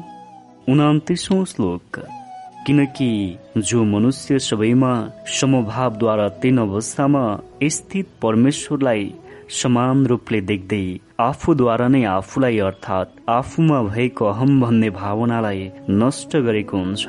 यही अवस्थामा नै त्यस मनुष्यले परम गतिलाई प्राप्त गरेको हुन्छ। प्रकृतैव च कर्माणि क्रियमाणानि सर्वशः। इह पश्यति तथात्मान कर्म कर्तारम् सपश्यते तिसौँ श्लोक जो मनुष्यले आफ्नो सम्पूर्ण कर्मलाई कर्मफल र ती सबै प्रकारको कार्य प्रकृति गुणद्वारा नै सम्पन्न भइरहेको जानेको र देखेको हुन्छ र आत्मालाई अकर्ता भएको जानेको तथा देखेको हुन्छ। यस्तो मनुष्यले नै सत्य तथा यथार्थ देखेको तथा जानेको हुन्छ। यदा भूतपृथक् भाव मिकस्तमनुपश्यते तत एव च विस्तारं ब्रह्म सम्पद्यते तदा। एकतिसौँ श्लोक। जुन मनुष्यले परमात्माद्वारा नै सम्पूर्ण चराचर जगत तथा सृष्टिको सम्पूर्ण आवय पृथक पृथक भावले परमात्मामा नै स्थित रहेको तथा त्यही परमात्माद्वारा नै सम्पूर्ण भूत सम्पूर्ण सृष्टिको आवयको विस्तार भएको देखेको जानेको हुन्छ। दक्षिण नै त्यो मनुष्य निराशक्त हुन्छ। जब निराशक्त हुन्छ त्यही क्षणमा नै त्यस मनुष्यले सच्चिदानन्द घन ब्रह्मलाई अनुभूति तथा प्राप्त गरेको हुन्छ। अनादित्वान्निर्गुणत्वात् परमात्मायमव्ययः शरीरस्तुपि कौन्त्य न करोति न लिप्यते। बत्तीसौँ श्लोक। हे अर्जुन ईश्वर अनादि हो। साथ साथ ईश्वर अनादि भएको कारणले ईश्वर निर्गुण हो। र निर्गुण भएको कारणले ईश्वर अविनाशी हो। परमात्मा सृष्टि अवयवमा स्थिर अवस्थामा स्थित भएको भएर पनि वास्तवमा ईश्वरले न अनावश्यक केही गर्नुहुन्छ र न कुनै विषयमा लिप्त तथा आसक्त नै हुनुहुन्छ। यस सृष्टिमा ईश्वर केवल क्षीर हुनुहुन्छ। यथा सर्वगतं सौष्म्यादाकाशं नोपलिप्यते। सर्वत्रावस्थित देहे तथात्मा नोपलिप्यते। तेत्तिसौँ श्लोक। जसरी सर्वव्यापी तथा सर्वत्र सबै अवयवमा व्याप्त आकाश सूक्ष्म भएको कारण कहीँ र कसैमा लिप्त हुँदैन। ठिक। त्यस्तै मनुष्य शरीरको अवयवमा चेतना अवस्थामा रहेर सर्वत्र स्थित भएको आत्मा निर्गुण भएको कारणले शरीरको कुनै पनि गुणमा आत्मा लिप्त हुँदैन। यथा प्रकाशयतैकः क्रेतष्णम् लोकमिमं रविः। क्षेत्रं क्षेत्रे तथा क्रेतष्णु प्रकाशयति भारत। चौतिसौँ श्लोक। हे अर्जुन जुन प्रकारले एक सूर्यले यस सम्पूर्ण ब्रह्माण्डलाई प्रकाशित गरेको हुन्छ ठिक त्यही प्रकारले एक आत्माले पनि ब्रह्मपूर्णको सम्पूर्ण क्षेत्रलाई प्रकाशित गरेको हुन्छ। क्षेत्रक्षेत्रज्ञेयोरेवमन्तरम् ज्ञान चक्षुषा भूत प्रकृतिमोक्षं च विदुर्याम् ते ते परम्। पैतिसौ श्लोकः। यस प्रकारले क्षेत्र र क्षेत्रज्ञको भेदको तथा कार्यसहित प्रकृतिबाट मुक्त भएको ज्ञानको बारेमा जो पुरुष ज्ञान नेत्रद्वारा तथा तत्व ज्ञानद्वारा जानेको हुन्छन् र त्यही अनुसार कार्य गरेका हुन्छन् त्यस्तो महात्माजन पर ब्रह्म परमात्मालाई प्राप्त हुने गर्छन्। ॐ तस्सदिति श्रीमद्भगवद्गीतासुपनिषत्सु ब्रह्मविद्यायाम् योगशास्त्रे श्रीकृष्णार्जुनसंवादे क्षेत्रक्षेत्रज्ञे विभागयोग नाम त्रयोदशोऽध्याय यस प्रकारले उपनिषद ब्रह्म विद्या तथा योग शास्त्रको रूपमा रहेको श्रीमद भगवत गीताको श्रीकृष्ण अर्जुन संवादमा रहेको क्षेत्र तथा क्षेत्रज्ञ विभाग युग नामको तेह्रौं अध्याय समाप्त भयो।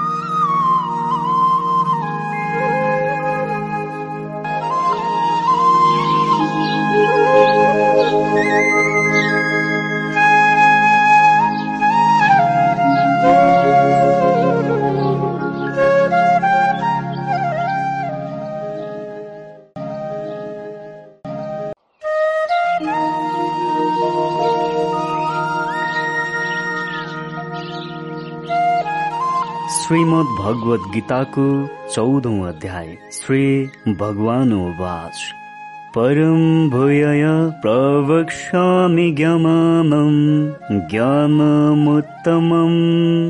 यज ज्ञात्वा मुनयः सर्वे पराम् पहिलो श्लोक। भगवानले भन्नुभयो ज्ञानमा पनि अति उत्तम ज्ञानको बारेमा मैले फेरि पनि भन्दैछु। जुन ज्ञानलाई जानेर या प्राप्त गरेर सबै ऋषि मुनिहरू यस संसारमा रहेको जन्म मरण रूपी चक्रबाट मुक्त भएर परम सिद्धिलाई प्राप्त गरेका छन्। इदं ज्ञानमुपाश्रित्य मम साधर्म्यमागतः। सर्गेऽपि न पजायन्ते प्रलयन वेथन्ते छ दोस्रो श्लोक। जसले मलाई प्राप्त गरेको हुन्छ मेरो अर्थात् मेरो आश्रय प्राप्त गरेको हुन्छ अर्थात् मेरो ज्ञानलाई धारण गरेर निरासक्त कर्म गर्दै आफैमा पनि सबै कर्ममा निरासक्त भएका छन्। ती सबै ऋषि मुनिहरूले मलाई नै प्राप्त गरेका हुन्छन् र मेरो स्वरूपलाई नै प्राप्त गरेका हुन्छन्। मलाई प्राप्त गरेको मनुष्यले सृष्टिको आदिमा पुनः उत्पन्न हुनु पर्दैन र प्रलय कालमा पनि कुनै प्रकार व्याकुल प्राप्त हुँदैन। मम यो निरमहद ब्रह्म तस्मिन् गर्व दधाम्यहम्। सम्भवः सर्वभूतानां तत्त्ववति भारत। तेस्रो श्लोक। हे अर्जुन मेरो महत ब्रह्मरूप मूल प्रकृति सम्पूर्ण सृष्टिको आवयवको योनि हो अर्थात् प्रकृति गर्भधानको स्थान हो र म उस त्यस प्रकृति अर्थात् योनिमा चेतना समुदाय रूपको स्थापना गर्ने पुरुष हुँ। प्रकृतिमा मैले नै चेतना समुदायको स्थापना गरेको हुन्छु। त्यस जड अर्थात् प्रकृति चेतन अर्थात् मद्वारा नै संयोग र वियोगको विधान निर्माण गरेको हुन्छ। मद्वारा नै नयाँ सृष्टिको अवयव अर्थात् भूतको उत्पत्ति हुने गर्छ र लय पनि मद्वारा नै हुने गर्छ। सर्वयोनिषु कौन्त्य मूर्तयः सम्भवन्ते तासां ब्रह्म महदुनिरहं बीजप्रदः पिता। चौथो श्लोक। हे अर्जुन यस सृष्टिमा अनेक प्रकारको योनि रहेका छन्। ती विभिन्न प्रकारका योनिमा जति पनि मूर्तिहरू अर्थात् शरीरधारी प्राणी उत्पन्न भएका हुन्छन् ती सबै प्राणीलाई प्रकृतिले नै गर्भमा धारण गरिराखेको हुन्छ। त्यसैले प्रकृति माता हो र तथा त्यस प्रकृति रूपी गर्भमा बीजको स्थापन गरेर प्रकृतिलाई गर्भधारण गराएर त्यही गर्भमा नै चेतना समुदायको निर्माण कार्य पनि मद्वारा नै सम्पन्न हुन्छ। त्यसैले सम्पूर्ण प्राणीको पिता तथा सर्जक पनि मनै हो। सत्तम रजस्तमिते गुणाः प्रकृतिसम्भवः निदनन्ति महाबाहुदेहे देहिनं व्ययम्। पाँचौं श्लोक। हे अर्जुन सत्वगुण रजगुण र तमगुण यी तीन गुण प्रकृतिबाट उत्पन्न हुन्छ र यही प्रकृतिबाट उत्पन्न हुने तीन गुणद्वारा नै कर्मको विधानबाट बन्ने आवरणको झिल्लीद्वारा अर्थात् जीवात्मालाई शरीरको रूपमा बाँधेको हुन्छ। अर्थात् जीवात्माले कर्म अनुसार शरीरको धारण गरेको हुन्छ। तत्र सत्यम निर्मलत्वात् प्रकाशकमनामयम् सुखसङ्गेन बदनाते ज्ञानसङ्गेन चानग छैठौं श्लोक। हे निष्पाप सत्गुण रजगुण र तमगुण। यी तीन गुणमा सत्वगुण त निर्मल भएको कारणले प्रकाश जस्तै शुद्ध र विकार रहित रहेको हुन्छ। तर यो गुण सुखको सम्बन्धबाट र ज्ञानको सम्बन्धबाट अर्थात् अभिमानद्वारा बाँधिएको हुन्छ। रजो रागात्मकं विद्ये तृष्णसङ्ग समुदभवम्। तन्निवदनाते कौन्त्य कर्मसङ्गेन दहिनम तमस्तु ज्ञानजं विद्यमहनम् सर्वदेहिनां प्रमादालस्य निद्राविस्तन्निवदनाते भारत। सातौं तथा आठौं श्लोक। हे अर्जुन रागरूप सम्पन्न रजगुणको कारणले नै प्राणीमा कामना र आसक्ति उत्पन्न हुन्छ भन्ने जान यो गुणले जीवात्मालाई कर्म गर्न र त्यस कर्मको कर्मफलको सम्बन्ध जीवात्मा भएको हुनाले जीवात्मालाई कर्मको कारणले बाँधेको हुन्छ। सबै देहाभिमानीलाई मोहित गर्ने क्षमता पनि भएको हुनाले तमगुण त अज्ञानद्वारा उत्पन्न हुन्छ भन्ने जान तमगुणले यस जीवात्मालाई प्रमाद आलस्य र निद्रा प्रदान गरेर कर्म बन्धनमा बाँधेको हुन्छ।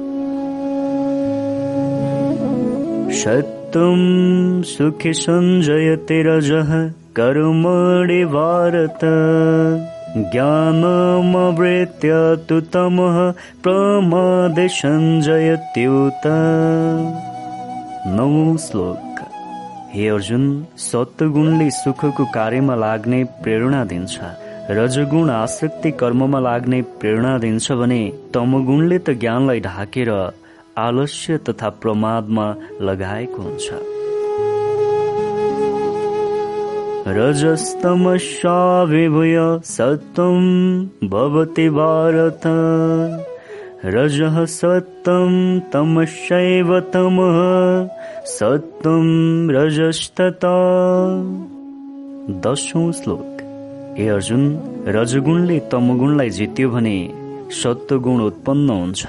सत्वगुणले तमगुणलाई जित्यो भने रजगुण उत्पन्न हुन्छ। ठिक त्यस्तै सत्वगुणलाई रजगुणले जित्यो भने तमगुण प्राप्त हुन्छ। अर्थात् एक गुण अत्याधिक भएको खण्डमा अर्को गुणको मात्रा अत्याधिक घटेको हुन्छ। एक पछि अर्कोले आफ्नो उपस्थिति देखाएको हुन्छ। सर्वद्वारेषु देहेस्मिन् प्रकाश उपजायते। ज्ञानं निदतदा विद्यादिवृद्धं शतमित्युत। एघारौँ श्लोक। जुन समयमा मनुष्य शरीरको अन्तकरण अर्थात् मन र इन्द्रियमा चेतना र सरल रूपले विवेकशील उत्पन्न भएको हुन्छ। त्यस समयमा यो बुझ्नुपर्छ कि शरीरमा सत्वगुण बढेको छ। लोभः प्रवृत्तिरम्बः कर्मणां शमः स्प्रिया रजस्यतानि जायन्ते विवृद्धे भरतर्षभ। बाह्रौँ श्लोक। हे अर्जुन मनुष्य शरीरमा रजगुण बढ्यो भने मनुष्यमा आफै लोभ प्रवृत्ति स्वार्थ प्रवृत्ति आफ्नो बुद्धिमा अस्थिरता कर्ममा आसक्तिको आरम्भ मनमा अशान्ति र विषय भोगको लालसा यी सबै उत्पन्न हुने गर्छ। अप्रकाश प्रवृत्तिश प्रमादमह एव च तमस्यतानि जायन्ते विवृद्धे कुरु नन्दन तेह्रौँ श्लोक। हे अर्जुन यदि शरीरमा तमगुण बढ्यो भने अन्तकरण अर्थात् मनमा तथा इन्द्रियमा बेचैनी अप्रकाश कर्तव्य कर्ममा अप्रवृत्ति आलस्य र प्रमाद अर्थात् व्यर्थ चेष्टा साथ साथ शरीरमा अत्याधिक निद्रा आदि। मन असन्तुलन हुने महिने प्रवृत्ति यी सबै विकार तीव्र गतिमा हाम्रो शरीर तथा मनमा उत्पन्न हुने गर्छ सत्त्वे प्रवृदितु प्रलयं याति देहवृत तदुत्तम विदां लोकानमलान पद्धते चौधौं श्लोक। जब मनुष्य शरीरमा सत्य गुण वृद्धि भएको अवस्थामा मृत्युलाई प्राप्त गरेको हुन्छ तब त्यो जीवात्माले उत्तम कर्म गर्नेले प्राप्त गर्ने निर्मल दिव्य तथा स्वर्ग आदि लोकलाई प्राप्त गरेको हुन्छ। रजसि प्रलयं गत्वा कर्मसङ्गे सुजायते तथा प्रलीनस्तमसे मुदयो निसुजायते। पन्ध्रौँ श्लोक। यदि मनुष्य शरीरमा रजगुण बढेको अवस्थामा मृत्यु प्राप्त गर्ने मनुष्यले कर्मको आसक्ति हुने भएको हुनाले मनुष्य यौनिमा नै उत्पन्न हुनुपर्छ तथा तमगुण बढेको अवस्थामा मृत्यु प्राप्त गर्ने मनुष्यले किरा पशु तथा अन्य जड आदि यौनी तथा मूड यौनीमा जन्म लिनुपर्छ। आफ्नो कर्म अनुसार मनुष्य यौनी बाहेकको सबै यौनीलाई भोग यौनी तथा निज यौनी पनि भनिन्छ। चाहे त्यो जानवरको जन्म होस् या पशु पंक्षीको यौनी नै किन नहोस् यी सबै भोग यौनीहरू तथा निज यौनीहरू कर्मको कर्मफलको आधारमा प्राप्त हुन्छ। कर्मणः सुकृतस्याहुः सात्त्विकं निर्मलं फलं रजसस्तु फलं दुःखं ज्ञानं तमसः फलम्। सोह्रौँ श्लोक। श्रेष्ठ कर्मको कर्मफल नै सधैँ सात्विक अर्थात् सुख ज्ञान र वैराग्य आदिको निर्मल फल प्राप्त हुन्छ। राजस कर्मको कर्मफल त दुःखको हुन्छ तथा तामस कर्मको कर्मफलको कारणले अज्ञान प्राप्त हुन्छ। यो विधिको विधान हो। सत्त्वात् सञ्जायत ज्ञानं रजसुलभैव च। प्रमामहौ तमस भवतु अज्ञानमेव च। सत्रौँ श्लोक। सत्वगुणद्वारा सात्विक ज्ञान उत्पन्न हुन्छ र रजगुणद्वारा निसन्देह लोभ र लालच उत्पन्न हुन्छ।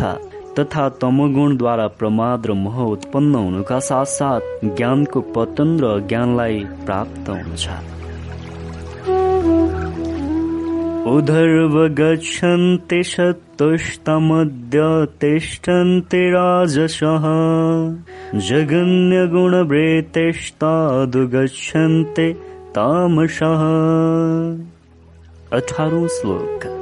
सत्वगुण धारण गर्ने र सत्वगुणमा स्थित रहेको अवस्थामा यदि मृत्यु प्राप्त भए स्वर्ग आदि उच्च लोकलाई प्राप्त गरेको हुन्छ रजगुण धारण गरेको मनुष्यको मृत्यु भए त्यसले मध्यलोक अर्थात् यही मृत्यु लोक अर्थात् मनुष्य लोकमा नै रहेको हुन्छ अर्थात् कर्म अनुसार कर्म योनि तथा भोग योनि प्राप्त हुन्छ।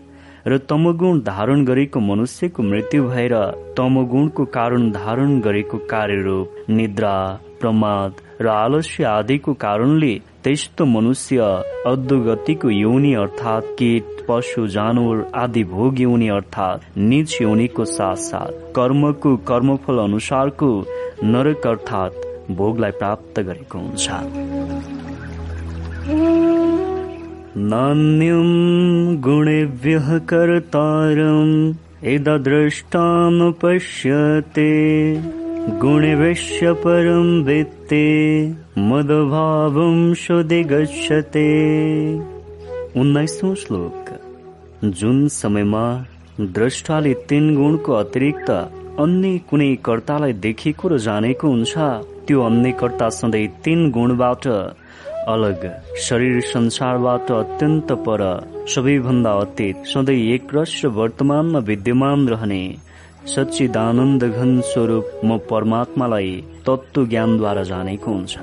यस्तो अवस्थामा धारण गरेको मनुष्यको मृत्यु भए लगत्तै ठिक त्यही समयमा त्यस मनुष्य मेरो स्वरूपलाई प्राप्त गरेको हुन्छ अर्थात् शाश्वत आनन्द प्राप्त गरेको हुन्छ। गुणनितानतेत्य त्रेन्देहि देहसमुद्भवान् जन्म मृत्यु जरा दुःखैरविमुक्तो अमृतमश्नुनते। विश्व श्लोक मनुष्य शरीरको उत्पत्तिको कारण रूप यी तीन गुण हुन्। यदि यी तीन गुणलाई उल्लङ्घन गरेर जुन मनुष्यले मलाई तत्व ज्ञानद्वारा जानेको हुन्छ त्यस्तो मनुष्यले सधैँको लागि सृष्टि चक्र अर्थात् जन्म वृद्ध अवस्था मृत्यु र सबै प्रकारको दुःख क्लेशबाट मुक्त भएर परमानन्दलाई प्राप्त गरेको हुन्छ। अर्जुन उवाच कैरले गैस्त्रेण गुणनितानतित भवति प्रभु। किमचारः कथं चैतामयस्त्रेण गुणान् ते वर्तते। एक्काइसौँ श्लोक। अर्जुनले भन्नुभयो यी तीन गुणबाट अतीत पुरुष कुन कुन लक्षणले युक्त रहेको हुन्छ र त्यस्तो परम पुरुष कुन प्रकारको आचरण भएको हुन्छ तथा हे प्रभु मनुष्य कुन उपाय गरेको खण्डमा यी तीन गुणद्वारा अतीत भएको हुन्छ? श्री भगवानुवाच प्रकाशं च प्रवृत्तिं च महमिव च पाण्डव। न देष्टे सम्प्रवृत्तानि न निवृत्तानि कांक्षते उदासीन वदासीन गुणैरयुन विशालयते गुणवर्तन्त इत्ये यो अवितष्टते नङ्गते समदुःखसुखः स्वस्थः समलुष्टा समकाञ्चनः तुल्यप्रिया प्रियो धीरस्तुल्यनिन्दातं शस्ते तुः मानपमानयस्तुल्यस्तुल्यो मित्रारिपक्षयः सर्वारम्भपरित्यागे गुणातीतः स उच्यते बाइसौँ तेइसौँ चौबिसौँ तथा पच्चिसौँ श्लोक। भगवान श्री कृष्णले भन्नुभयो हे अर्जुन जो मनुष्य सत्व गुणको कार्यरूप प्रकाश अन्तकरण अर्थात् मन र इन्द्रिय आदिलाई आलस्यको कुनै प्रभाव पर्दैन र मन तथा इन्द्रियमा एक प्रकारको चेतना प्राप्त हुन्छ। त्यही चेतनाको नाम प्रकाश हो। र रजगुणको कार्यरूप प्रवृत्तिको तथा तमगुणको कार्यरूप मोह निद्रा र आलस्य आदिको बाहुल्यताद्वारा अन्तकरण र इन्द्रियलाई नियन्त्रण गर्ने शक्तिको लय हुनु र शरीर संसार व्यवहारमा आसक्ति हुनुलाई मोह भनिन्छ। यसको पनि न त प्रवृत्त भएर पनि ती सबैमा दृश गरेको हुन्छ। न त निवृत्त भएर पनि त्यसमा कुनै आकांक्षा गरेको हुन्छ। जो पुरुष एक सच्चिदानन्द घन परमात्मामा नै नित्य एकी भावद्वारा स्थित भएको यस त्रिगुणमय मायाको प्रपञ्च र विधान संसारबाट सर्वथा अतीत भएको हुन्छ। उस गुणातीत मनुष्य अभिमान रहित मन अर्थात् अन्तकरणमा तीन गुणको कार्यरूप प्रकाश प्रवृत्ति र मोह आदि वृत्तिको प्रकट भए पनि र न कुनै वृत्तीय प्रकट नभएको खण्डमा पनि तथा कुनै कालमा पनि इच्छा दृश आदि विकार रहेको हुँदैन। यही उसको गुणबाट अतीत हुनु नै प्रधान लक्षण हुन्छ।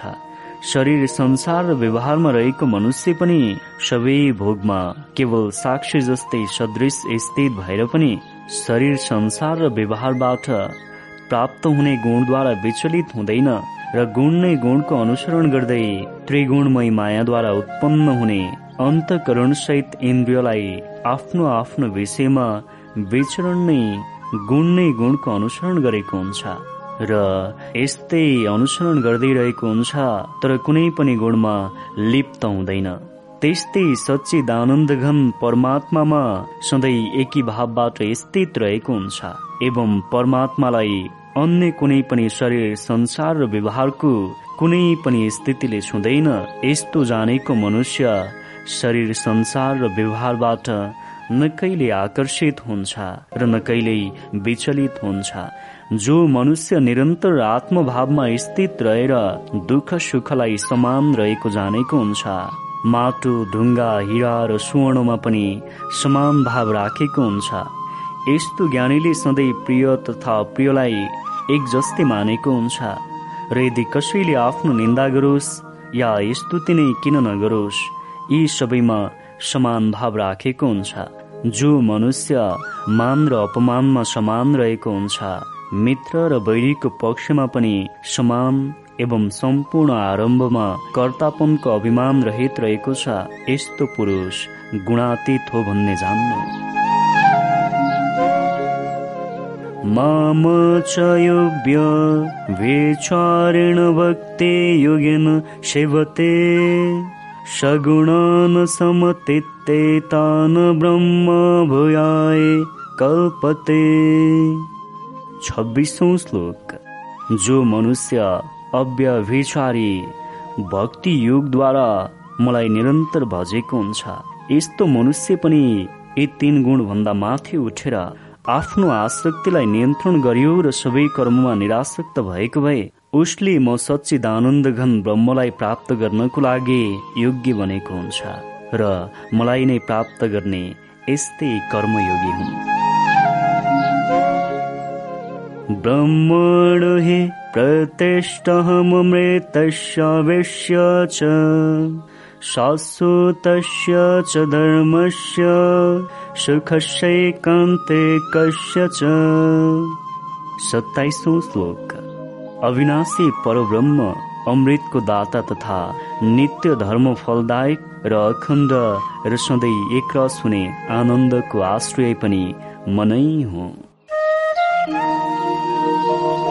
ॐ तत्सदित श्रीमद्भगवद्गीतासुपनिषत्सु ब्रह्मविद्यायाम् योगशास्त्रे श्रीकृष्णार्जुनसंवादे गुणात्रयविभागयोगो नाम चतुर्दश अध्याय इस प्रकारले उपनिषद ब्रह्म विद्या तथा योग शास्त्र रूप श्रीमद् भगवत गीतामा रहेको श्री कृष्ण अर्जुन संवादको गुणात्रय विभाग योग नामको चौधौं अध्याय समाप्त भयो।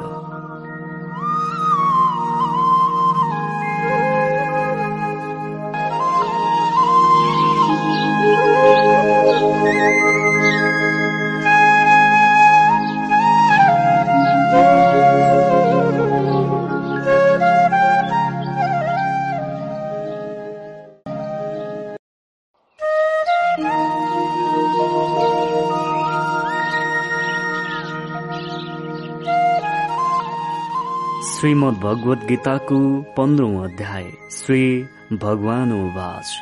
उदर्वमूलमदः शाखमसोथम् प्रारवेयम् छन्दांशेष्य पर्णानि यस्तम् वेदश वेदवित।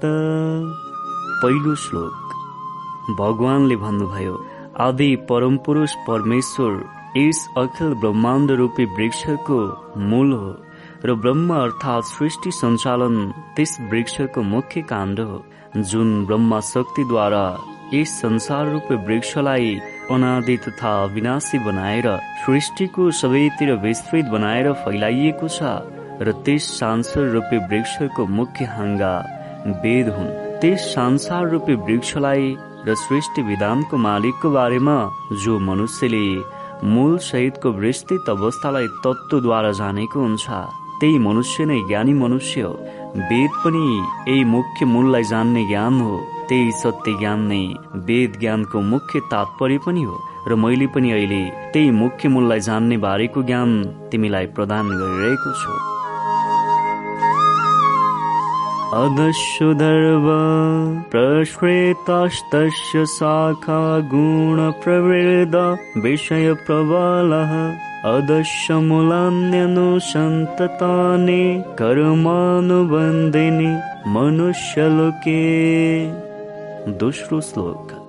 संसार रूपी वृक्षलाई त्रिगुण रूपी जलद्वारा सिंचित गरिएको छ र विषय भोग कुपल काल्पनिक देव तथा मनुष्य र तिर्यकादि योनिरूप शाखाहरूलाई त्रिगुण रूपी जलले त्यो वृक्षलाई माथिदेखि तलसम्म सर्वत्र सिंचित गरेको हुन्छ। तथा मनुष्य लोक अर्थात् कर्मलोकमा पनि कर्मको कर्मफल अनुसार कर्म बन्धनमा बाँध्ने पञ्च विकार तथा अहमता ममता र बासना रूपी जराहरूमाथि देखिए तलतिर गरेर नाशुन हुने सबै लोकमा विस्तृत रूपले फैलिएर सबैतिर व्याप्त भएर रहेको छ। न रूपमस्यः थतोपलभ्यते नान्तो न चारदिन च सम्प्रतिष्ठा। अश्रुतमिनं सुविरुधमूलमसङ्गशस्त्रेण दृढेन छित्त्वा तत्परे मार्गे तव्यम् यस्मिन् गन्तान् निवर्तन्ते वयः तमेव चादं पुरुषं प्रपद्येतः प्रवृत्ते प्रश्वेतपुराणे। तेस्रो तथा चौथो श्लोक। यस संसारको सबै वृक्षहरू तलबाट माथितिर फैलिएर रहेको हुन्छ। तर शरीर व्यवहार संसार रूपी वृक्षको स्वरूप भने यहाँको वृक्षको ठिक उल्टो वृक्ष जस्तै रहेको छ जस्तै पानीमा वृक्षको आकृति देखिए जस्तै उल्टो रहेको छ। ठिक त्यस्तै शरीर व्यवहार संसार रूपी वृक्ष भने उल्टो वृक्ष जस्तै अर्थात् जराहरू माथि छन् भने काण्ड हाँगा र पात तलतिर विस्तृत रूपले चारैतिर फैलिएको छ। यस वृक्षको बनावटको बारेमा कुनै विचार र सोचले पनि पार गर्न सकिँदैन किनकि यस वृक्षको न आदि र अन्त नै छ तथा यस वृक्ष निश्चित दूरीमा सधैँ विद्यमान अवस्थित भएर सधैँ क्रियाशील रहेको छ। यसैले यस पञ्चविकार तथा अहमता ममता र बासना रूपी अति दृढ मूल भएको यस संसार रूपी उल्टो वृक्षलाई वैराग्य रूपी शस्त्रद्वारा काटेर आफूलाई निराशक्त बनाउनु पर्छ त्यस पश्चात त्यस सचेत आनन्द परमेश्वरलाई अनुभूति गर्ने कोसिस गर्नुपर्छ। जुन मनुष्यले यो कार्य गर्न सफल हुन्छ त्यस्तो मनुष्य फेरि यस सृष्टिको विधानको चक्र जन्म मरणको चक्रमा पर्दैन र यस पुरातन संसार रूपे वृक्षको प्रवृत्ति विस्तार आदि पुरुष नारायणले गर्नुभएको हो। म त्यस आदि पुरुष नारायणको शरण छु भन्ने दृढ विश्वास दृढ निश्चय गरेर म आदि पुरुष नारायणको शरणमा छु भने मैले गर्ने सम्पूर्ण सात्विक कार्य सम्पन्न गर्नको लागि पूर्ण सफल हुन्छु भन्ने दृढ निश्चयसँग कर्म र साथमा निराशक्त भएर निरन्तर परमेश्वरको चिन्तन मनन र निधिध्यासन गर्नुपर्छ। निर्माणमः जितसङ्गदोषा अध्यात्मनित्या विनिवृतकमः द्वन्द्वैरविमुक्ताः सुखदुःखसञ्जैर्गच्छन्त्यामुजः पदं व्ययं तत। पाँचौं श्लोक। जुन मनुष्यको अन्तस्करण अर्थात् मनबाट नै मान अभिमान र महरूपी दोषहरू पूर्ण रूपले नष्ट भएका छन् जुन मनुष्यले मनदेखि नै आसक्ति रूपमा प्राप्त हुने विकार अर्थात् दोषलाई पूर्ण रूपले जितेको छ अर्थात् आफ्नो बसमा गरेको छ जुन मनुष्यको मन निरन्तर परमात्माको भक्ति उपासनामै लिन तथा नित्य स्थिति भएको हुन्छ जुन मनुष्यको सम्पूर्ण कामनाहरू पूर्ण रूपले नष्ट भएको छ। जुन मनुष्यले सुख दुःख लाभ हानि नामक द्वन्द्वबाट विमुक्त भएर आफ्नो कर्म निराशक्त भएर गरेका छन् र त्यो कर्मबाट प्राप्त हुने कर्मफललाई पनि केवल निराशक्त भई भोगेका हुन्छन्। ती ज्ञानीजनले शाश्वत आनन्दलाई अर्थात् अविनाशी परम पदलाई प्राप्त गरेका हुन्छन्। न तद्भाषयते। सूर्यो न शशाङ्को न पावकः। यद्गत्वा न निवर्तन्ते तदाम परम मम। छैठौं श्लोक। जुन परमपदलाई प्राप्त गरिसकेपछि मनुष्यले यस मृत्युलोकमा फर्केर जन्म मरण जन्मरूपी चक्रमा पर्नु पर्दैन त्यस परमपदलाई न सूर्यले प्रकाशित गर्न सक्छ न चन्द्रमा र न अग्निले नै प्रकाशित गर्न सक्छ। त्यो लोक सधैँ सुप्रकाशित रहेको हुन्छ। त्यही लोक नै मेरो लोक हो। त्यही धाम नै परम धाम हो। त्यो परम धाम नै मेरो धाम हो। ममैवांशो जीवलोके जीवभूतः सनातन।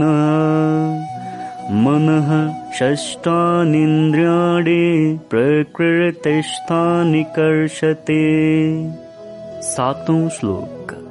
यस शरीरमा सनातन र विद्यमान रहेको आत्मा मेरो अंश यही आत्माको बाहिर एक कर्मको आवरण रहेको हुन्छ जुन आवरणलाई जीवात्मा भनिन्छ। यही जीवात्मा यस प्रकृतिको अधीनमा रहेको हुन्छ।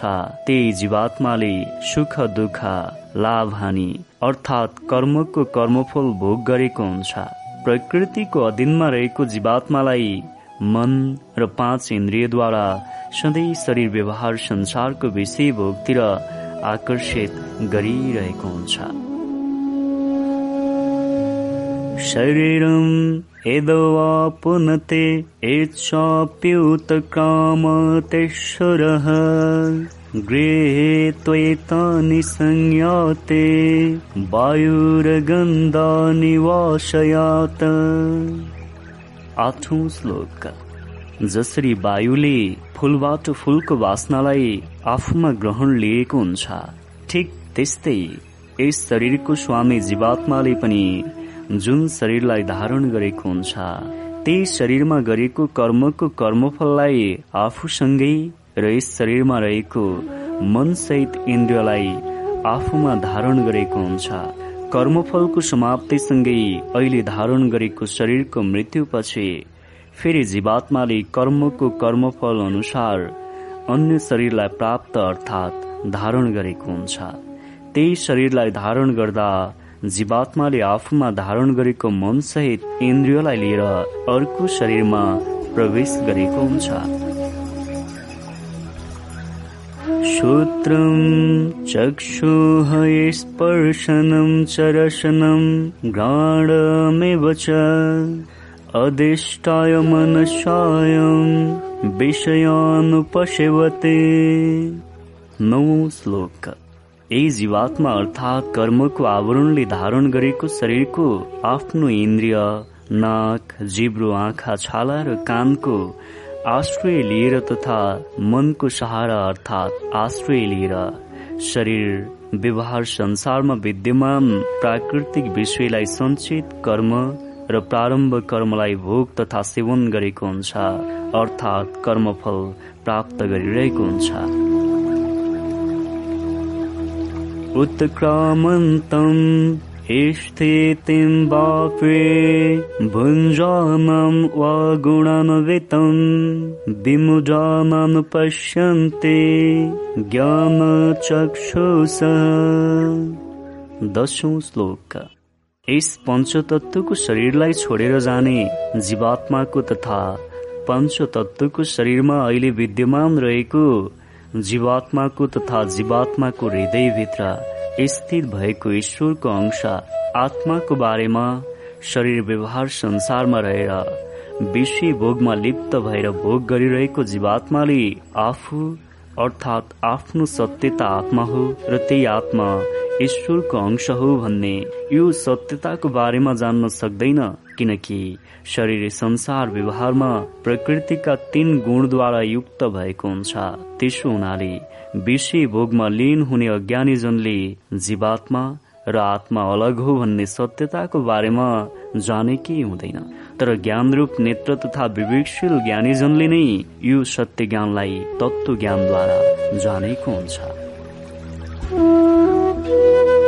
एतन्तो योगिनशैनम् पश्यन्त्यात्मन्यवस्थितम्। एतन्त्वप्यकृतात्मानो नैनम् पश्यन्त्यचेतसः। श्लोक।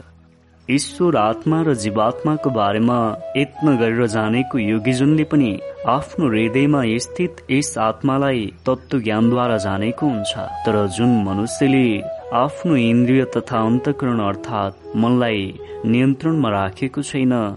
साथ आफ्नो मनलाई शुद्ध गरेको हुँदैन। यस्तो अज्ञानी मनुष्यले जति प्रयास गरे पनि ईश्वर आत्मा तथा जीवात्मा बीचको भेदको बारेको सत्य ज्ञानलाई कहिल्यै पनि जानेको हुँदैन।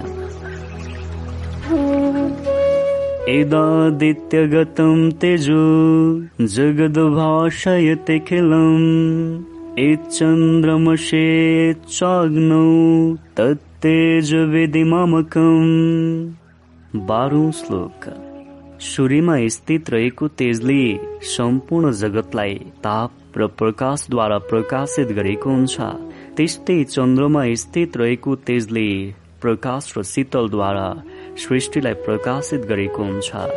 र जो अग्निमा स्थित रहेको तेजले ताप शक्ति तथा प्रकाशद्वारा प्रकाशित गरेको हुन्छ। सूर्य र अग्निमा रहेको प्रकाश तथा ताप चन्द्रमा रहेको प्रकाश तथा शीतलता मेरो शक्ति हो। मबाट नै प्रवाहित शक्ति हो भन्ने तिमीले जान्नु।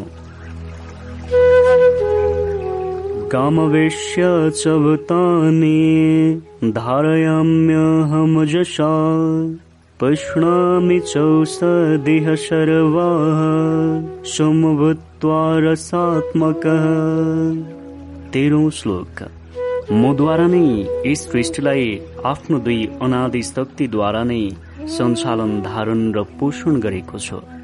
सम्पूर्ण भूत अर्थात् सृष्टि अवयवका सम्पूर्ण वस्तुलाई पनि यही अनादि शक्तिमै धारण गरेर सञ्चालन गरेको छु। यही अनादि शक्तिद्वारा नै धारण तथा पोषण पनि गरेको हुन्छु। साथ साथ यही अनादि शक्तिद्वारा नै सूर्यमा रहेको तेजबाट ताप र प्रकाशलाई शक्तिको रूपमा तथा चन्द्रमाको तेजबाट शीतलता र रस अर्थात् सोम शक्ति स्वरूप अर्थात् अमृतमय रस बनेर सृष्टिमा शीतलता प्रदान गरेर सम्पूर्ण प्राणीको कल्याणको लागि औषधिहरूलाई अर्थात् वनस्पतिलाई पुष्ट गरेको हुन्छ। अहं वैश्वानरभूत्वा प्राणेन देहमाश्रितः प्राणापानसमायुक्तः पचाम्यन्नं चतुरविदम् चौधौं श्लोक मद्वारा नै सम्पूर्ण प्राणीको शरीरमा स्थिर रहने प्राणवायु र अपान वायुबाट संयुक्त वैश्वानहरूको साथ सन्धि गरेर त्यस सन्धिलाई अग्निरूपको निर्माण गरेर प्राणीले खाएको खानालाई सही प्रकारले शक्ति रूपमा परिणत गर्नको लागि प्राणीले प्रयोग गरेको तथा खाएको अन्नलाई चार किसिमले आफ्नो ताप शक्ति प्रदान गरेर पचाएको हुन्छ। सर्वस्य चाहम् हृदि सन्निविष्टमत्तः। स्मृतेर्ज्ञानम् पुहनं च वेदैश्च सर्वैरहमेव। विद्दु वेदान्तकृदेदविदिं चाहम् पन्ध्रौं श्लोक। मनै सबै जीवात्माको हृदयमा स्थित आत्मामा अन्तर्यामी रूपले स्थित रहेको छ। तथा सृष्टि बारेको श्रोते तथा स्मृति ज्ञान पनि मनै हो। सबै वेदद्वारा अर्थात् ज्ञानद्वारा पनि जान्ने ज्ञान पनि मनै हो र सम्पूर्ण ज्ञानको ज्ञान वेद ज्ञान पनि मनै हो तथा वेदान्तको कर्ता र वेदको प्रदाता अर्थात् वेद ज्ञानको प्रदायक पनि मनै हो। द्वाविमौ पुरुषौ लोकेक्षरसाक्षर एव च क्षरः सर्वाणि भूतानि कुटस्थोक्षर उच्यते। सोह्रौं श्लोक यस संसारमा अर्थात् सृष्टि भित्र दुई प्रकारका पुरुष रहेका छन्। ती दुई पुरुष हुन् नासवान र अविनाशी पुरुष। यी दुई प्रकारको पुरुषमा सम्पूर्ण भूत प्राणी अर्थात् सृष्टि आवयको पञ्चतत्वको यो शरीर नासवान पुरुष हो जसलाई जीवात्मा भनिन्छ भने जीवात्माभित्र विद्यमान आत्मा अविनाशी पुरुष हो जुन आत्मा परम पुरुषको अंश हो। उत्तमः पुरुषस्तवन्यः परमात्मेत्युदारेतः। यो लोकत्रयमावेश्य विभर्तव्यश्वरः सत्रौं श्लोक यी दुई पुरुष भन्दा पनि माथि उच्च शाश्वत अनादि र उत्तम परम पुरुष त अन्य नै रहेको छ जो शाश्वत परम पुरुषले नै तीन लोकमा आफ्नो अनादि शक्तिलाई प्रवाह गरेर सबै श्रेष्ठ आवयवलाई धारण पोषण गरेको हुन्छ यही धारण पोषण गर्ने अविनाशी परम पुरुषलाई परमेश्वर तथा परमात्मा भनिन्छ। स्मतक्षेरमतितो अहमक्षेरदपेचुतमः अतस्मि लोके वेदे च प्रत्येतः पुरुषोत्तमः। अठारौं श्लोक। शाश्वत अविनाशी। परम पुरुष परमेश्वर मय सृष्टिको नासवान जड वर्ग क्षेत्र जीवात्मादेखि सर्वथा अतीत हो। र अविनाशी आत्मा भन्दा पनि उत्तम हो किनकि अविनाशी आत्मा पनि मेरो अंश नै हो जुन मेरो अनादि शक्ति हो। त्यसैले यस नासवान जड वर्ग क्षेत्रमा र वेद अर्थात् शाश्वत ज्ञानमा पनि मलाई पुरुषोत्तम अर्थात् नासवान पुरुष तथा अविनाशी पुरुष भन्दा उत्तम हुनाले म पुरुषोत्तम नामद्वारा प्रसिद्ध रहेको छ। यो मामेवम जानाते पुरुषतम स सर्वविद भजते माम सर्वभावेन भारत। उन्नाइसौं श्लोक।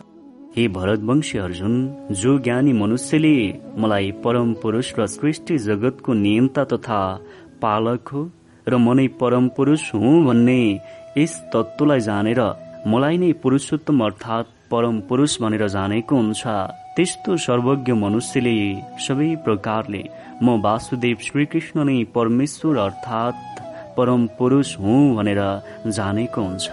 जसले मलाई परमेश्वर भनेर जान्यो त्यही मनुष्यले मलाई नै विभिन्न नामले निरन्तर पुकार गरेको हुन्छ। इति गुहितमं शास्त्रमिदमुक्तं मया नग। एतद्बुद्धवा बुद्धिमानस्यात् कृत कृतस्य भारत। विश्वौं श्लोक। हे निष्पाप अर्जुन यस प्रकारले मैले यी अति रहस्ययुक्त तथा सत्य ज्ञान जुन अनुभूतिबाट मात्र प्राप्त हुन्छ त्यो अनुभूतिलाई शास्त्रले गोपनीय तथा अव्यक्त भनेको छ। त्यो अव्यक्त तथा गोपनीय ज्ञानलाई मद्वारा सम्पूर्ण मनुष्यको कल्याणको लागि प्रदान गरेको छ। यस तत्व ज्ञानलाई जुन मनुष्यले तत्व ज्ञानद्वारा जान्न सफल हुन्छ त्यो मनुष्य ज्ञानवान विद्वान हो। र त्यस्तो ज्ञानवान विद्वानको यो जन्म सफल र कृतार्थ हुन पुग्छ। ॐ तत्सदित श्रीमद्भगवद्गीताशुपनिषत्सु ब्रह्मविद्यायां योगशास्त्रे श्रीकृष्णार्जुनसंवादे पुरुषोत्तम युगो नाम पञ्चदश अध्याय ओम इस प्रकारले उपनिषद ब्रह्म विद्या तथा योग शास्त्रको रूप श्रीमद् भगवत गीतामा रहेको श्री कृष्ण अर्जुन संवादमा पुरुषोत्तम योग नामको पन्ध्रौं अध्याय समाप्त भयो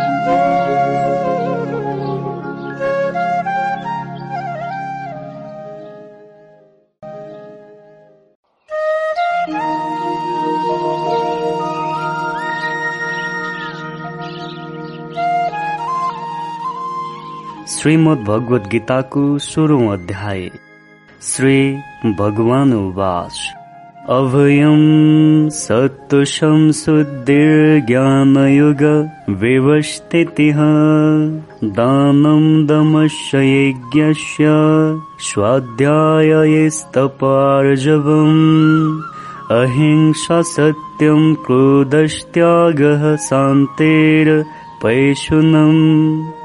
दयावतेषु लोलुप्तम् मादर्वं रेचापलम् श्रीमद् भगवत गीताको सोह्रौं अध्यायको पहिलो श्लोक र दोस्रो श्लोक।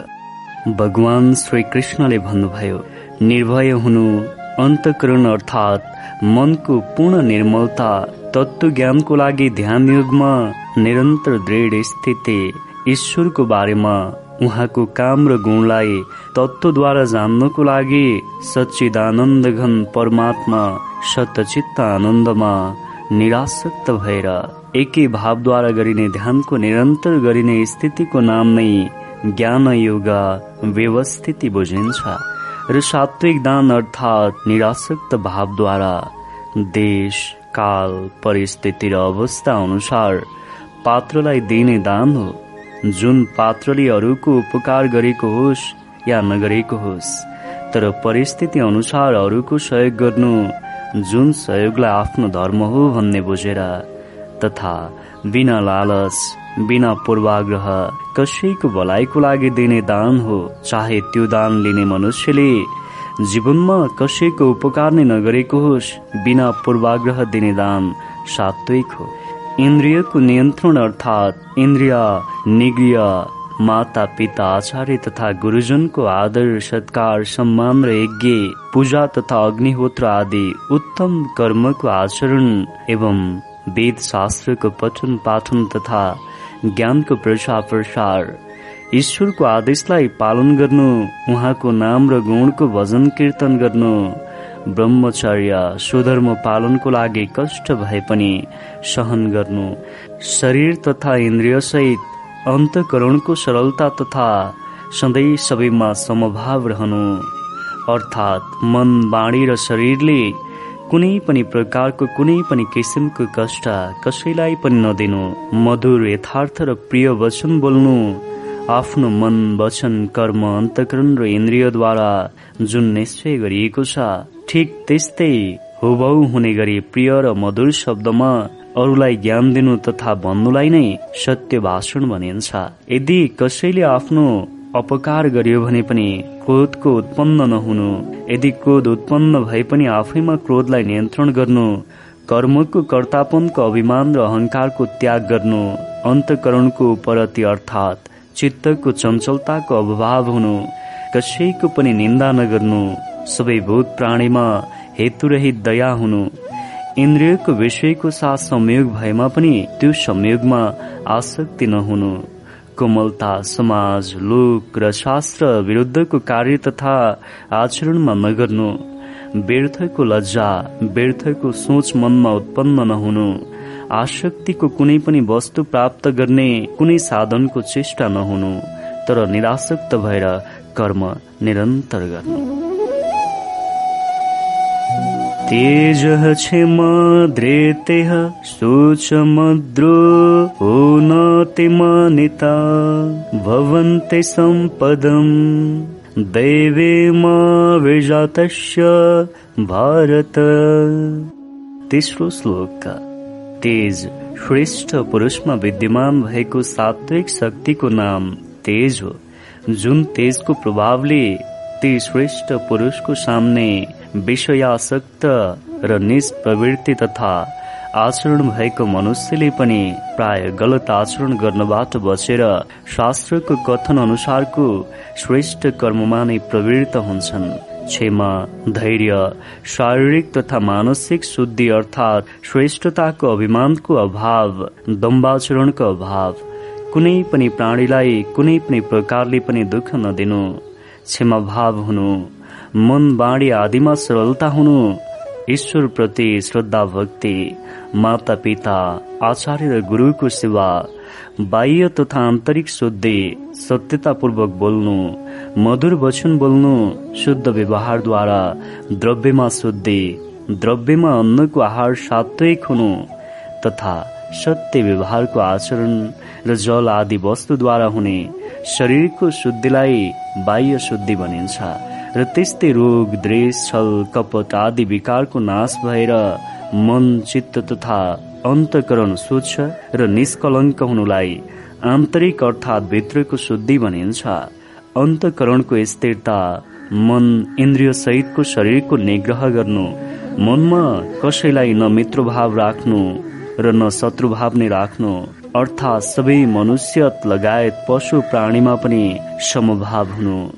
आफ्नो कार्य आफ्नो कार्यक्षमता समाजको विकास र उन्नतिको लागि उत्कृष्ट कार्य भएको भए पनि अभिमानको अभाव हुनु यस्तो लक्षण हुने मनुष्यलाई श्रेष्ठ मनुष्य भनिन्छ। यस्तो गुण हुनु तथा लक्षण हुने सबै मनुष्य दैवी गुण तथा दैवी स्वभावलाई नै आफूमा धारण गरेको र दैवी गुण सम्पन्न भएको श्रेष्ठ मनुष्य भनेर जान्नुपर्छ। र यो गुण हुनु पनि श्रेष्ठ मनुष्यको लक्षण हो। यही गुण भएको मनुष्यलाई दैवी गुण सम्पन्न मनुष्य भनिन्छ। दम्भो दर्प विमानस्य क्रोधः पारुष्यमेव च अज्ञानम् चाविजातस्य पार्थ सम्पदमासुरीम् चौथो श्लोक। हे पार्थ अहंकार घमण्ड अभिमान ईर्ष्या वचनमा क्रोध निर्मम तथा कठोरता र अज्ञानता पनि जिद्दीपन हुन्। यी सबै गुणलाई आसुरी गुण अर्थात् असुरी स्वभाव भनिन्छ। अर्थात् यस्तो गुण धारण गरेको मनुष्यलाई असुरी गुण भएको मनुष्य भनिन्छ। यो लक्षण असुरी लक्षण हो। दैवे सम्पद्विमोक्षाय निवन्त्यासुरिमत मा शुचः सम्पदम्। दैवीमभिजातोषे पाण्डव। पाँचौं श्लोक। दैवी स्वभाव तथा दैवी गुण सम्पन्न भएको मनुष्यलाई आफ्नो सात्विक भोजन आफ्नो सात्विक भोजन अनुसारको आचरण र आफ्नो आचरण अनुसार नै स्वभाव तथा कर्मको कर्मफल प्राप्त हुन्छ। दैवी स्वभाव प्राप्त भएको र दैवी गुण सम्पन्न भएको मनुष्यले आफ्नो कर्म निरासक्त भएर गर्न सक्छन्। यो कर्म विधान हो। त्यही निरासक्त कर्मद्वारा नै मनुष्यले मोक्ष प्राप्त गर्न सक्छ। मोक्ष पनि कर्मको विधान नै हो। तामसी भोजन अनुसारको आचरण। आचरण अनुसार नै कर्मको फल प्राप्त हुन्छ। तामसी भोजन अनुसार नै असुरी स्वभाव प्राप्त हुन्छ। असुरी स्वभाव भएको मनुष्यले निरासक्त कर्म गर्न सक्दैन। तामसी भोजन तामसी आचरण र कर्म अनुसार नै आसुरी गुण प्राप्त हुन्छ। त्यही असुरी स्वभाव अर्थात गुणद्वारा नै मनुष्यलाई कर्मबन्धनमा बाँधेको हुन्छ। अर्थात तामसी भोजन तामसी आचरणको कारणले नै मनुष्यमा आसक्ति प्राप्त हुन्छ। काम वासनामा लिप्त हुनु पनि आसक्ति हो। काम वासनामा लिप्त हुने गुण नै असुरी गुण हो। त्यसैले हे अर्जुन तिमीले सुख र चिन्ता नगर किनकि तिमीले आफूलाई चिन। तिमी आफै दैवी गुण अर्थात दैवी स्वभावलाई लिएर उत्पन्न भएका छौ। दौ भूतशर्गो लोकेऽस्मिन् दैव आसुर एव च। दैवो विस्तरशः प्रोक्त आसुरं पार्थमे शृणु। छैठौं श्लोक हे अर्जुन यस श्लोकमा भूत अर्थात् सृष्टि अवयव संरचनामा मनुष्य समुदायहरू दुई प्रकारका छन्। एक त दैवी स्वभाव भएको र दोस्रो आसुरी स्वभाव भएको समुदाय। ती दुवैको गुणबारे दैवी गुण भएको मनुष्यको बारेमा माथि नै भनेको छु। अब तिमीले आसुरी गुण भएको मनुष्य समुदायको बारेमा सुन। प्रवृत्तिं च निवृत्तिं च जनान विदुरासुरः न नापि चाचारो न सत्यं तेषु विद्यते। सातौं श्लोक। आसुर स्वभाव भएको मनुष्यले आफ्नो धर्म के हो कर्मफल के हो मोक्ष के हो प्रवृत्ति र निवृत्ति के हो भन्ने यी सबै विधानको बारेमा जानेको हुँदैन। यसैले अज्ञानको कारणले असुरी स्वभाव भएको मनुष्य न त बाह्य शुद्धि हुन्छ न त आन्तरिक शुद्धि नै हुन्छ। सधैँ आसक्तिमा लिन हुने भएको हुनाले आसुरी आचरण भएको मनुष्यले कहिल्यै पनि श्रेष्ठ आचरण र सत्य भाषण गर्न सक्दैनन् किनकि यो उनीहरूको आफ्नो गुण हो। असत्यम प्रतिष्ठिम ते जगदाहुरनिश्वरम् अपरस्पर सम्भुतम् किमन्यत कामहैतुकम् आठौं श्लोक। आसुरी स्वभाव भएको मनुष्य सधैँ विषय वासनामा लिप्त हुन्छ। आफ्नो विषय वासनामा लिप्त हुने असुर गुण भएको मनुष्यले आफ्नो विषय वासना पूरा नभएर क्रोध उत्पन्न हुन्छ। क्रोधको कारण निज कर्म गर्न पुग्छ। जुन निज कर्म शास्त्र विरुद्ध र समाज विरुद्ध हुन्छ त्यस्तो निज कर्मको कारण उसले आफ्नो जीवन आश्रय रहित बनाएको हुन्छ। निज कर्म आफ्नो तामसी भोजनद्वारा प्राप्त हुने तामसी गुणको कारण उत्पन्न हुन्छ। जुन तामसी गुणको कारण असुरले शास्त्र विरुद्धको कार्य गरेको हुन्छ उसको वचन सधैँ असत्य झुटो कपटी हुन्छ। आफू नै सत्य भएको अरू सबै झुटो भएको र चेतन सत्तालाई सधैँ अस्वीकार गरेको हुन्छ संसारिक मोहमा लिप्त हुन्छ। स्त्रीलाई भोगको रूपमा लिन्छ।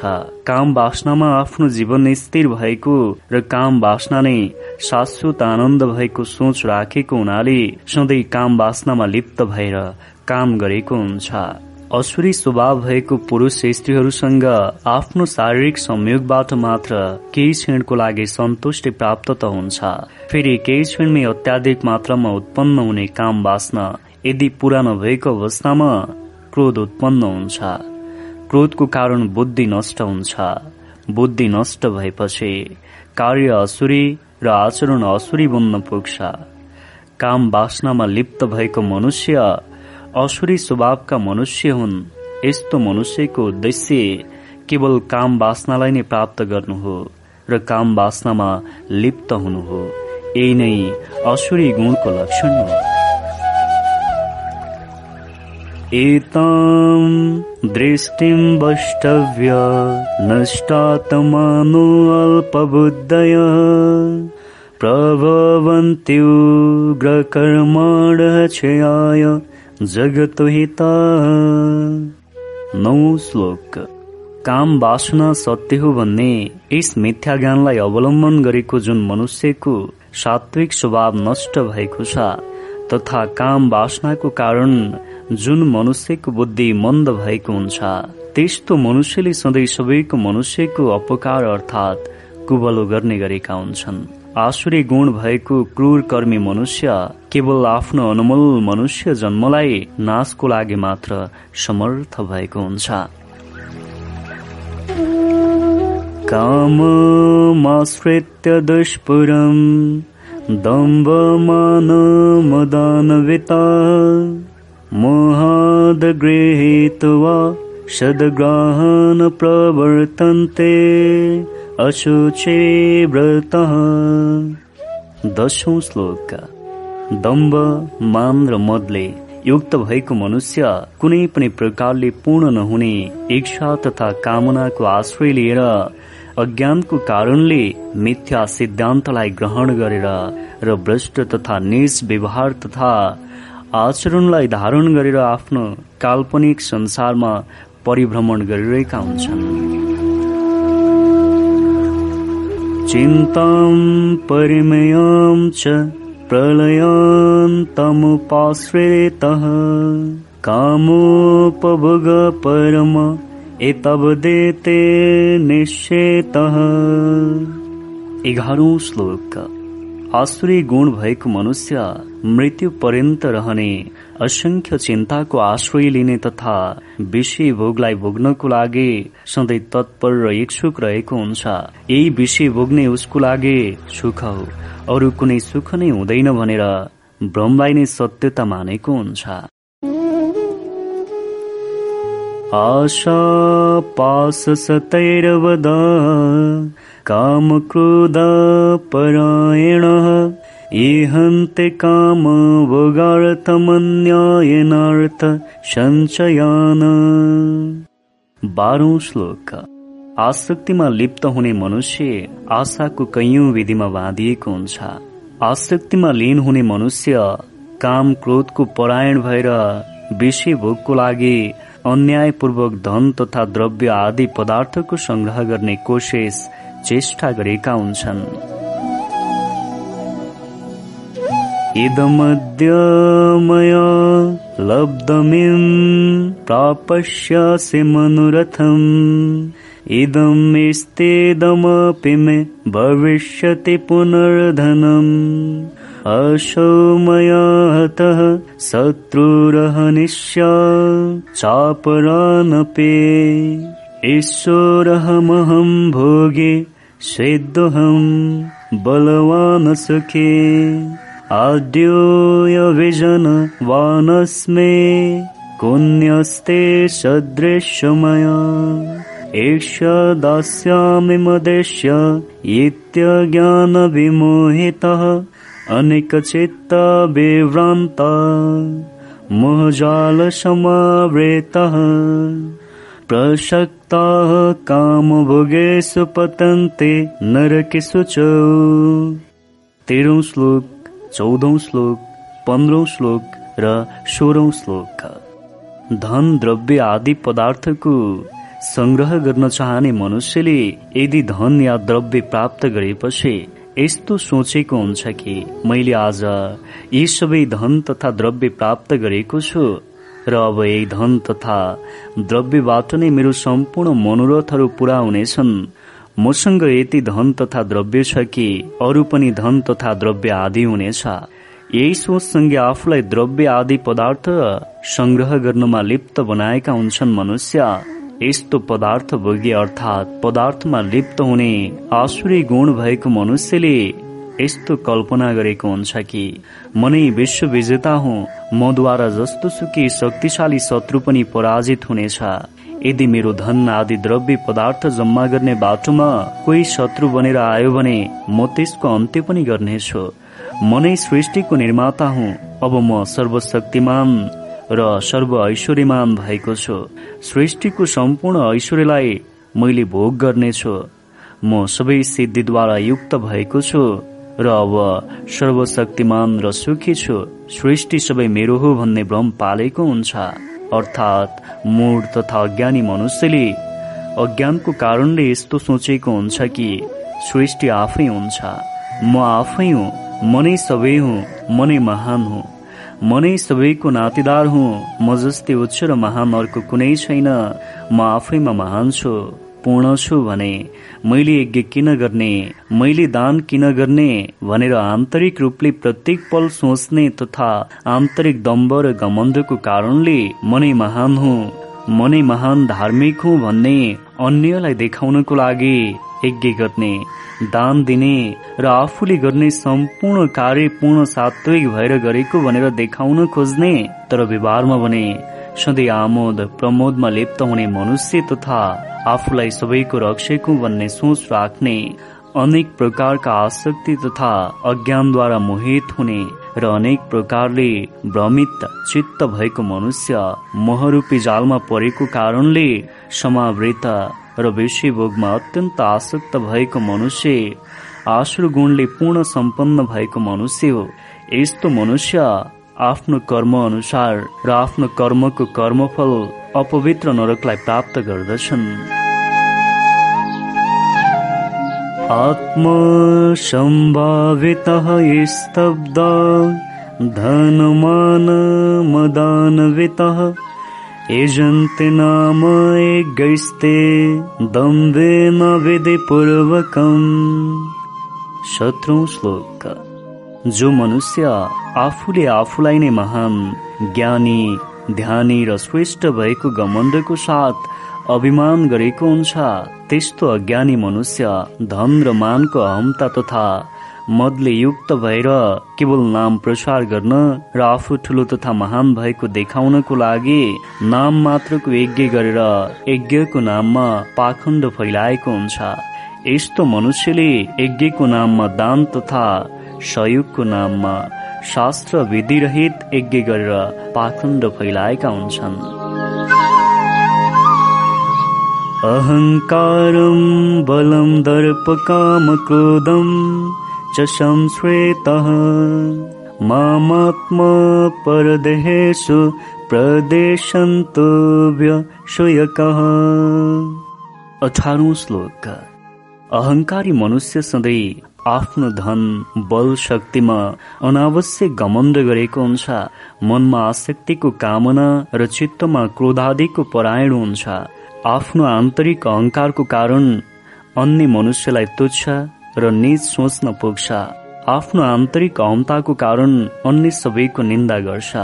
अन्य मनुष्यको निन्दा गर्ने मनुष्यले आफ्नो निज सोचको कारण कहिले सत्य प्राप्त गर्न सक्दैन। निज सोचको कारण सबै जीवात्मा एक हो भन्ने ज्ञान उसलाई प्राप्त हुँदैन। त्यही अज्ञानको कारण आफ्नो हृदयमा अवस्थित र सम्पूर्ण जीवात्माको हृदयमा विद्यमान चेतन सत्तालाई जानेको हुँदैन।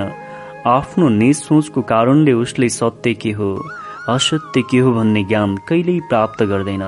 आफू आत्मा हो भन्ने ज्ञान पनि नभएको अज्ञानी मनुष्यले आफूभित्र विद्यमान हृदयमा अवस्थित आत्मारूपी प्रकाशमा विराजमान र विद्यमान म अन्तर्यामी परमात्मासँग पनि उसले द्वेष गरेको हुन्छ।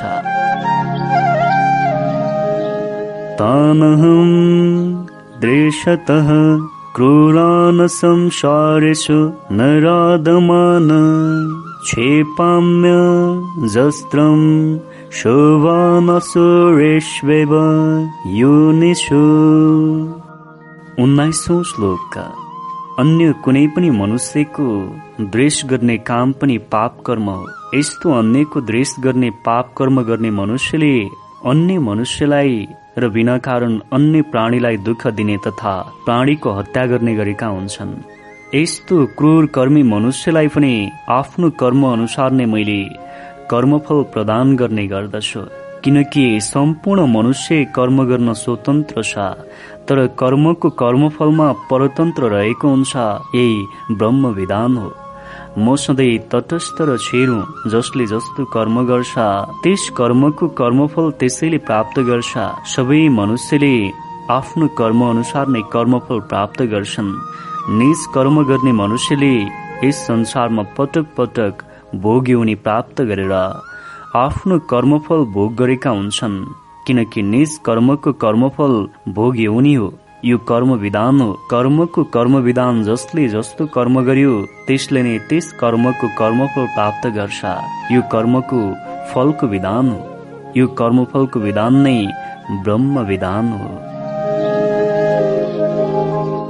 आशुरे योनिमपन्ना मुरजन्मनि जन्मनि माम प्राप्यैव कौन्त्य तत् यन्त्यदमां गतिम्। विश्वौं श्लोक। हे अर्जुन अहंकारी तथा मूढ मनुष्यले कहिल्यै पनि मेरो सत्यतालाई जानेको हुँदैन। त्यही सत्यता नजानेको कारण मद्वारा निर्मित भएको श्रेष्ठ विधान अर्थात् ब्रह्म विधानलाई नमानी आफ्नो र आफ्नै ढङ्गले मनमानी आचरण गर्ने गर्छन्। यस्तो मूढ मनुष्यले मलाई कहिल्यै पनि प्राप्त गर्न सक्दैनन्।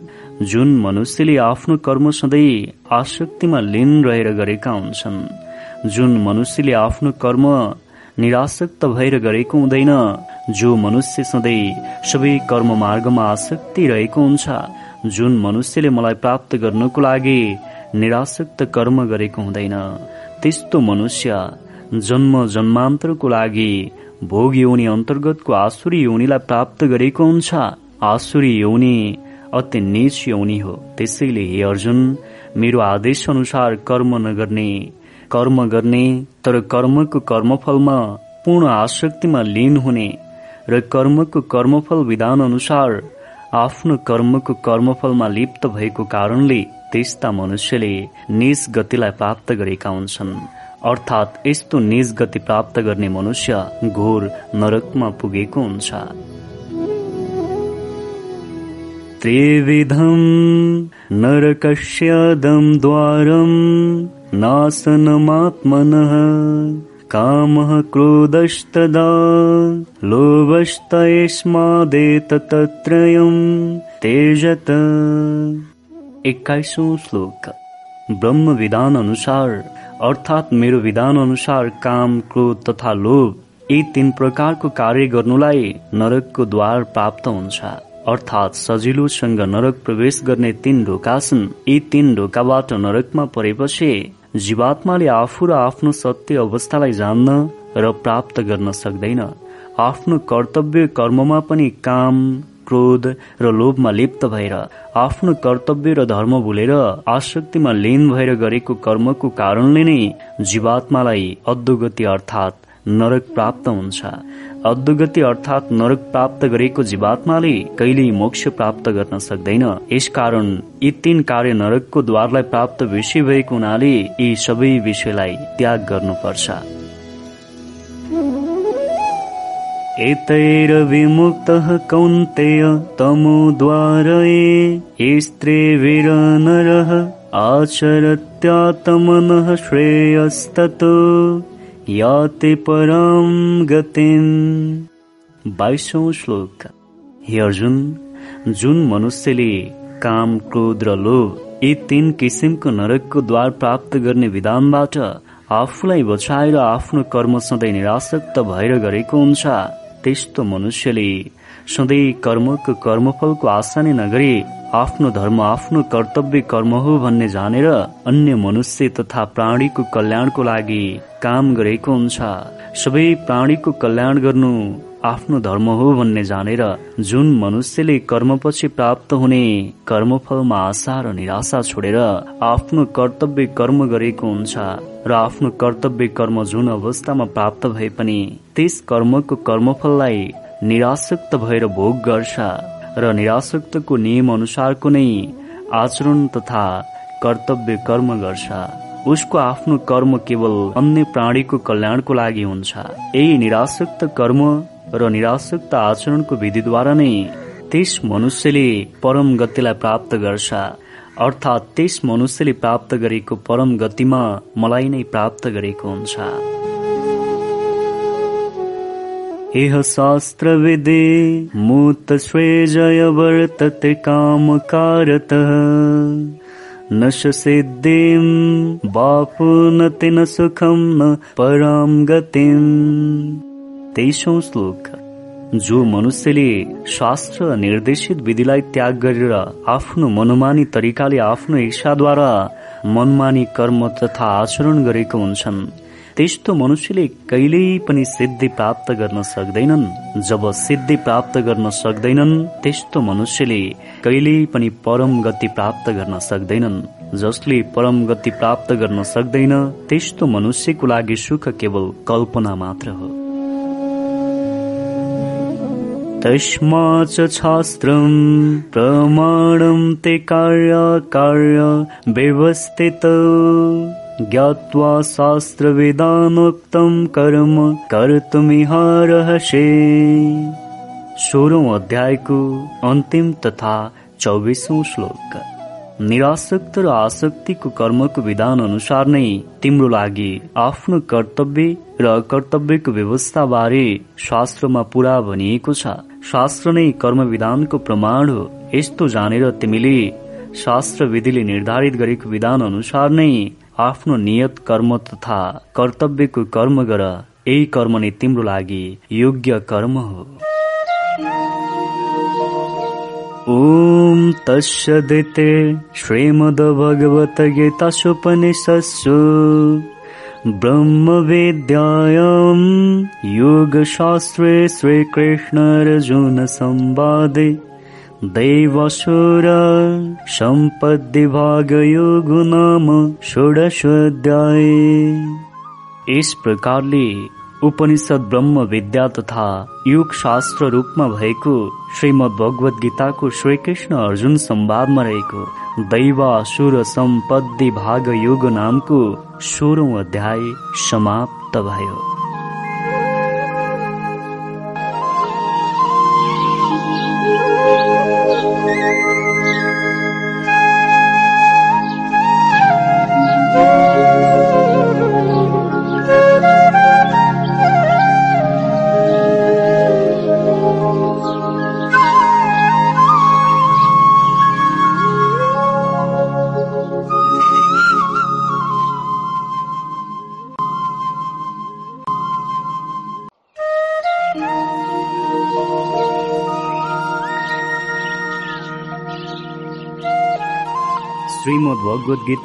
सत्रौं अध्याय अर्जुन वाच ये शास्त्र विधिमुत श्वेजय यजन्ते श्रद्धयान्वितः तेषां निष्ठा तु का कृष्ण सत्तमाहु रजस्तमः। पहिलो श्लोक। हे कृष्ण जो मनुष्य शास्त्र विधिलाई त्याग गरेर आफ्नो स्वभाव अनुसार श्रद्धा भक्तिले युक्त भएर विभिन्न देवता आदिको पूजा गरेका हुन्छन् ती सबै मनुष्यको कुन अवस्थाको श्रद्धा आस्था तथा भक्ति हो? सात्विक श्रद्धा राजसी श्रद्धा तामसिक श्रद्धा कुन किसिमको श्रद्धा आस्था तथा भक्ति हो?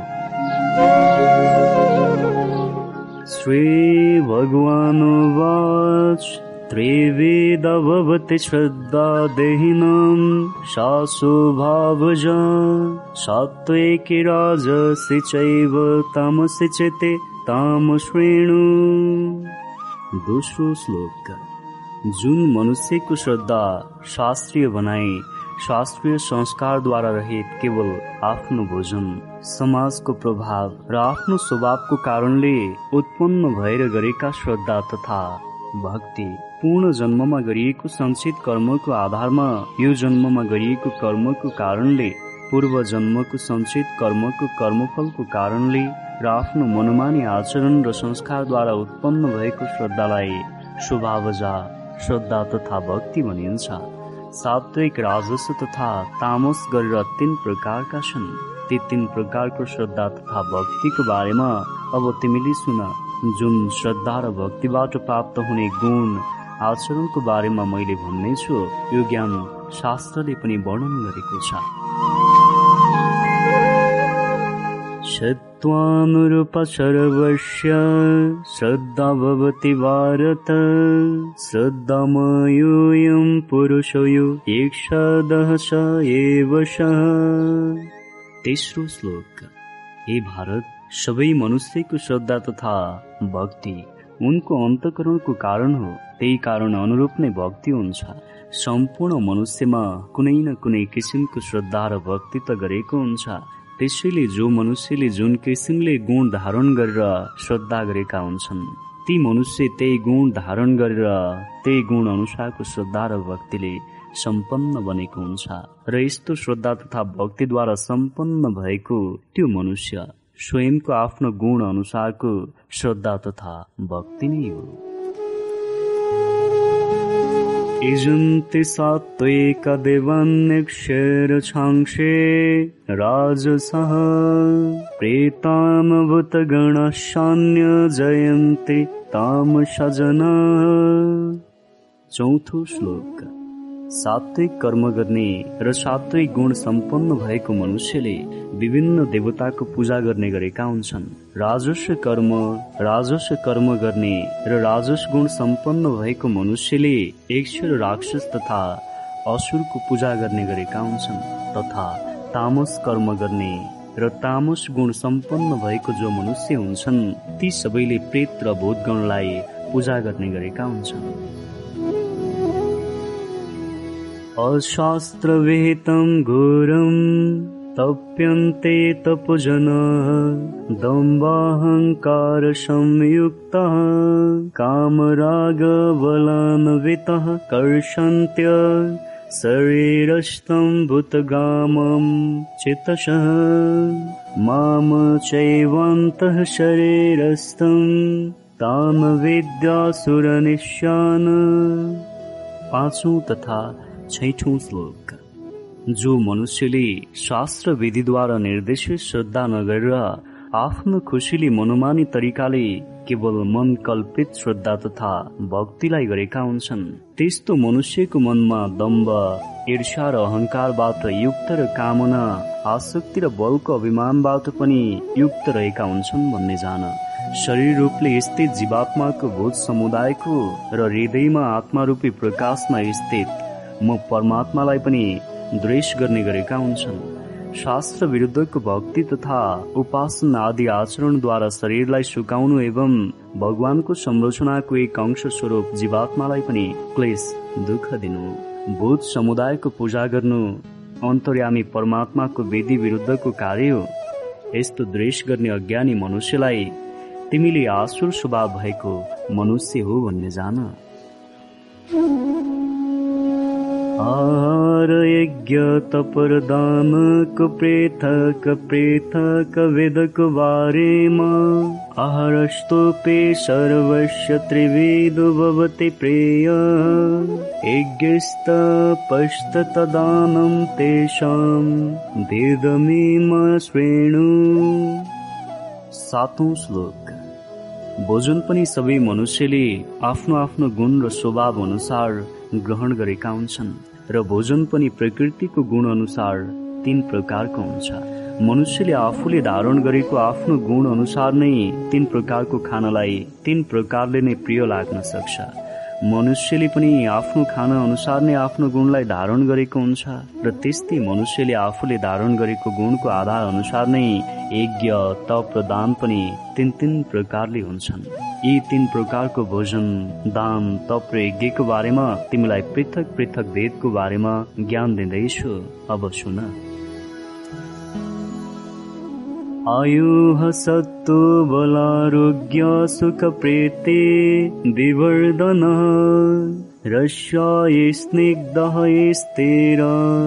हृद्याहारः सात्विकप्रियः आठौँ श्लोक। आयु बुद्धि बल आरोग्य सुख प्रीतिलाई बढाउने रसयुक्त शरीरको लागि आवश्यकता पर्ने चिल्लो पदार्थ उपलब्ध हुने र शरीरमा स्थिर रहेर शरीरको शक्ति वीर्य बललाई वृद्धि गर्ने स्मरण क्षमतालाई वृद्धि गर्ने शरीरमा शक्ति वृद्धि गरी सात्विक कर्म गर्नको लागि सधैँ सक्रिय हुने।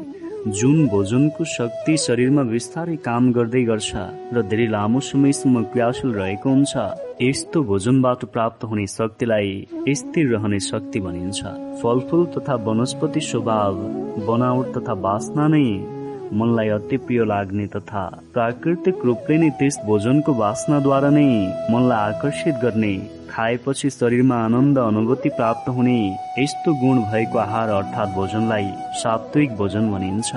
यस्तो भोजनलाई प्रसाद पनि भनिन्छ। यो प्रसाद पूर्ण प्राकृतिक हुन्छ। यो प्राकृतिक किसिमको प्रसादलाई सात्विक भोजन भनिन्छ। सात्विक भोजन सात्विक गुण भएको मनुष्यको लागि प्रिय हुन्छ। कटम्बललवणत्युष्णतीक्ष्णरुक्षविदायिनः आहारराजस्यष्टा दुःखसुकामयप्रदा नौ श्लोक। तितु तथा पिरो किसिमको अमिलो किसिमको चर्को अर्थात् लवणयुक्त अत्याधिक तातो तथा अति नै चिसो अति नै पिरो कडा किसिमको शरीरलाई हानि पुर्याउने तथा साँधेको कुहिएको दुःख चिन्ता तथा रोगलाई उत्पन्न गर्ने किसिमको भोजनलाई राजसी खाना भनिन्छ। यस्तो खानामा साँधेको पुरानो अचारदेखि तेलमा तारेको सबै किसिमको खाना पर्दछ। यस्तो खाना राजसी गुण हुने मनुष्यलाई मनपर्छ। यस्तो राजसी आहार गर्ने मनुष्यको गुण पनि राजसी प्रकारको हुन्छ। यातयामं गतरसम्पत्तिपर्युषितं च यत उच्चेष्टमपि चामिद्यं भोजनं तामसप्रियम्। दशौं श्लोक। जो भोजन आदि मात्र पाकेको हुन्छ रस रहे दुर्गन्धयुक्त बासे उच्छिष्ट तथा जुठो भएको तथा जो खाना खाएपछि हाम्रो शरीरलाई असजिलो अनुभव हुन्छ। शरीर थकित तथा नियन्त्रण बाहिर पुग्छ स्मरण क्षमता ह्रास हुन्छ यस्तो खाना अपवित्र हुन्छ। शरीरले आफूलाई नियन्त्रण गर्न पनि नसक्ने र शरीरलाई मानसिक मधोस र थकित गर्ने किसिमको सम्पूर्ण खाना तामसी खाना हुन्। यस्तो तामसी किसिमको खानामा प्राणीको मासु कुहिएको अनाजमा जाड मधुस गराउने रक्सी लगायतका शास्त्र निषेधित खाना हुन् यस्तो निषेधित खाना। तामसी गुण प्रबल भएको मनुष्यलाई मनपर्छ तामसी किसिमको खानाले मनुष्यको शरीरमा तामगुण पनि अत्याधिक मात्रामा प्रभावित गर्छ सत्य के हो गलत के हो भन्ने ज्ञान नै पतन हुन्छ। अफलकाङ्क्षे विरयज्ञो विधिदृष्टो यो युज्यते इष्टव्यमे व्यति मनः समाधाय। ससात्विकः एघारौँ श्लोक। शास्त्रले निर्देशन गरेको र शास्त्र विधिले भनेको र त्यही विधिद्वारा नियत कर्म तथा नियत यज्ञ गर्नु नै आफ्नो कर्तव्य हो भन्ने जानेर मनद्वारा नै शास्त्र सङ्गत कर्म गर्ने गर्छन् र शास्त्र सङ्गत कर्मलाई नै आफ्नो धर्म हो जिम्मेदारी हो भन्ने बुझेर आफ्नो कर्म गरेका हुन्छन् र आफूले गरेको कर्मको कर्मफलको कुनै आशा गरेका हुँदैनन्। आफूले गरेको सम्पूर्ण कर्म आशा र निराशाभन्दा माथि उठेर निष्काम भएर म सच्चिदानन्दघन ब्रह्म पति नै हुँ समर्पण गर्ने गरेका हुन्छन्। निष्काम भएर म सच्चिदानन्दघन ब्रह्म। निष्काम भएर म सच्चिदानन्दघन ब्रह्म प्रति नै समर्पण गर्ने गरेका हुन्छन्। यस्तो गुण भएको मनुष्यलाई सात्विक गुण भएको मनुष्य हो भन्ने जान। अविसन्ध्याय तु फलम् दम्बार्थमपि चैव युज्यते भरत श्रेष्ठतम यज्ञम विद्ये राजसम बाह्रौँ श्लोक हे अर्जुन केवल दम्बाचरणको लागि कर्म गर्ने अरूलाई आफ्नो क्षमता महान भएको देखाउन यज्ञ गर्ने आफ्नो कर्मको सबैतिर नामसहित प्रचार प्रसार होस् भनेर कर्म गर्ने आफूले गरेको सम्पूर्ण कर्मको कर्मफललाई पनि मैले नै प्राप्त गरौँ भन्ने कुरालाई ध्यानमा राखेर आफ्नो कर्म तथा यज्ञ गर्ने गरेका हुन्छन्। यस्तो उद्देश्य तथा गुण लिएर कर्म गर्ने मनुष्यलाई राजस गुण भएको मनुष्य हो भन्ने जान र यस्तो गुण लिएर गरिने सम्पूर्ण कर्म होस् या यज्ञ होस् त्यो सबै कर्म राजस कर्म विधिहीनं श्रेष्ठान्नं मन्त्रहीनमदीक्षणम् श्रद्धाविरहितं यज्ञं तामसं परिचक्षते। तेह्रौँ श्लोक। शास्त्रले निषेध गरेको कर्म गर्ने शास्त्र ज्ञानहीन अन्नदान रहित बिना मन्त्रको बिना दक्षिण र बिना श्रद्धा गरिने सम्पूर्ण कर्मलाई तामस कर्म भन्ने जान। शास्त्र विरुद्धको सम्पूर्ण यज्ञलाई तामस यज्ञ भन्ने जान। शास्त्रले निर्देशन गरेको भन्दा फरक किसिमको कार्य गर्ने यस्तो मनुष्यलाई तामस मनुष्य हो भन्ने जानु।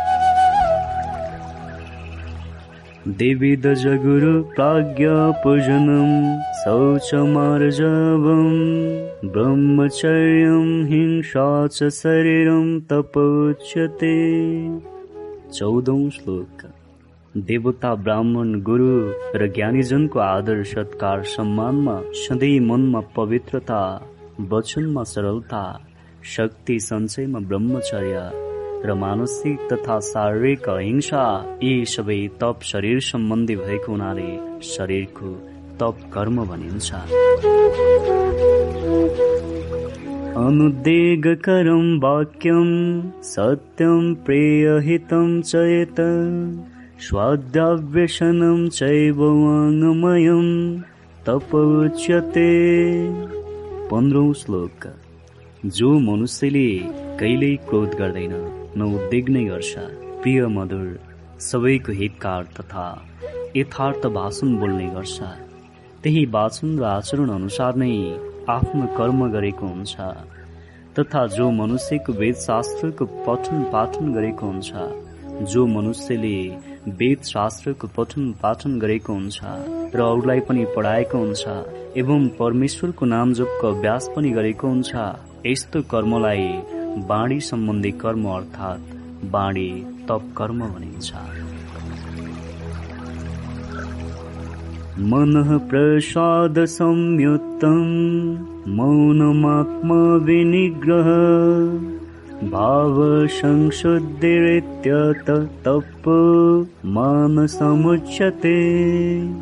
सोह्रौँ श्लोक। सधैँ मनमा प्रसन्नताको स्वभाव भएको शान्त भाव भएको भगवत चिन्तन गर्ने स्वभाव भएको मन तथा इन्द्रिय निग्रह गर्ने क्षमता भएको र अन्तकरणमा उत्पन्न हुने तामसिक सोचको नियन्त्रण गर्ने र सर्वकल्याण भाव राख्न सक्ने क्षमता भएको यस्तो किसिमको र यस प्रकारको आन्तरिक पवित्रता राख्ने विधानलाई मनको तप कर्म भनिन्छ। श्रद्धया परया तप्तं तपस्तत्रेविदं नरैः अफलकाङ्क्षे वीरयुक्तैः सात्त्वेकं परिचक्षते। सत्रौँ श्लोक आफ्नो कर्म सम्पन्न गर्ने तर कर्मको कर्मफलको आशा नगर्ने महात्मा योगी पुरुषद्वारा सर्व कल्याणको लागि परम श्रद्धाको भावले गरिएको सम्पूर्ण तप कर्मलाई सात्विक तप कर्म भनिन्छ। तप कर्म पनि तीन प्रकारको नै हुन्छ। सत्कारमान पूजार्थ तपदम्बेन चैव यत क्रियते तदिह प्रोक्तम राजसं चलम ध्रुवम। अठारौँ श्लोक। व्यक्तिगत फाइदाको लागि सत्कार तथा मान व्यक्तिगत फाइदाको लागि पूजा आदि तथा अन्य कुनै किसिमको व्यक्तिगत स्वार्थको लागि वा कुनै घमण्ड स्वभावले या घमण्ड आचरणले या अज्ञान तथा पाखण्ड पूर्वक गरिएका सम्पूर्ण कर्महरू राजसी कर्म हुन्। यस्तो राजसी कर्मको कर्मफल मिलेको त हुन्छ तर कर्मफल भने क्षणिक मात्र हुन्छ। यस्तो क्षणिक फल प्राप्त गर्नको लागि गरिएको सम्पूर्ण मानसिक तथा शारीरिक तप कर्मलाई राजस तप कर्म भनिन्छ। मुदगाहेणात्मनो यत पीडया क्रियते तपः परस्योत साधनार्थं वा तत्तं समुदारेतम् उन्नाइसौँ श्लोक। आफ्नो स्वार्थको लागि जिद्दीपूर्वक हठपूर्वक जबरजस्ती बलपूर्वक मन बाणी र शरीरलाई पीडा दिएर अरूलाई अनिष्ट गर्नको लागि पनि गरिने यस्तो किसिमको तप कर्मलाई तामस तप कर्म भनिन्छ। यसको कर्मको कर्मफल पनि मिलेको हुन्छ। त्यही कर्मफलको कारण मनुष्यको पतन सुरु हुन्छ। दातव्यमिति दानं दीयते अनुपकारेण। दिशकाले च पात्रे दिशकाले च पात्रे च तद्दानं। सात्वेकं स्मृतम् विश्वौँ श्लोक। दान दिनु आफ्नो धर्म तथा आफ्नो कर्तव्य हो यो भावद्वारा देशकाल परिस्थिति र पात्रलाई आवश्यकता अनुसार जुन सहयोग प्रदान गरिन्छ त्यो सहयोगको उद्देश्य केवल त्यसको मनुष्यको आवश्यकता अनुसार नै सहयोग प्रदान गर्नु हो। त्यो पात्रले कसैको उपकार गरोस् या नगरोस् तर उसलाई आवश्यकता भएको वस्तु उपलब्ध गराउनु तर त्यसको बदलामा कुनै पनि किसिमको फाइदाको तथा कुनै फलको अपेक्षा नगर्नु यस्तो किसिमको दानलाई सात्विक दान भनिन्छ। यत् प्रत्युपकारार्थफलमुद्देश्य वा पुनः दीयते च परिक्लिष्टं तद्दानं राजसंस्मृतम् एक्काइसौँ श्लोक। जो मनुष्यले दिने दानमा स्वार्थ लुकेको हुन्छ क्लेशपूर्वक तथा कुनै बेला उसले आफूलाई पनि अपकार गरेको प्रत्युपकारको बदलामा या अन्य कुनै फल आफूले प्राप्त गर्ने आशय तथा कुनै आफ्नो व्यक्तिगत फाइदा तथा व्यक्तिगत प्रायोजनको लागि भनेर गरिने दान अथवा दान गरे बापत कुनै फल मिल्ने कुरालाई ध्यानमा राखेर कुनै लक्ष्यको कामना गरेर तथा गरिएको दानको कुनै न कुनै फल आशा राखेर मात्र गरिएको वा दिइएको यस्तो किसिमको दानलाई राजस दान भनिन्छ। अदिशकाल एदानं पातृवयस्य दीयते। असत्कृतं वज्ञातं तत्तां समुदारेतम् बाइसौँ श्लोक। बिना सत्कारको अथवा तिरस्कारपूर्वक होच्याउनको लागि अयोग्य देश अयोग्य व्यक्ति निज व्यक्ति हो भन्ने जानेर पनि जुन काल र परिस्थितिमा मात्र होइन कुपात्रको लागि यसै भिग जस्तै दिन्छ त्यस्तो नामको मात्र दानलाई तामसी दान भनिन्छ। निर्देश ब्रह्मणैस्त्रिविदः स्मृतः। ब्राह्मणैस्तेन वेदाश्च यज्ञाश्च विहितः पुरा। तेषु श्लोक। ओम तत्सत भनेर कार्य अनुसार सच्चिदानन्द घन ब्रह्मलाई तीन नामद्वारा पुकार गरिन्छ। यी सबै नाम कार्य अनुसार ग्रहण हुने नाम हुन्। ओम तत् सतको अर्थ ओम नामद्वारा सृष्टिको निर्माता। सच्चिदानन्द घन ब्रह्म भन्ने जनाउँछ। तत्व नामद्वारा कल्पको आदिमा वेद सम्पूर्ण मनुष्य मात्रको कल्याणको लागि प्रदान गर्ने सर्वज्ञानी सच्चिदानन्द घन ब्रह्म भन्ने जनाउँछ। र सत नामद्वारा प्राकृतिक सन्तुलनको विधि यज्ञको बारेमा वर्णन गरेर त्यसको फाइदा र मनुष्यले गर्ने विधिको बारेमा सम्पूर्ण ज्ञान दिने सच्चिदानन्द घन ब्रह्म हो भन्ने जनाउँछ। ओम तत्सत कार्यको प्रतीकात्मक जनाउने गुणवासक नाम हुन् यी नाम केवल कार्य अनुसार ग्रहण हुन्छन्।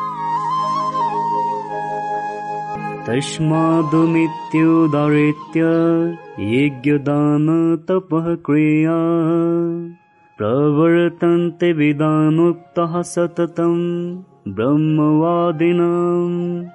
चौबिसौँ श्लोक। मृत्युलोकमा मनुष्यले गर्ने सम्पूर्ण कर्म सम्पूर्ण यज्ञ वेद मन्त्रको उच्चारण गर्ने श्रेष्ठ पुरुषले वेद अनुसार निर्देशित शास्त्र विधि अनुसार नै गर्ने नियत कर्महरू। यज्ञदान र तपरूप क्रिया तथा आफ्नो सात्विक कर्मलाई सुरु गर्नुभन्दा पहिले ओम नामद्वारा सच्चिदानन्दघन ब्रह्म पुकार हुन्छ। ओम नाम शब्द शिरोमणि हो। ओम नाम कार्य अनुसार ग्रहण हुने परमात्माको निज नाम हो। त्यसैले सबै मनुष्यले आफ्नो सात्विक कर्म सिद्धिको लागि ओम नाम पुकार गरेर आफ्नो शास्त्र निर्देशित कर्म गर्नुको लागि सुरु गर्नुपर्छ। तदित्यनविंशदाय फलं यज्ञ तपः क्रिया दान क्रियास विविधः क्रियन्ते मोक्षकाङ्क्षेभिः पच्चिसौँ श्लोक। सच्चिदानन्दघन ब्रह्मलाई कार्य अनुसार तत् नामद्वारा पुकार हुन्छ यो तत् नाम कार्यको गुणवाचक नाम हो।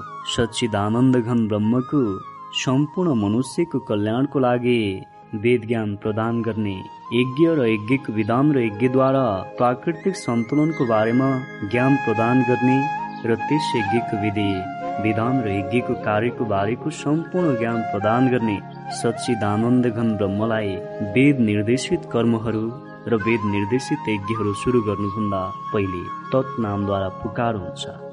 तत्को अर्थ वेद निर्देशित कर्महरू त्यस यज्ञ कर्मबाट प्राप्त हुने कुनै पनि कर्मको कर्मफलको आशा नराखे निराशक्त भएर गरेको त्यस यज्ञको कर्मफल पनि ब्रह्म विधान अनुसार नै प्रदान गर्ने तथा निराशक्त यज्ञ कर्मको कर्मफल प्रदान गर्ने हुनाले सच्चिदानन्दगन ब्रह्मलाई तत् नामद्वारा पुकार हुन्छ। तत्को अर्थ यज्ञ विधि तप विधि या जप विधि बारेको ज्ञान र यसुबै कर्मको नियम प्रणाली तथा विधिको बारेमा विधानको बारेमा ज्ञान प्रदान गर्ने सच्चिदानन्दघन ब्रह्म भन्ने जनाउँदछ। सद्भावे साधुभावे च सदित्य तत् प्रयुज्यते। प्रशस्ते कर्मणे तथा सत्शब्द पार्थयुज्यते। छब्बिसौँ श्लोक। सच्चिदानन्द घन ब्रह्मलाई सत नामद्वारा पुकार हुन्छ। मनुष्यले गर्ने सम्पूर्ण कर्मको कर्मफल विधिको विधान ब्रह्म विधान अनुसार छेर भएर सत्य भावले र श्रेष्ठ भावले जसको जस्तो कर्म गरेको हुन्छ। त्यस मनुष्यलाई त्यही अनुसार कुनै पनि फेरबदल नगरी त्यही प्रकारको कर्मफल प्रदान गर्ने हुनाले सच्चिदानन्दघन ब्रह्मलाई सतनामद्वारा पुकार हुन्छ। हे पार्थ जति पनि उत्तम कर्म छन् जो वेद निर्देशित रहेका कर्म छन् ती सबै वेद निर्देशित कर्मलाई सत शब्दको प्रयोग हुन्छ। वेद निर्देशित सम्पूर्ण कर्मलाई सत्कर्म भनिन्छ। वेद निर्देशित सम्पूर्ण कर्मको विधाता म नै हुँ। त्यही हुनाले म सच्चिदानन्दघन ब्रह्मलाई सत नामद्वारा पुकार हुन्छ। किनकि वेद निर्देशित सम्पूर्ण कर्म सत्य कर्म हुन्। जुन कर्मले सम्पूर्ण मनुष्य सम्पूर्ण प्राणी र प्रकृतिमा र प्रकृतिमा सन्तुलन र प्रकृतिमा सत्यको स्थापित गरेको हुन्छ। यज्ञे तपसि दाने च स्थितः सदिति चोच्यते। कर्म चैव तदर्थीयं सदित्य वा विधीयते।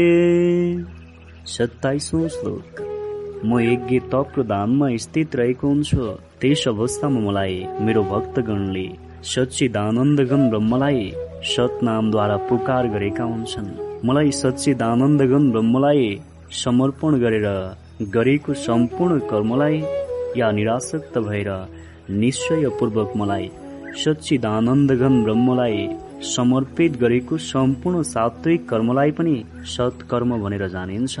वेद निर्देशित जति पनि कर्म छन् ती सबै कर्महरू सत्कर्म हुन्। अश्रद्धया हुतं दत्तं तपस्तप्तं प्रेतं चेत असदित्योच्यते पार्थ न च तत्प्रेत्य अठाइसौँ श्लोक। हे अर्जुन श्रद्धा बिना नै गरिएको हवन श्रद्धा बिना नै दिइएको दान श्रद्धा बिना नै गरिएको वा तपेको तप र जो कुनै पनि कर्म श्रद्धा बिना नै गरिएको हुन्छ त्यस्तो कर्म शुभ कर्म भए पनि श्रद्धा नै नभएको हुनाले ती सबै कर्मलाई असत कर्म भनिन्छ। त्यसैले यो असत कर्म न त यस लोकमा लाभदायक रहेको हुन्छ न त मरेपछि कुनै लाभदायक नै हुनेछ।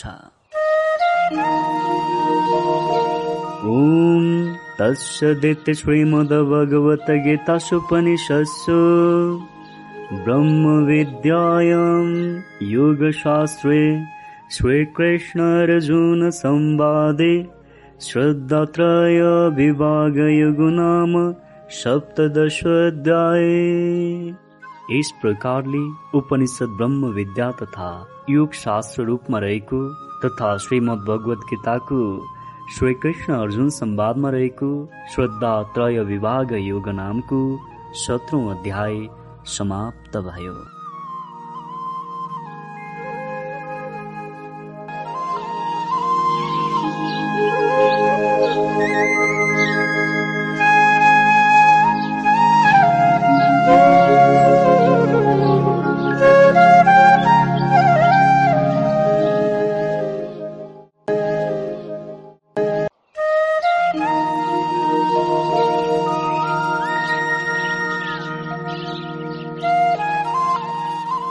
श्रीमद् भगवत गीताको अठारौं अध्याय।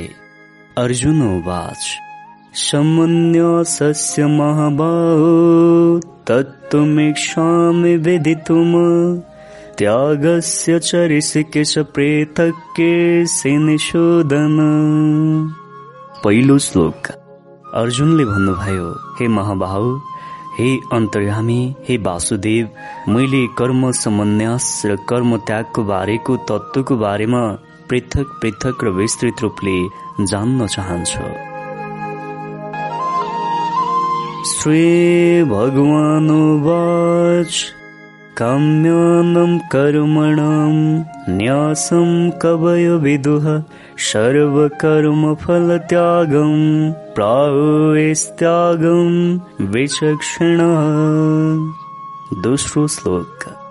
कैयौं ज्ञानीजन विद्वान तथा पण्डितहरूले त आफ्नो काम्य कर्मको त्यागलाई समन्यास भन्ने गरेका र बुझेका छन् तथा अन्य विचार कुशल ज्ञानी मनुष्यले सबै कर्मको कर्मफललाई त्याग गर्नुलाई सन्यास हो भन्ने गरेका हुन्छन्। त्याज्यं दोषवदित्यक्य कर्म प्रारमनिषेणः यज्ञदान तपः कर्म न त्याज्यमिति चापरे तेस्रो श्लोक केही विद्वान मनुष्यले यस्तो पनि भन्ने गरेका छन् कि कर्म मात्र दोषयुक्त रहेको हुन्छ त्यसैले दोषयुक्त कर्म त्याग गर्नुपर्छ भन्ने गरेका छन् भने अन्य कैयौं विद्वान मनुष्यले यो पनि भन्ने गरेका छन् कि यज्ञ दान र तपरूप कर्म भने त्याग्न गर्न योग्य छैन। निश्यं श्रेणु मे तत्र त्यागे भरतशतम् त्यागो हि पुरुषव्याघ्र त्रिविधः सम्प्रकृतेतः चौथो श्लोक। हे पुरुष श्रेष्ठ अर्जुन कर्म सन्यास र कर्म त्यागको बारेमा र यी दुवै विषयमा पहिले कुन कर्म गर्ने र कर्म गर्न कुन त्याग गर्ने र कर्म कुन त्याग गर्ने भन्ने विषयमा मेरो ज्ञान सुन। किनकि त्याग पनि सात्विक राजस र तामस तीन प्रकारका हुन्छन्। यज्ञ दान तपः कर्म न त्याज्यम कार्यमेव तत। यज्ञ दानं तपस्यैव पावनानि मनिषेणाम्। पाँचौं श्लोक। यज्ञ दान र तपरूप कर्म त्याग गर्ने विषय नै होइन त्याग गर्न योग्य पनि हुँदैन।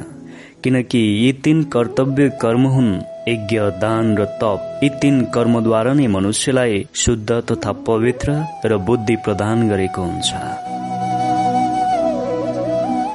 एतान्यपित कर्माणि सङ्गत्यक्त्वा फलानि च कर्तव्यानिति मे पार्थ निसतम मतमुत्तमम् छैठौं श्लोक त्यसैले हे पार्थ यज्ञ दान र तपरूप कर्मको तथा अरू पनि सम्पूर्ण कर्तव्य कर्मको आसक्ति सहितको कर्मफललाई त्याग गर्नुपर्छ आसक्ति जनै सम्पूर्ण कर्म र कर्मफललाई त्याग गर्नुपर्छ। यो ब्रह्म विधान हो र यही मेरो निश्चय गरेको उत्तम मत हो। यही विधान नै उत्तम विधान हो। नियतस्य तु समन्यासः कर्मणु महतस्य परित्यागस्तामसः परिकीर्तितः। सातौं श्लोक। निषिद्ध र काम्य कर्मको स्वरूप जुनसुकै होस् त्यो त्याग गर्नुपर्छ। यही उचित विधान हो परन्तु नियत कर्मको स्वरूप नै त्याग गर्नुपर्छ भने उचित होइन। त्यसैले मोहलाई प्राप्त हुने सम्पूर्ण कर्मलाई र त्यसको सम्पूर्ण कारणलाई त्याग गर्नुलाई तामस त्याग भनिन्छ। दुःखमित्यवयत कर्म काय क्लेशभयत्यजित सकृत्वा राजसं त्यागं नैव त्यागफलं लभित आठौं श्लोक। यदि मनुष्य आसक्तिमा रहने हो र आसक्तिमा नै लिन रहेर कर्म गर्ने हो भने उसले गरेका सम्पूर्ण कर्महरू सबै दुःख रूप नै हुन् भन्ने जानेर यदि कोही शारीरिक दुःख क्लेश तथा भयबाट कर्तव्य कर्मलाई त्याग गर्छ भने त्यस्तो त्यागलाई राजस त्याग भनिन्छ। तर यस्तो किसिमको त्यागले गरेको कर्मको कुनै पनि किसिमको कर्मफललाई प्राप्त गर्दैन। कार्यमित्यवैतकर्म नियतम्। क्रियेतर्जुन सङ्गत्यकत्वा फलं चैव स त्याग सात्विकमतः नौ श्लोक। हे अर्जुन जो शास्त्रद्वारा निर्देशित र शास्त्रको भनाइ अनुसार नै कर्म नै गर्नु आफ्नो कर्तव्य हो आफ्नो धर्म हो आफ्नो उद्देश्य हो आफ्नो जिम्मेदारी हो भन्ने जानेर निष्काम भावद्वारा आसक्ति र आसक्तिमा लिन हुने सम्पूर्ण कर्म र त्यस कर्मको कर्मफललाई त्याग गरेर गरिएको सम्पूर्ण त्यागलाई सात्विक त्याग भनिन्छ। न दृष्ट्या कुशलं कर्म कुशले नानुसज्जते त्यागे विच्छिन्न संशय। दशौं श्लोक। जो मनुष्यले शास्त्र विरुद्धको कर्मलाई पनि न घृणा गर्छ र त्यस्तो कर्मको न दृष्ट नै गरेको हुन्छ त्यस्तै शास्त्र निर्देशित कर्ममा आसक्त पनि छैन। कुनै कर्मलाई न घृणा गर्छ न कुनै कर्मलाई प्यार नै गर्छ। सबै कर्मलाई समभाव भएर स्वीकार गरेको हुन्छ। यस्तो आचरणले युक्त भएको ज्ञानी शुद्ध सत्य गुणले युक्त आचरण भएको ज्ञानी मनुष्यलाई नै संशय रहित बुद्धिमान र सच्चा त्यागी हो भन्ने जान्नु।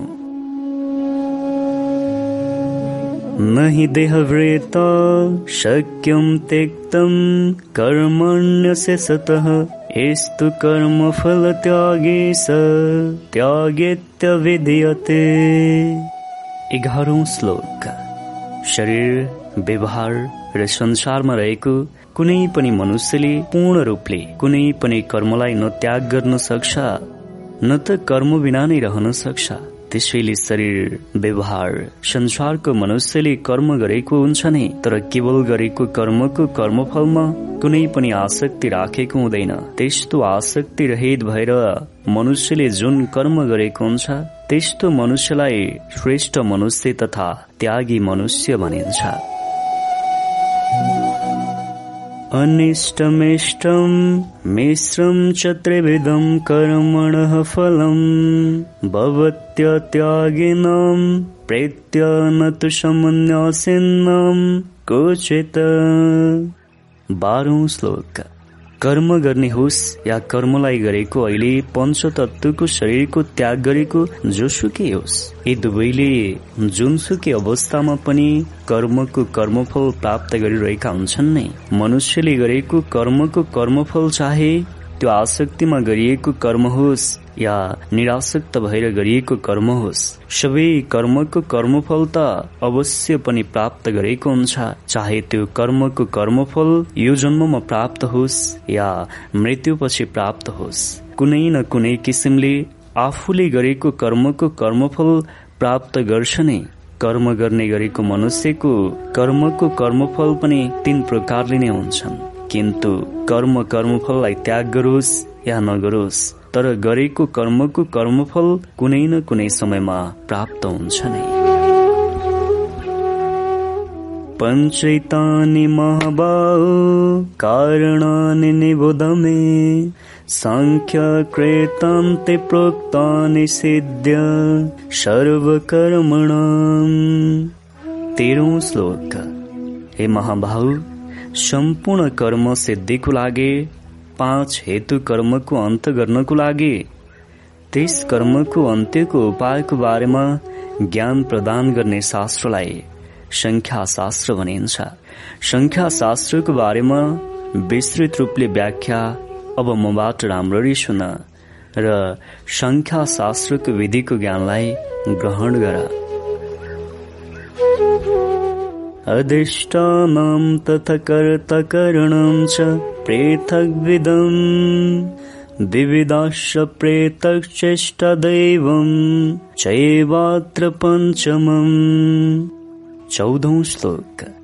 सम्पूर्ण कर्म तथा संपूर्ण सम्पूर्ण प्रणालीको विषयमा अर्थात् कर्मको सिद्धिमा अधिष्ठान र कर्ता तथा भिन्न भिन्न प्रकारको करण र अनेक प्रकारको अलग अलग प्रवृत्तिहरूमा जसको जस्तो प्रवृत्ति रहेको हुन्छ त्यसले त्यस्तै र जसले जस्तो कर्म गरेको छ त्यसलाई त्यस कर्मको कर्मफल प्रवृत्ति र आचरण अनुसार प्रदान गर्ने हुनाले र त्यही कार्य सम्पन्न गर्ने कर्म अनुसार फल प्रदान गर्ने उद्देश्य हुनाले पाँचौं देव मनै हो। शरीरवाङ्ग मनोवीर्यत कर्म। प्रारभते नरः न्यायं वा विपरीतं वा पञ्चेति तस्य हेतवः। पन्ध्रौं श्लोक। मनुष्य मन वाणी र शरीरद्वारा शास्त्र अनुकूल अथवा शास्त्र विपरीत जे जस्तो कर्म गरेको हुन्छ उसको त्यही कर्म अनुसार फल प्राप्त गर्ने र त्यसले गरेको कर्मको कर्मफल प्राप्त गर्ने। यी सबै त्यस मनुष्यले गरेको कर्मको कर्मफल प्राप्त गर्ने पाँचौं कारण हुन्। तत्रैवं सति कर्तारमात्मानं केवलं तु यः पश्यत्यकृतबुद्धि त्वान्न स पश्यति दुर्मतिः। सोह्रौं श्लोक। यस्तो नियमपरक र नियमसङ्गत कार्य भएर पनि जो मनुष्य अशुद्ध बुद्धि भएको कारणले कर्म र कर्मको कर्मफलको विषयमा अर्थात् कर्म गर्नमा शुद्ध स्वरूप आत्मालाई कर्मको कर्ता हो भनेर बुझेको हुन्छ यस्तो मलिन तथा मन्द बुद्धि भएको अज्ञानी मनुष्यले सत्य र यथार्थलाई कहिल्यै बुझेको हुँदैन। यस्य नामः कृतभाव बुद्धिरस्य न लिप्यते। हत्वापि स हिमलोकान्नहन्तेन निबध्यते। शत्रु श्लोक। जुन मनुष्यको अन्तकरणमा मनै कर्ता हुँ भन्ने किसिमको भाव रहेको हुँदैन। तथा जसको बुद्धि सांसारिक पदार्थमा कर्ममा र कर्मको कर्मफलमा लिप्त अर्थात् लुपायमान भएको हुँदैन। यस्तो मनुष्यले सम्पूर्ण लोकलाई जिते पनि न लालचको कारणले पाप गरेको हुन्छ न अरू पुण्य प्राप्त गर्ने आशा नै राखेको हुन्छ। यस्तो मनुष्यलाई पापले कहिल्यै पनि आफ्नो चक्रमा पार्न अर्थात् कर्मको कर्मफलले बाँध्न सक्दैन। ज्ञानं ज्ञेयं परिज्ञात्या चोदन करणं कर्म कर्तेति त्रिविधः कर्म कम ग्रह। अठारौं श्लोक। शरीर व्यवहार संसारमा रहेर गरिने कर्मको आफ्नो आफ्नो प्रेरणा रहेको हुन्छ। ती प्रेरणामा ज्ञाता ज्ञान र ज्ञेय यी तीन प्रकारको कर्म प्रेरणा या कर्मको प्रेरणा रहेका हुन्छन् भने शरीर व्यवहार संसारमा रहेको मनुष्यको लागि कर्म संग्रहको विधान पनि रहेको छ। ती विधानमा कर्ता कारण तथा क्रिया यी तीन प्रकारको कर्म संग्रहको विधान पनि रहेको छ। ज्ञानम कर्म च कर्ता च त्रिदैव गुणविदतः।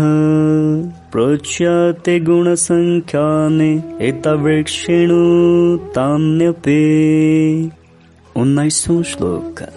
गुणको संख्याको बारेमा ज्ञान प्रदान गर्ने शास्त्रमा ज्ञान कर्म तथा कर्ताको गुणको भेदलाई पनि विधिको विधानमा तीन तीन प्रकारले नै विभाजन गरेका छन्। ती तीन प्रकारका भेदमा ज्ञानकर्ता र कर्मको भेदको बारेमा अब विस्तृत रूपले सुन। सर्वभूतेश एनैकं भावं व्ययमीक्षते। अविभक्तं विभक्तेषु तज ज्ञानं विद्ये बिसौँ श्लोक। जुन मनद्वारा मनुष्य पृथक पृथक भएर सबैमा सबै संरचनामा सबै भूतमा सबै नियममा र सम्पूर्ण वस्तु तथा भूत प्राणीमा पनि आजन्म र अविनाशी परमात्मा भावलाई विभागरहित समभावले स्थित भएको देखेको हुन्छ। यस्तो किसिमको सम्पूर्ण ज्ञानलाई तिमीले सात्विक ज्ञान हो भन्ने जान।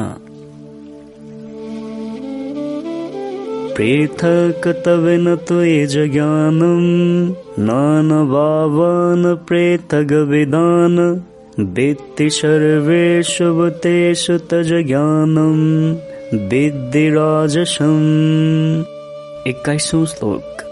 किन्तु जो ज्ञान अर्थात् जुन ज्ञानद्वारा मनुष्यले सम्पूर्ण भूतमा भिन्न भिन्न प्रकारले भिन्न भिन्न भावद्वारा आफ्नो अनेक भिन्न भिन्न दृष्टि र अलग अलग भावद्वारा आफ्नो गुण अनुसार सम्पूर्ण भूत वस्तु तथा भूत प्राणी अलग अलग हो भनेर जानेको हुन्छ यस्तो किसिमको सम्पूर्ण ज्ञानलाई तिमीले राजस ज्ञान हो भन्ने जान। इत्तु क्रेतष्णवदे कस्मिन् कार्ये शक्तमहेतुकम् अतत्वार्थबदल्पं च। तत्त्वं समुदरेतम् बाइसौँ श्लोक। परन्तु जुन ज्ञानद्वारा एक कार्यरूप शरीरलाई नै सम्पूर्ण संसारको सदृश रहेको शरीर नै सबै हो भनेर शरीरप्रति आसक्त रहेको हुन्छ। तथा जो बिना ज्ञान बिना युक्तिको तात्विक अर्थरहित र आफू नै महान भएको अन्य सबै तुक्ष र आफ्नो कर्म आफै गरेको छु।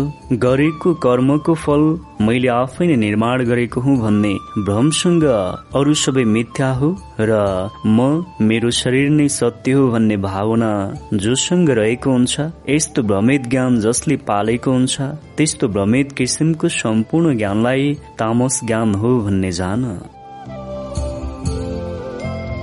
नियतं सङ्गरहितं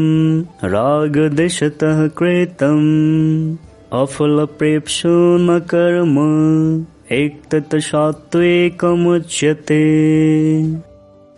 श्लोक।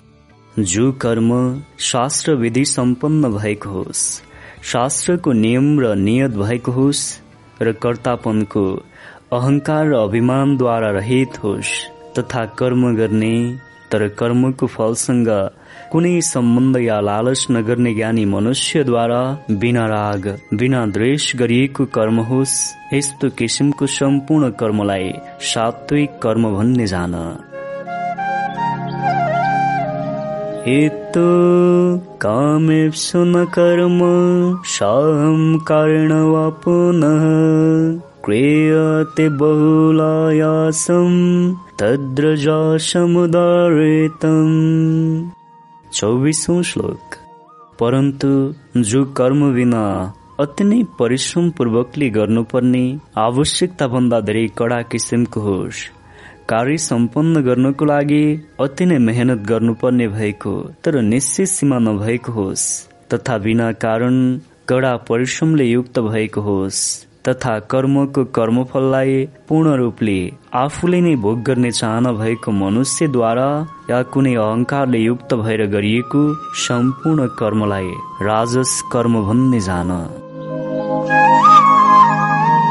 अनुबन्धं क्षयम् हिंसामनिपेक्षा च पौरुषम् महदारभ्यते कर्म यत्तताम् समुच्यते। पच्चिसौँ श्लोक। जो कर्मको परिणाम हानि हिंसा र सामर्थ्यको विचार नगरी केवल अज्ञानद्वारा मनपरी तरिकाले आफ्नो खुसीले आफ्नो मात्र फाइदा तथा आफ्नो खुसीको लागि मात्र आरम्भ गरिएको हुन्छ।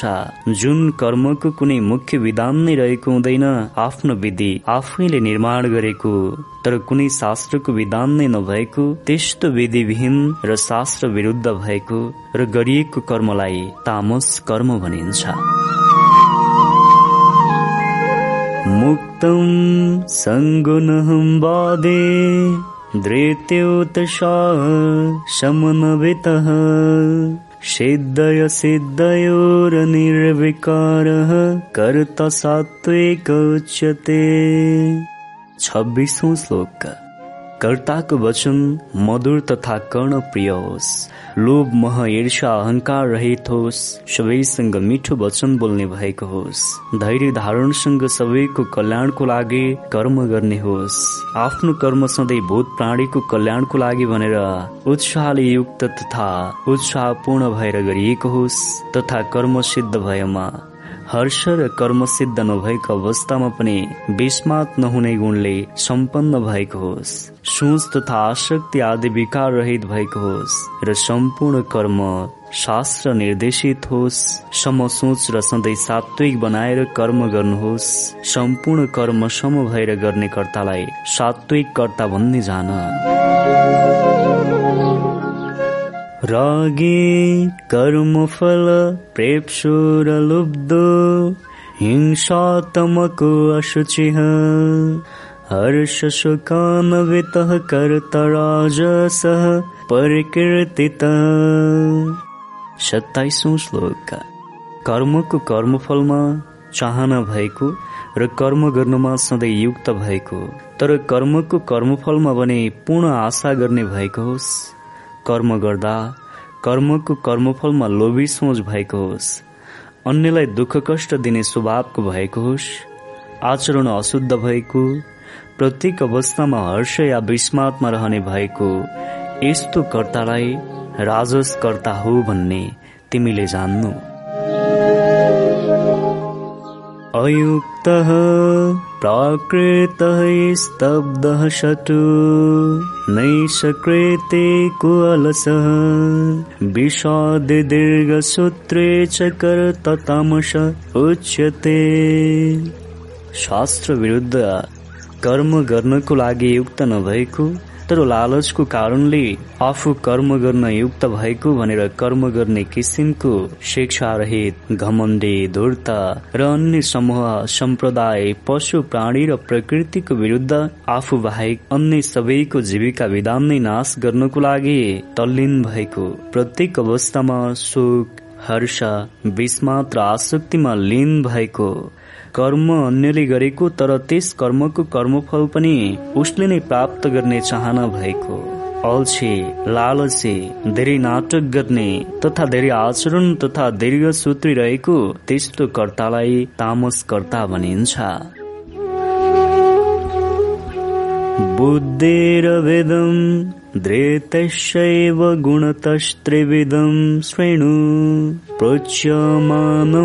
शिषण तवेन धनञ्जय उनातिसौँ श्लोक हे धनञ्जय बुद्धि र धृतिलाई पनि गुणको आधारमा तीन प्रकारले विभाजन गरिएको छ त्यस तीन प्रकारको भेदको विभाजन पनि मद्वारा गरिएको हो त्यस विनियोजनको बारेमा मद्वारा विभागपूर्वक गरिएको विधानको बारेमा विस्तारपूर्वक सुना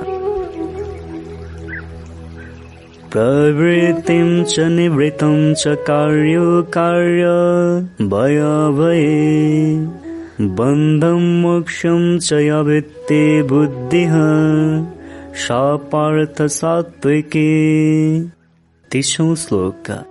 हे पार्थ जो बुद्धि प्रवृत्ति मार्ग र निवृत्ति मार्गको कर्तव्य र अकर्तव्यको भय र अभयको तथा बन्धन र मोक्षको बारेमा विस्तृत र यथार्थ अवस्थाले जानेको हुन्छ।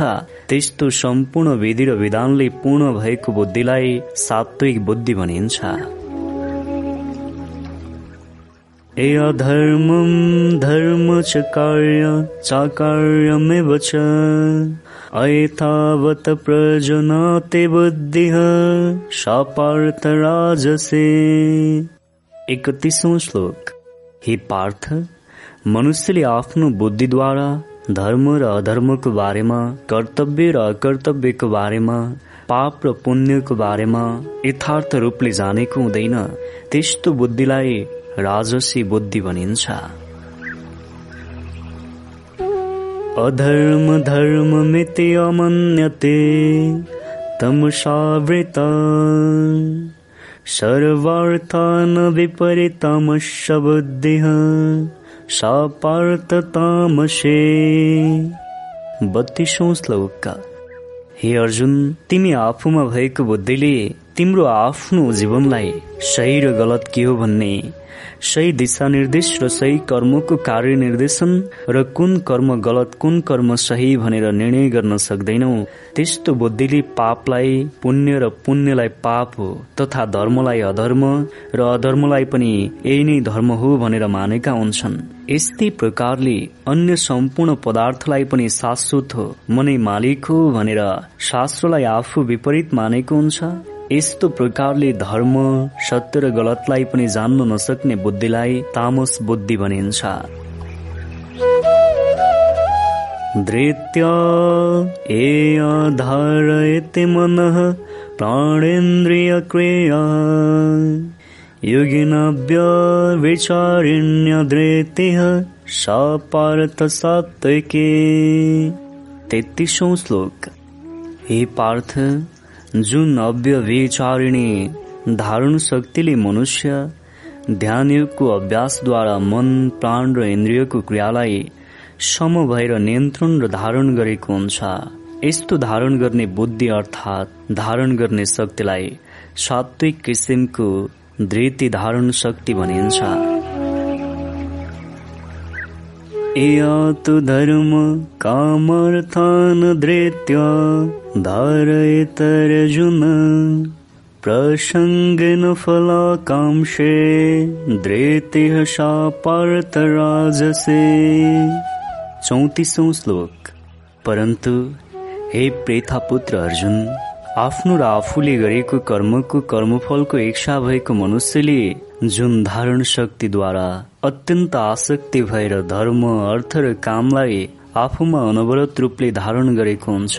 त्यस्तो धारण शक्तिलाई राजस किसिमको धृति धारण शक्ति भनिन्छ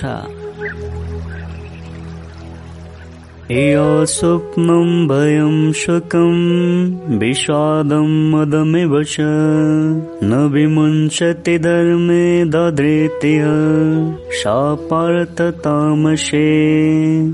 पैतिसौँ श्लोक। हे पार्थ दुष्ट बुद्धि भएको मनुष्यले आफूमा भएको र आफूले धारण गर्ने शक्तिद्वारा निद्रा भय चिन्ता र दुःखलाई तथा मैथुनको उन्मत्ततालाई सधैँ आफूमा नै धारण गरेको हुन्छ। उसले यी सबै विकारलाई आफूमा रहेको र आफ्नो गुण हो भनेर नै धारण गरेको हुन्छ। तर यी सबै किसिमको विकारले मनुष्यलाई पशु बनाउँदछ।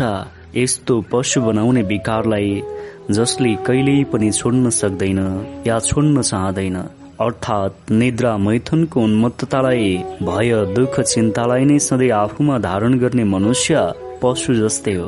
त्यसैले पशु बनाउने यी सम्पूर्ण गुणलाई जुन मनुष्यले सधैँ आफूमा धारण गरिरहेको हुन्छ यस्तो धारण गर्ने मनुष्यको शक्तिलाई तामसी धारण शक्ति भनिन्छ। सुखम त्वेदानीं त्रिविधं श्रेणुमे भरतर्षव अभ्यासाद्रमते यत्र दुःखान्तं च निगच्छते।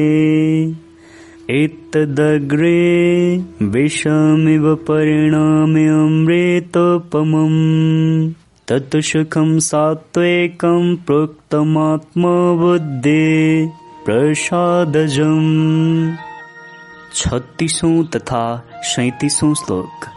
हे भरत श्रेष्ठ यस सृष्टिमा मद्वारा निर्मित तीन प्रकारको सुखको बारेमा पनि तिमीले अब मबाटै सुन। जुन सुखमा साधक मनुष्य भजन ध्यान र सेवा आदिको भावना सहित अभ्यास कर्ममा रमन गरेको हुन्छ। र जुन कर्मद्वारा मनुष्यमा शारीरिक तथा मानसिक दुःखको अन्त्य भएर अन्तस्करण सफा र इन्द्रिय निगृह कर्ममा सफल भएर सबै भूत प्राणीमा समभाव रहेको हुन्छ यस्तो किसिमको जुन सुख प्राप्त गरेको हुन्छ यो सुख आरम्भ कालमा अति नै कठोर तथा विषतुल्य भएको प्रतीत जस्तो खेलमा आसक्ति भएको बालकलाई विद्याको अभ्यास अति नै मूढताको कारण पढाइलाई विषतुल्य लागेको हुन्छ ठिक त्यस्तै विषयमा बाँच्नमा आसक्ति भएको मनुष्यलाई ध्यान भगवतजन अन्य मनुष्यको सेवा आदि साधनाको अभ्यास गर्दा यी सबै विधानको मर्म नजानेको कारण पहिले यी सबै कर्म विश्वस्तै भएको प्रतीत हुन्छ। परन्तु यी सबै कर्मको परिणाम भने अमृत तुल्य बनेर रहेको हुन्छ। र कर्मको कर्मफल अमृत तुल्य भएर प्राप्त भएको हुन्छ। परमात्मा विषयमा आसक्ति रहित भएर परमात्माको विषयमा लीन भएर अन्तकरण र बुद्धिको प्रसादबाट उत्पन्न भएको सुखलाई सात्विक सुख भनिन्छ।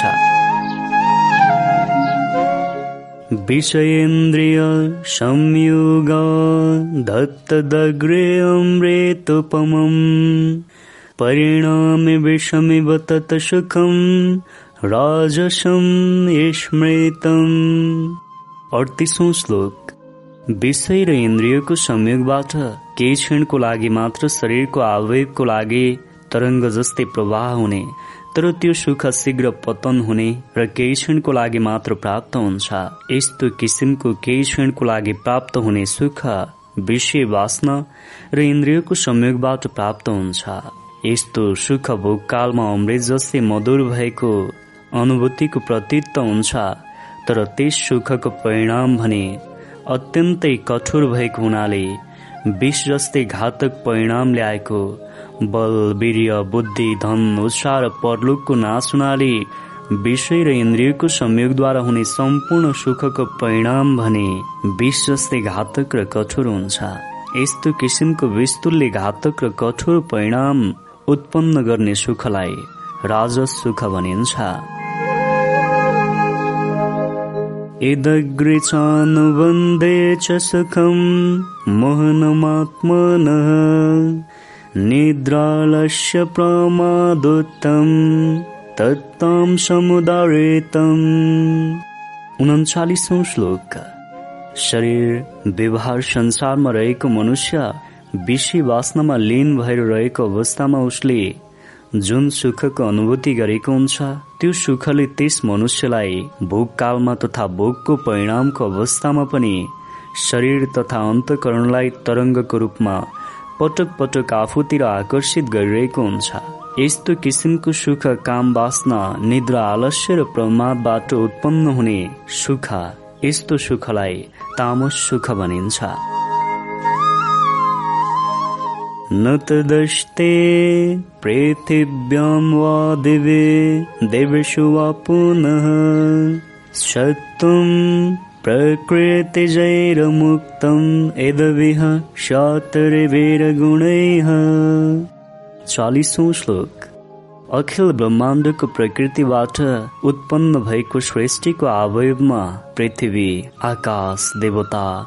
या यी बाहेक कुनै पनि अवस्थित र विद्यमान अवयवमा जुनसुकै अवयव भए पनि त्यस अवयवमा तीन गुण विद्यमान रहेको हुन्छ र प्रकृतिबाट उत्पन्न भएको जोसुकै अवयव पनि तीन गुण रहित हुँदैन। अर्थात् सृष्टि संरचनाको कुनै पनि अवयव तीन गुण रहित हुँदैन। फलसहित वर्ण धर्मको विषय।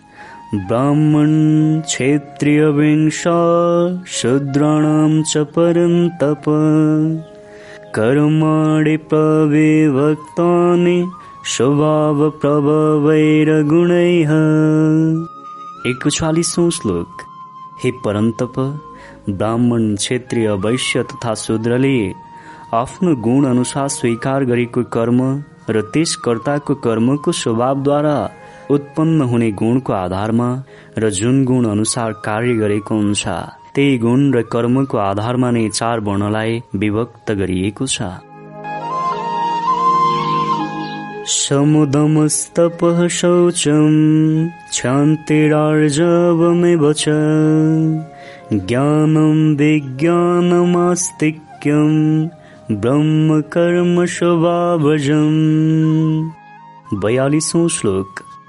अन्तकरण तथा मनको निगृह गर्नु इन्द्रियको आसक्तिलाई दमन गर्नु धर्मको नियम पालना गर्नु र धर्मको नियम पालनामा केही कठिनाई तथा कष्ट आए पनि त्यस कठिनाई र त्यस कष्टलाई आफ्नो प्रारब्ध हो भनेर बुझेर आफ्नो कर्मको कर्मफल हो भन्ने जानेर सहन गर्नु बाह्य तथा आन्तरिक शुद्ध आफू श्रेष्ठ भएको अभिमानको भाव दम्बाचारणको अभाव सबै प्राणीमा समभाव राख्नु सबैमा क्षमा भाव मन बाँडी आदिको सरलता र मधुरता हुनु श्रद्धा भक्ति सहित आमा बुबा गुरु आचार्य अतिथि र दुखी दिनको सहयोग तथा सेवा गर्नु नै मनको शुद्धि हो। त्यस्तै सत्यतापूर्वक बोलेर व्यवहारको शुद्धि व्यवहारद्वारा द्रव्यको शुद्धि द्रव्यद्वारा अन्नको शुद्धि अन्नद्वारा आहारको शुद्धि आहारद्वारा प्राप्त हुने गुण अनुसार सबै वस्तुमा समभाव राखेर आचरणको शुद्धि जलद्वारा शरीरको शुद्धि यसलाई शरीरको बाहिरी शुद्धि भनिन्छ तथा लोभ रिस क्रोध राग द्वेष ईर्षा अहंकार कपट आदि विकारको नाश भएमा अन्तकरण तथा मन स्वच्छ हुन्छ यो शुद्धि हुनुलाई भित्री शुद्धि भनिन्छ अन्तकरणको स्थिरता र मन इन्द्रिय सहित शरीरको निगृह हुनु। अन्यले आफूलाई बिना कारण अनुचित शब्द बोले पनि त्यस मनुष्यको गलत वचन तथा त्यस मनुष्यको गलत कार्यको क्षमा गर्नु मन इन्द्रिय र शरीरलाई सरल सजग तथा काम वासनाको आसक्तिबाट सरल सजग राख्नु। वेद शास्त्र ईश्वर र परलोक आदिमा श्रद्धा राख्नु वेद शास्त्रको अध्ययन अध्यापन गर्नु र गराउनु। परमात्माको शब्द तत्वको अनुभव गर्नु। यी सबै माथि भनिएका गुण ब्राह्मणले धारण गर्ने स्वाभाविक कर्म हुन्। शौर्य तेजो द्रेतेर दाक्षम युद्ध चाप्यपलायनम् दानमेश्वर वावश्य छात्रं कर्म स्वभावजम्। त्रिचालिसौँ श्लोक। कार्यमा कुशलता मनमा देशभक्ति साहसी तथा सुरवीरता तेज धैर्य नियम अनुसरणमा चतुरता र युद्ध कलामा निपुण राजकाज चलाउनु देश जनताको रक्षा गर्नु धर्मपरायण हुनु दान दिनु मनमा सधैँ स्वामी भाव हुनु मनमा सधैँ स्वामी भाव हुनु यी सबै गुण क्षत्रियमा हुने प्राकृतिक गुण हुन्। यी गुण धारण गर्ने सबै मनुष्य क्षत्रिय वर्ग हुन्। अर्थात् माथिका गुणलाई धारण गर्नु यी सबै क्षत्रिय वर्णको स्वाभाविक कर्म हुन्। कृषि गौरक्ष वाणिज्यम् वैशकर्म स्वभावजम् परिचर्यात्मकं कर्म शूद्रशापे स्वभावजम्। चौवालिसौँ श्लोक। खेतीपाती गोपालन र क्रय विक्रय रूप सत्य व्यवहार वस्तुको खरिद तथा बिक्री गर्नु अर्थात् सामान किन्नु तथा बिक्री गर्नु सामान किन्ने तथा बिक्री गर्नुमा नापतौल र गणना आदिमा नियम अनुसार दिनु। अधिक नलिनु एवं वस्तुलाई परिवर्तन गरेर एक वस्तुमा अर्को वस्तु नदिनु बिग्रेको तथा सडे गलेको वस्तुको मिलावट नगर्नु। राम्रो लिनु राम्रो दिनु तथा नाफा र कुनै पनि कार्यमा दलाली नगर्नु दिएको पैसा वस्तुभन्दा धेरै गरेर नलिनु धेरै पैसा लिनु तर कम पैसा फिर्ता दिने काम नगर्नु। झुट छलकपट चोरी अथवा अन्य कुनै प्रकारले पनि अरूको हक अधिकारलाई आफूले ग्रहण गर्ने कोसिस नगर्नु नियम र धर्मसँग चल्ने बानी हुनु। कसैलाई पनि झुटो बोलेर आफ्नो सामान बिक्री गर्ने कोसिस नगर्नु आदि यस्तो गुण भएको र सत्यतापूर्वक पवित्र वस्तुको व्यापार गरेको हुन्छ। त्यस व्यवहार तथा व्यापारलाई सत्य व्यापार तथा सत्य व्यवहार भनिन्छ। यसो गर्नु नै वैश्यको स्वाभाविक कर्म हो तथा तीन वर्ण ब्राह्मण क्षेत्रीय वैश्य वर्णको कर्मलाई सेवा तथा सहयोग गर्ने र सधैँ कडा मेहनती हुने गलत कार्य नगर्ने गुण नै शूद्र वर्णको स्वाभाविक कर्मको गुण हो। स्वे स्वे कर्मण्यविरतः संसिद्धिं लभते नरः स्वकर्म निरतः।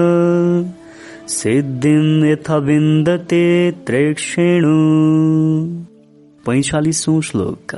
आफ्नो स्वाभाविक गुण अनुसारको कर्ममा सधैँ तत्पर भएर तत्परताको साथमा आफ्नो कर्ममा क्रियाशील रहने मनुष्यले कर्मद्वारा नै भगवत प्राप्तिको अन्तिम अवस्थामा परम सिद्धिलाई प्राप्त गरेको हुन्छ।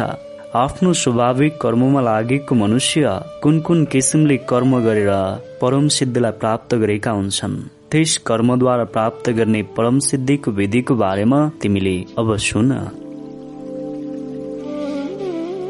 इतः प्रवृत्तिरभूतानामेन सर्वमिदं ततम् सुकर्मण तमव्यचर्यसिद्धिं विन्दति मानव।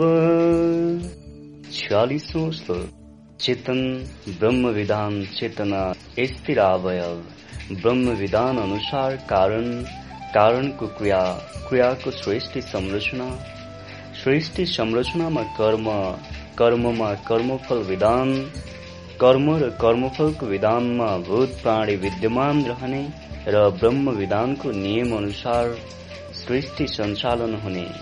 त्यही ब्रह्म विधानको नियम अनुसार ब्रह्म विधानको नियमलाई पूर्ण पालन गर्दै ब्रह्म विधानको नियम अनुसार नै म ईश्वरद्वारा नै सम्पूर्ण भूत अवयव अर्थात् प्रकृति मेरो अनादि शक्ति स्थिर शक्तिद्वारा निर्माण भएको हो।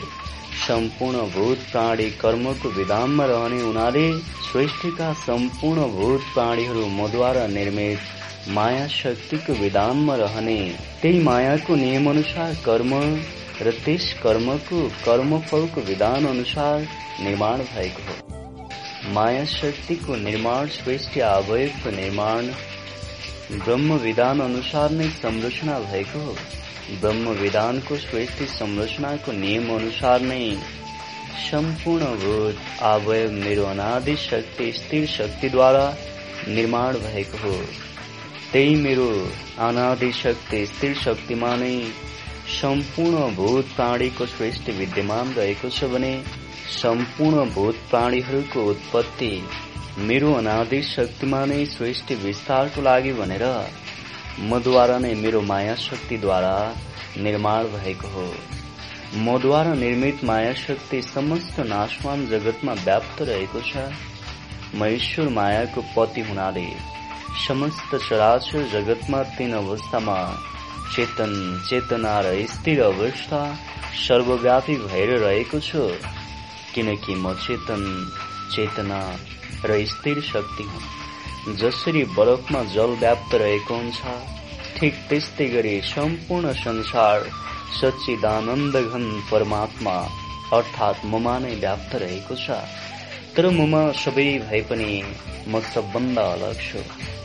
तीन शक्ति अवस्थामा सर्वव्यापी म ईश्वरलाई आफ्नो स्वाभाविक कर्मद्वारा पूजा गरेर आफ्नो सम्पूर्ण कर्महरू जस्तै पतिव्रत स्थिर पति परायण हुँदै पतिको मान सम्मान इज्जत प्रतिष्ठा पतिको जीवन सम्पत्ति र पतिको सर्वश्रेष्ठलाई आफ्नो सर्वस्व हो भन्ने बुझेर पतिको धर्म कर्म र पतिको इज्जत तथा पतिको जीवनलाई पनि ध्यानमा राखेर पत्नीले आफ्नो पत्नी धर्मको नियमलाई पालना गर्दै जिम्मेदार वहन गर्दै मन बाणी शरीरद्वारा कर्म गरेकी हुन्छन्। ठिक त्यस्तै अखिल ब्रह्माण्डको सृष्टिकर्ता तथा अखिल ब्रह्माण्डको मालिक म ईश्वर नै हो। म ईश्वरद्वारा निर्मित विधान नै सृष्टिको सर्वस्व हो भन्ने बुझेर सधैँ मेरो ईश्वरको नै भक्ति उपासना तथा चिन्तन गर्दै मेरो ईश्वरको आज्ञा अनुसार मन बाणी र शरीरद्वारा मेरो आदेश अनुसार नै निरासक्त भएर भक्ति उपासना गर्नु स्वाभाविक कर्तव्य कर्मको आचरण गर्नु कर्मद्वारा गरिने मेरो मेरो ईश्वरको भक्ति उपासना हो। र त्यो सम भएर गर्ने मनुष्यले परम सिद्धिलाई प्राप्त गरेको हुन्छ। श्रेयान सुधर्म द्विगुण परधर्मात् सुनुष्ठेतात स्वभावनियतं कर्म कुर्वन्नापनते किल्बिषम् सडचालिसौँ श्लोक। समाजको नैतिक र व्यवहारिक रूपले लागू भएको हुने अरूले आफ्नै गुण अनुसार आफ्नै प्रकारले आफ्नो आचरणद्वारा स्वीकार गरेर आफ्नो आचरणमा ल्याएको त्यही आचरण अनुसार गरिएको धर्म चाहे त्यो धर्म समाजमा सबैले स्वीकार नै किन नगरेको होस् त्यो धर्म भन्दा तिमी आफूले व्यक्तिगत अवस्थामा रहेर आफूमा नै आफ्नो स्वाभाविक गुण अनुसार आफूले धारण गरेको आफ्नो व्यक्तिगत गुणले सम्पन्न भएको धर्म नै अति उत्तम हुन्छ। आफूमा भएको गुण भन्दा विपरीत भएको तर अरूको स्वीकार गरेको अन्यको गुणले सम्पन्न भएको तर त्यो गुण आफूमा भएको गुण भन्दा अलग र विपरीत भएको तर अरूले स्वीकार गरेको धर्म भन्दा गुण रहित भएको भए पनि आफूमा हुने गुणको आधारमा स्वीकार गरेको आफ्नो धर्म श्रेष्ठ हुन्छ। किनकि स्वभावद्वारा नियतद्वारा गरिएको सुधर्मरूप कर्मलाई स्वीकार गरेर आफ्नो गुणको आधारमा कर्म गर्दै गरेको मनुष्यले कुनै पाप कर्म गर्दैन। आफ्नो गुण अनुसार धारण गरेको धर्मले मनुष्यलाई पाप कर्म गर्नबाट बचाउँछ। सहजं कर्म कौन्त्य सदृशमपि न त्यजेत। सर्वरं वा हि दोषेण धुमिनाग्निरे वावृत। अडचालिसौँ श्लोक। हे कुन्ती पुत्र अर्जुन दोषयुक्त भएर पनि सहज कर्म र सहज धर्म यी दुई विधान प्रकृतिको अनुसार शास्त्र विधिद्वारा नियत गरिएको तथा शास्त्र अनुसार नै निर्देशन गरिएको वर्णाश्रमको धर्म र सामान्य धर्म रूपहरू स्वाभाविक कर्म हुन्। त्यसैले आफूले धारण गरेको आफ्नो गुणको कर्म तथा धर्मलाई सुधर्म सहज कर्म सुकर्म नियत कर्म स्वभावज कर्म स्वभाव नियत कर्म इत्यादि नामद्वारा पुकार गरिन्छ र यसलाई कहिल्यै पनि त्याग गर्नु हुँदैन। किनकि यी दुवै विधान नै मनुष्यको आफ्नो विधान हो। यही विधानद्वारा नै मनुष्यले जीवनको लक्ष्यलाई प्राप्त गर्न सक्छ। प्रत्येक कर्ममा कुनै न कुनै दोष रहेको हुन्छ किनकि जसरी धुवारूपी दोषले ताप रूपी अग्निलाई ढाकेको हुन्छ ठिक त्यस्तै गरी त्रिगुणात्मक यस सबै किसिमका कर्महरू कुनै न कुनै दोषले सम्पन्न तथा युक्त रहेको हुन्छ। अशक्तबुद्धेः सर्वत्र जितात्मा विगतैष्प्रेह नैषकर्म्य सिद्धिम् परमां सन्न्यासेनाधिगच्छते उनपचासौं श्लोक। आसक्ति रहित बुद्धि वेद राग स्प्रिया रहित इन्द्रिय निग्रह मन तथा शुद्ध अन्तकरण भएको मनुष्यले साङ्ख्य योगको कर्मद्वारा नै परम नैष्कर्म्य सिद्धिलाई प्राप्त गरेको हुन्छ। सिद्धिं प्राप्त यथा ब्रह्म तथा पुनति निबुध मे समासेनैव कौन्त्य निष्ठा ज्ञानस्य या परा पचासौं श्लोक। साङ्ख्य युगको कर्मद्वारा प्राप्त हुने नैष्कर्म्य सिद्धि पनि ज्ञानयुगको अन्तिम परानिष्ठा हो। यस नैष्कर्म्य सिद्धिलाई प्राप्त गरेपछि मनुष्यले ब्रह्मको सानिध्यलाई नै प्राप्त गरेको हुन्छ। यस प्रकार हे कुन्ती पुत्र अर्जुन तिमीले साङ्ख्य युगको परानिष्ठबाट प्राप्त हुने ब्रह्मको सानिध्यलाई प्राप्त गर्नको लागि कार्य गर। साङ्ख्य युगको कर्मद्वारा प्राप्त नैष्कर्म्य सिद्धि ज्ञान युगको परानिष्ठद्वारा प्राप्त हुने ब्रह्मको सानिध्य नै मेरो सानिध्य हो जसलाई शास्त्र र ज्ञानीजनले मोक्ष भन्ने गरेका छन्। अर्थात् साङ्ख्य युगको नैष्कर्म्य सिद्धिबाट जुन ब्रह्मको सानिध्य प्राप्त हुन्छ त्यो ब्रह्म मनै हो भन्ने जान। बुद्धया विशुद्धया युक्तो धृत्यात्मानं नियम्य शब्दादिन विषयामयस्तयकतवा रागदश व्युदस्य च विविक्तशिवे लगवाशे हितवाक्कायमानश।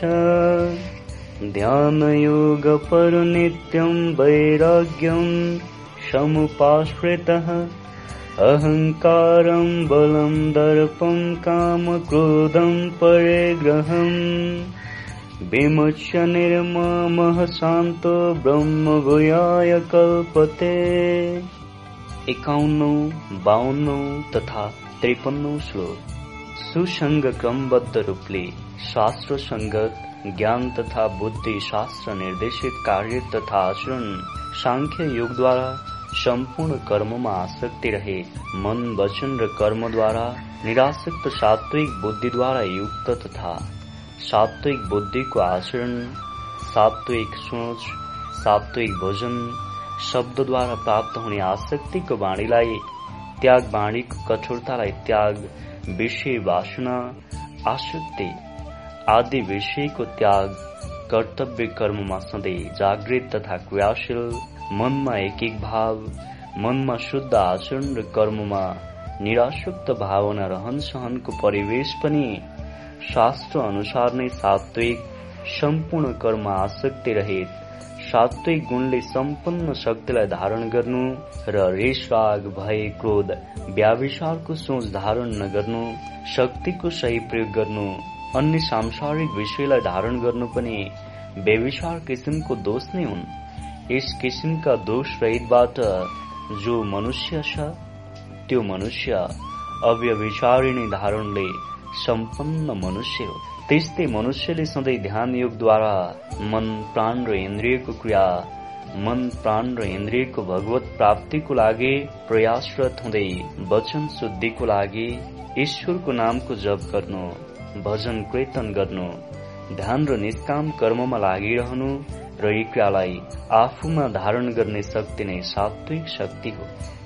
त्यही धारण गरेको शक्तिद्वारा अन्तकरण र इन्द्रियलाई संयम गर्न मन बाणी र शरीरलाई आफ्नो बसमा गर्न राग द्वेषको सर्वथा नष्ट दृढ वैराग्यको आश्रय तथा अहंकार बल घमण्ड काम क्रोध लोभ मह ईर्षा र परिग्रहको त्याग तर कर्तव्य निष्ठामा निरन्तर ध्यान युगको आचरण ईश्वरको भक्ति उपासनाको लागि योग परायण शरीर व्यवहार संसारमा रहेर सबै कर्म र साधनमा निराशक्त विषयमा लिप्त हुने ममता रहित र शान्तियुक्तमा सबै वस्तु तथा प्राणीमा समभाव राख्ने यस्तो गुणले सम्पन्न मनुष्य सच्चिदानन्द घन ब्रह्ममा अभिन्न भावद्वारा स्थित हुन्छ अर्थात् माथिको गुणले सम्पन्न भएका सबै मनुष्य सच्चिदानन्द घन ब्रह्मको अर्थात् मेरो सानिध्य प्राप्त गर्न सक्छ।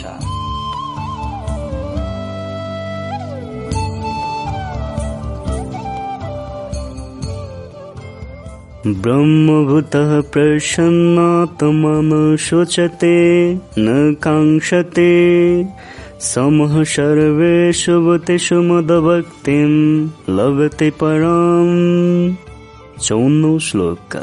कर्ममा निरासक्त भएको सबै प्राणी तथा वस्तुमा समभाव राख्ने मन तथा अन्तस्करण सधैँ सच्चिदानन्द घन ब्रह्ममा एकी भावद्वारा स्थिर भएको आफ्नो मनलाई सधैँ समयुक्त बनाएर सच्चिदानन्द घन ब्रह्ममा नै स्थित गरेको स्थिर प्रदयोगीले न कुनै विषयमा न कसैको कार्यको लागि चिन्ता गरेको हुन्छ न कसैबाट कुनै किसिमको कुनै अपेक्षा तथा आकांक्षा नै गरेको हुन्छ।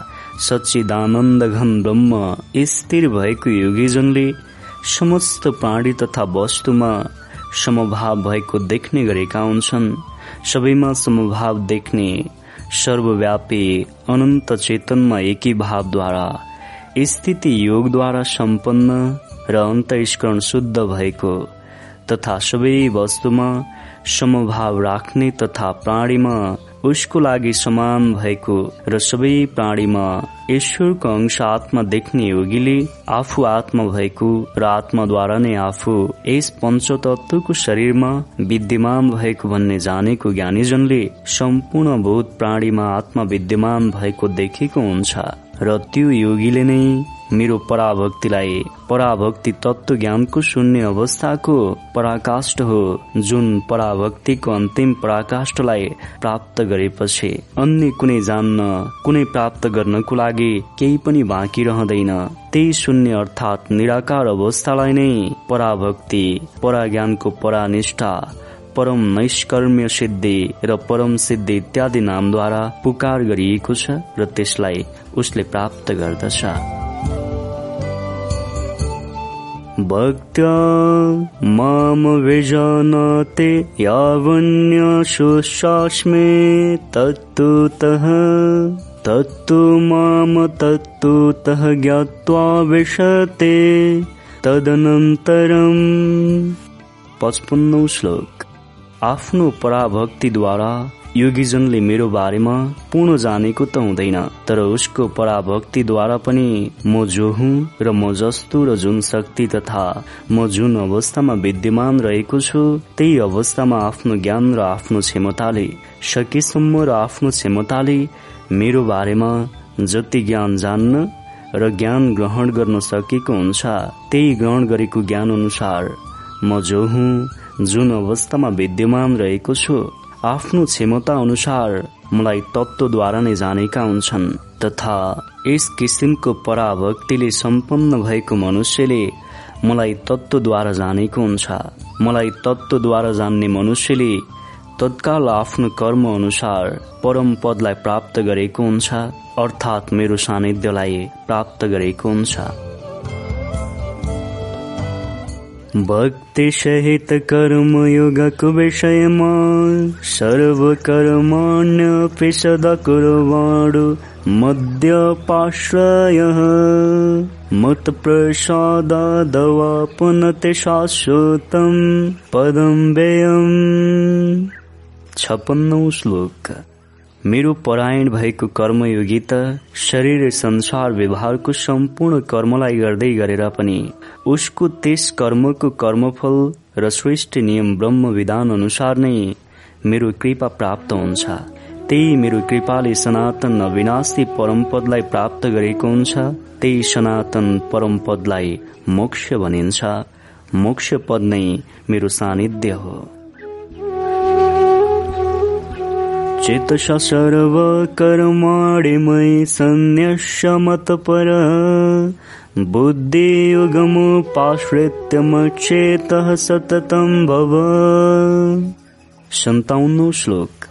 सम्पूर्ण आफ्नो कर्तव्य कर्मलाई सात्विक सोच र मनद्वारा मलाई अर्पण गर। तिमी आसक्ति रहित भएर जुन जुन कर्म गरेका हुन्छौ। जुन जुन सात्विक खाना खाने गरेका हुन्छौ प्रकृति सन्तुलनको लागि जुन जुन किसिमले यज्ञ हवन गरेका हुन्छौ अन्यको सहयोगको लागि निराशक्त भएर जुन जुन दान दिएका हुन्छौ र अन्तस्करण शुद्धिको लागि जुन जुन तप गरेका हुन्छौ। ती सबै सात्विक कर्महरू मलाई नै अर्पण गर तथा समबुद्धि रूपयुगको विधानलाई अवलम्बन गरेर मेरो परायण हौ र ममा नै मन लगाऊ। आफ्नो चित्तलाई स्थित गर मलाई नै निरन्तर पुकार गर आफ्नो चित्तलाई मेरो परायण बनाऊ। तिम्रो सम्पूर्ण सात्विक सोच मेरो गुणगानको लागि लगाऊ। आसक्ति रहित भएर गरेको कर्म मलाई नै समर्पण गर। मच्चेतः सर्वदुर्गणे मत्प्रसादात्तरिष्यसे अथ चेतव महङ्कारन्न श्रोष्यसे विनङ्स्यसे अन्ठाउन्नौ श्लोक। उपयुक्त प्रकारले गरेका तिम्रा सम्पूर्ण निराशक्त कर्महरूलाई तिमीले आफ्नो अन्तर्मनदेखि मेरो परायण भएर गर। ममा नै आफ्नो चित्त लगाऊ तिमीले आफ्नो निराशक्त कर्म गर। त्यही निराशक्त कर्मको कर्मफल ब्रह्म विधान अनुसार मेरो कृपा प्राप्त हुनेछ। त्यही मेरो कृपाद्वारा नै तिमीले आफ्नो समस्त संकटलाई अनायास तरिकाले पार गर्नेछौ र यदि तिमीले आफ्नो अहंकारको कारण मेरो वचनलाई झुटो भन्ने बुझेमा या मद्वारा निर्देशित कर्म नगरेमा तिमी कर्मको कर्मफल अनुसार नै ब्रह्म विधान अनुसार तिमी आफै नष्ट हुनेछौ। अर्थात् परमार्थको कारणले तिमी आफै पथभ्रष्ट हुन पुग्नेछौ। इदहङ्कारमाश्रित्य न युत्स इति मन्यसे मिथ्येष व्यवसायस्ते प्रकृतेस्त्वं नियुक्ष्यते। उन्साठौँ श्लोक अहिले तिमी भ्रम तथा मोहमा परेर अहंकार तथा अज्ञानको आश्रय लिएर आफ्नो काल्पनिक सोचलाई अनुसरण गर्दै यो सोचेर बोलिरहेका छौ कि मैले युद्ध गर्दैन। म किन युद्ध गर्ने? तिम्रो यो भनाइ निश्चय नै मिथ्या बनाइयो किनकि तिमीले धारण गरेको आफ्नो गुण आफ्नो धर्म तिम्रो आफ्नो स्वभावले पनि तिमीलाई जबरजस्ती युद्धमा लगाइदिनेछ किनकि यो सृष्टि विधान अनुसार तिम्रो आफ्नो प्रारब्धको निर्देशन हो। शोभावजन कौन्त्य निबद्ध स्वयं कर्मणा। कर्तुनिक्षसे हिन्मुहात करेष्यस्य वशोऽपि तत साठीौं श्लोक हे कुन्ती पुत्र तिमी अज्ञानको कारण मोहजनित भएर आफ्नो कर्मलाई गर्न चाहेका छैनौ। यो कर्म पनि तिम्रो आफ्नो कर्म हो। तिम्रो पूर्वकृत स्वाभाविक कर्मको कर्मफलद्वारा नै बाँधिएको छ। बाँधिएको कर्मको कर्मफलको कारण त्यही स्वाभाविक कर्म र आफ्नो गुणको अधीन अर्थात् परवश भएर तिमीले आफ्नो कर्म गर्नेछौ। ईश्वर सर्वभूतानां हृदेशे अर्जुन तिष्ठते भ्रामायण सर्वभूतानि यन्त्रारूढानि मायया। एकसठौँ श्लोक। हे अर्जुन शरीर रूप यन्त्रमा आरूढ भएर रहेको सम्पूर्ण प्राणीको शरीरमा जुन शरीर कर्मको कर्मफल अनुसार प्राप्त भएको हुन्छ त्यो शरीर ब्रह्म विधान अनुसार अन्तर्यामी ईश्वरद्वारा निर्मित माया र मायाद्वारा निर्देशित कर्मको आवरण रहेको हुन्छ। त्यही आवरणमा मायाको निर्देशन र जीवात्माको कर्मको कर्मफल अनुसार प्राप्त जीवात्माको शरीर अवस्थामा प्राप्त गरेको आवरण चक्रको रूपमा भ्रमण गरिरहेको जीवात्माको हृदयमा स्थित प्रकाश अवस्थामा चेतन रूपमा विद्यमान र स्थित रहेको हुन्छ। तमेव शरणं गच्छ सर्वभावेन भारत। तत्प्रसादत परां शान्तिं स्थानम् प्रापश्य शाश्वतम् बैसठ्यौं श्लोक। हे भरत तिमीले सम्पूर्ण मायाजनित भावना त्याग गरेर आफ्नो धर्म र आफ्नो धर्मको जिम्मेदारी बुझेर धर्म अनुसार गर्नुपर्ने सम्पूर्ण कर्मलाई बुझेर त्यस कर्मलाई स्वीकार गरेर तिमी त्यस सर्वधार परमेश्वरको नै शरणागत हुनु। त्यस कर्मलाई स्वीकार गरेर तिमी त्यस सर्वधार परमेश्वरको नै शरणागत हुनु जो ब्रह्म विधानको निर्माता हो र सृष्टिको सञ्चालक हो। त्यो ईश्वरको कृपाले र लज्जा भयमान अभिमान र आसक्तिलाई त्याग गरेर शरीर व्यवहार संसारमा रहेर आफ्नो कर्म गर्दै अहमता ममता रहित भएर अद्वैत ईश्वर नै परम आश्रय परम गति र सर्वस्व हो भन्ने बुझ्नु। जान्नु अनन्य भावद्वारा अतिशय श्रद्धा भक्ति र प्रेमपूर्वक निरन्तर ईश्वरको नाम गुण प्रभाव र निज नामको चिन्तन गरिरहनु एवं ईश्वरको भजन स्मरण गर्दै ईश्वरको आज्ञा अनुसार कर्तव्य कर्मलाई निस्वार्थ भावद्वारा आफूमा धारण गर्नु ग्रहण गर्नु र ईश्वरको निर्देशित नियम अनुसार नै आफ्नो कर्मको आचरण गर्नु। ब्रह्म विधान अनुसार धर्म विधानमा रहेर कर्म गर्नु यी सबै प्रकारले गरिने कर्मलाई नै ईश्वरको शरणागत हुनु भनिन्छ। तिम्रो आफ्नो कर्म त्यस कर्मको कर्मफल अनुसार मेरो ईश्वरको कृपा तिमीलाई प्राप्त हुनेछ। त्यही कृपाले तिमीले मोक्ष रूपी परम शान्ति तथा सनातन रूपी परम धामलाई प्राप्त गर्नेछौ। त्यो मोक्ष रूपी परम शान्ति तथा सनातन परम धाम मेरो धाम हो। इति ज्ञानमाख्यातम् गुह्यादगुह्यतरं मया विमृशे तदशेषेण यथेक्षसे तथा कुरु। त्रिसठ्यौं श्लोक सम्पूर्ण ज्ञान विज्ञान विधान र नियमसहित सत्य ज्ञानको बारेमा मैले तिमीलाई गोप्य गोपनीय भन्दा पनि अति रहेको गोपनीय ज्ञान प्रदान गरेको छु गोपनीय तथा रहस्ययुक्त ज्ञानलाई प्राप्त गरेपछि आफ्नो कर्मलाई आफ्नो धर्मलाई पूर्णतया धारण गर्ने कि नगर्ने भन्ने बारेमा धर्मको विधानमा रहेर जिम्मेदारी पूर्वक विचार गर। अन्तर्मनले के भनेको हुन्छ? आफ्नो गुणले के ज्ञान ग्रहण गरेको हुन्छ? आफ्नो अन्तर्मनको कुरा शरीर व्यवहार संसारमा रहेर धर्मको नियमले के स्वीकार गरेको हुन्छ? त्यही नियम अनुसार आफ्नो धर्मलाई धारण गर किनकि धर्म नितान्त व्यक्तिगत कुरा हो। सर्वगुह्यतमम् भूतः श्रेणु मे परमं वचः।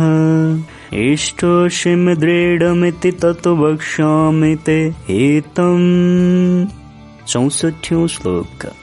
माथि भनिएका सम्पूर्ण गुण रहस्य र अति गोप्य तथा गोपनीय ज्ञान भन्दा पनि अति पर रहेको गोप्य तथा गोपनीय ज्ञान हुन्। यी सबै ज्ञान भन्दा पनि पर एक ज्ञान रहेको हुन्छ।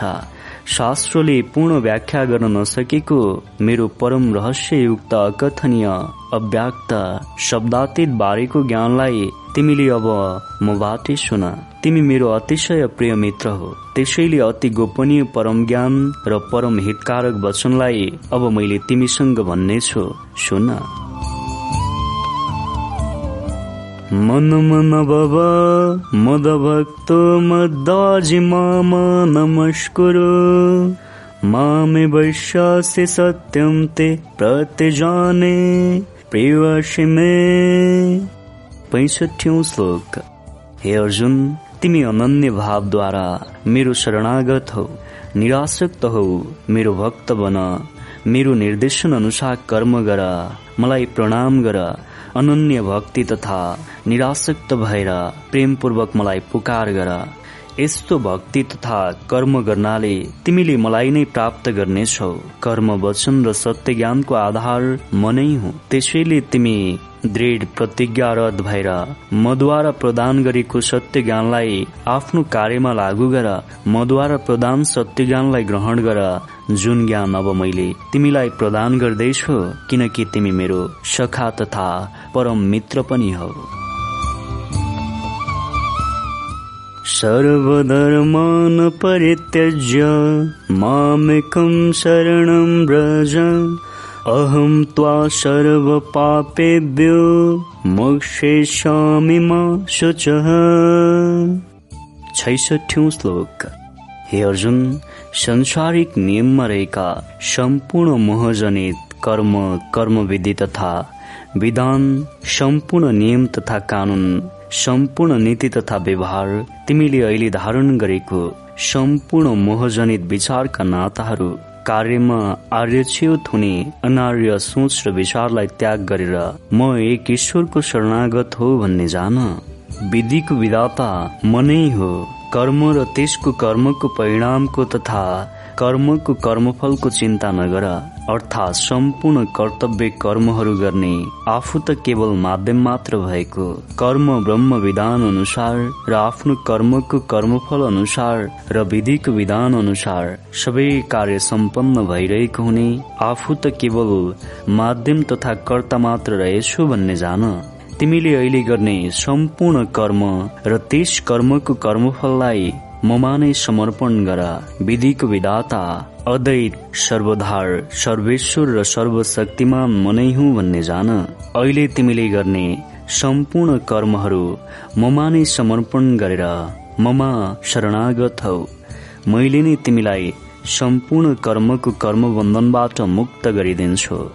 कर्म कर्मफल तथा कर्मद्वारा प्राप्त हुने कर्मबन्धनको विषयमा तिमी कुनै किसिमको शोक तथा चिन्ता नगर किनकि विधिको विधाता म नै हुँ। इदं ते न न वक्ताय कदाचन न चाशुश्रूषवे वाच्यं न च मामयोभ्यशयते षड्सठ्यौं श्लोक। तिमीले यो गीत रूप रहस्यमय ज्ञान तथा उपदेश कुनै पनि कालमा न त तपरहित मनुष्यसँग भन्न आवश्यक छ न त भक्ति वेद शास्त्र ईश्वर आमा बुबा महात्मा आचार्य गुरुप्रति श्रद्धा प्रेम र पूज्य भावको नाम भक्ति हो। र यस रहित व्यक्तिसँग कसैको सुन्ने इच्छा नै छैन भने त्यस्तो अनेक व्यक्तिसँग भन्न पनि आवश्यक छैन। तथा जसले म बारेको मेरो कार्यको बारेमा र मेरो विधानमा म प्रति दोष दृष्टि राखेको हुन्छ त्यसलाई गीता ज्ञान त्यसलाई गीता ज्ञान सुनाउनु कुनै आवश्यक छैन। किनकि यो गीता ज्ञान मूड मनुष्यले ग्रहण गर्न सक्दैन यो गीता ज्ञान मेरो भक्तले मात्र ग्रहण गर्न सक्छन्। एमं परं गुयं मदभक्तेष्वेधास्यते भक्तिं मयि परां कृत्वा मामे संशयः। अडसठौँ श्लोक। जो मनुष्यले मद्वारा प्रदान गरेको यो गीता ज्ञानलाई पूर्ण अध्ययन गर्नेछ यही गीता ज्ञान अनुसार नै आफ्नो सम्पूर्ण कर्म सम्पन्न गर्नेछ गीता ज्ञानमा भएको परम रहस्ययुक्त गोप्य ज्ञानलाई अन्य मनुष्यको कल्याणको लागि प्रदान गर्नेछ।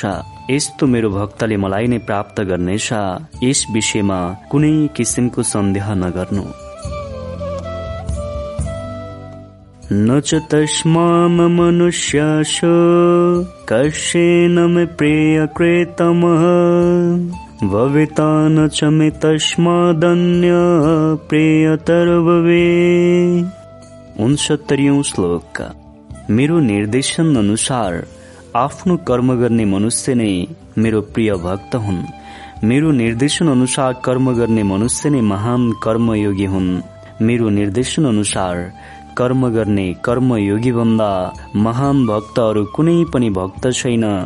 मेरो निर्देशन अनुसार नै कर्म गर्ने कर्मयोगी पृथ्वीभरमा नै सर्वश्रेष्ठ कर्मयोगी तथा मेरो भक्त हुन्। यस्तो कर्मयोगी तथा मेरो भक्त नै मलाई सर्वाधिक प्रिय हुन्छ। गीता ज्ञान ग्रहण गर्नु गीता ज्ञान अनुसार कर्म गर्नु नै मेरो भक्ति गर्नु हो। गीता ज्ञान अनुसार कर्म गर गीता ज्ञान अनुसार कर्म गर्ने मनुष्य नै मेरो प्रिय भक्त हुनेछ। अध्यक्ष चय इमं धर्म्य संवादमभयः ज्ञानयज्ञेन तेनाहमिष्टः श्यामेति मे मतिः। सत्तरीौं श्लोक। मैले माथि भनेका सम्पूर्ण भनाई ज्ञान कर्म भक्ति तथा उपासना पूर्ण ज्ञान हो। माथि भनिएको ज्ञानलाई जो मनुष्यले आफ्नो जीवनको शरीर व्यवहार संसारमा लागू गर्छ मेरो निर्देशन अनुसारको ज्ञानलाई आफूमा धारण गरेर आफ्नो कर्म गर्नेछ। त्यो मनुष्य नै धर्ममय गुणले सम्पन्न हुनेछ। यस्तो धर्ममय गुणले सम्पन्न रहेका हामी दुई बिचमा भएको र संवादमा रहेको गीता ज्ञान पढेर गीता ज्ञान अनुसार नै जो मनुष्यले कर्म गर्नेछ त्यो कर्म नै त्यस मनुष्यको लागि ज्ञान यज्ञ हुनेछ। अर्थात् गीता ज्ञान आफूमा ग्रहण गर्नु र त्यही ज्ञान अनुसार कर्म सम्पन्न गर्नुलाई ज्ञान यज्ञ भनिन्छ। अर्थात् व्यवहारमा गरिने द्रव्यमय यज्ञ भन्दा ज्ञान यज्ञ अत्यन्त श्रेष्ठ यज्ञ हो तथा सम्पूर्ण कर्महरू ज्ञानमा नै समाप्त हुन पुग्छ त्यसैले जुन मनुष्यले ज्ञान यज्ञ रूपमा रहेको गीता ज्ञान ग्रहण गरेर यही गीता ज्ञान अनुसार कर्म गर्नेछ त्यो मनुष्यले सम्पूर्ण यज्ञ सम्पन्न गर्नेछ यही मेरो विधान हो श्रद्धावान श्रेणुयादपि नरः शोपे मुक्त शुवालो कान प्रापन्नुयात पुण्य कर्मणाम। एकहत्तरौं श्लोक। जो मनुष्य श्रद्धायुक्त र दोष दृष्टि रहित भएर यस अमृतमय गीता ज्ञानको वचनलाई श्रवण गर्नेछ र यही गीता ज्ञान अनुसार आफ्नो कर्म सुरु गर्नेछ त्यो मनुष्य सम्पूर्ण कर्म बन्धनबाट बिस्तारै मुक्त हुनेछ। गीता ज्ञान अनुसार कर्म गर्ने मनुष्यले श्रेष्ठ लोकलाई प्राप्त गर्नेछ। कच्छेदित श्वेतं पार्थ तव एकाग्रेण चितशा कच्छेद ज्ञान सम्मोह प्रणष्टस्ते धनञ्जय। बहत्तरौं श्लोक। हे पार्थ तिमी लगायत सम्पूर्ण मनुष्यको कल्याणको लागि मद्वारा प्रदान गरिएको गीता ज्ञानलाई तिमीले एकाग्र चित्त भएर श्रवण गरेका छौ। हे धनञ्जय के अझै पनि तिमीमा विद्यमान भएको अज्ञान जनित मोह नष्ट भयो या अझै तिमीमा अज्ञान जनित मोह बाँकी रहेको छ? अर्जुन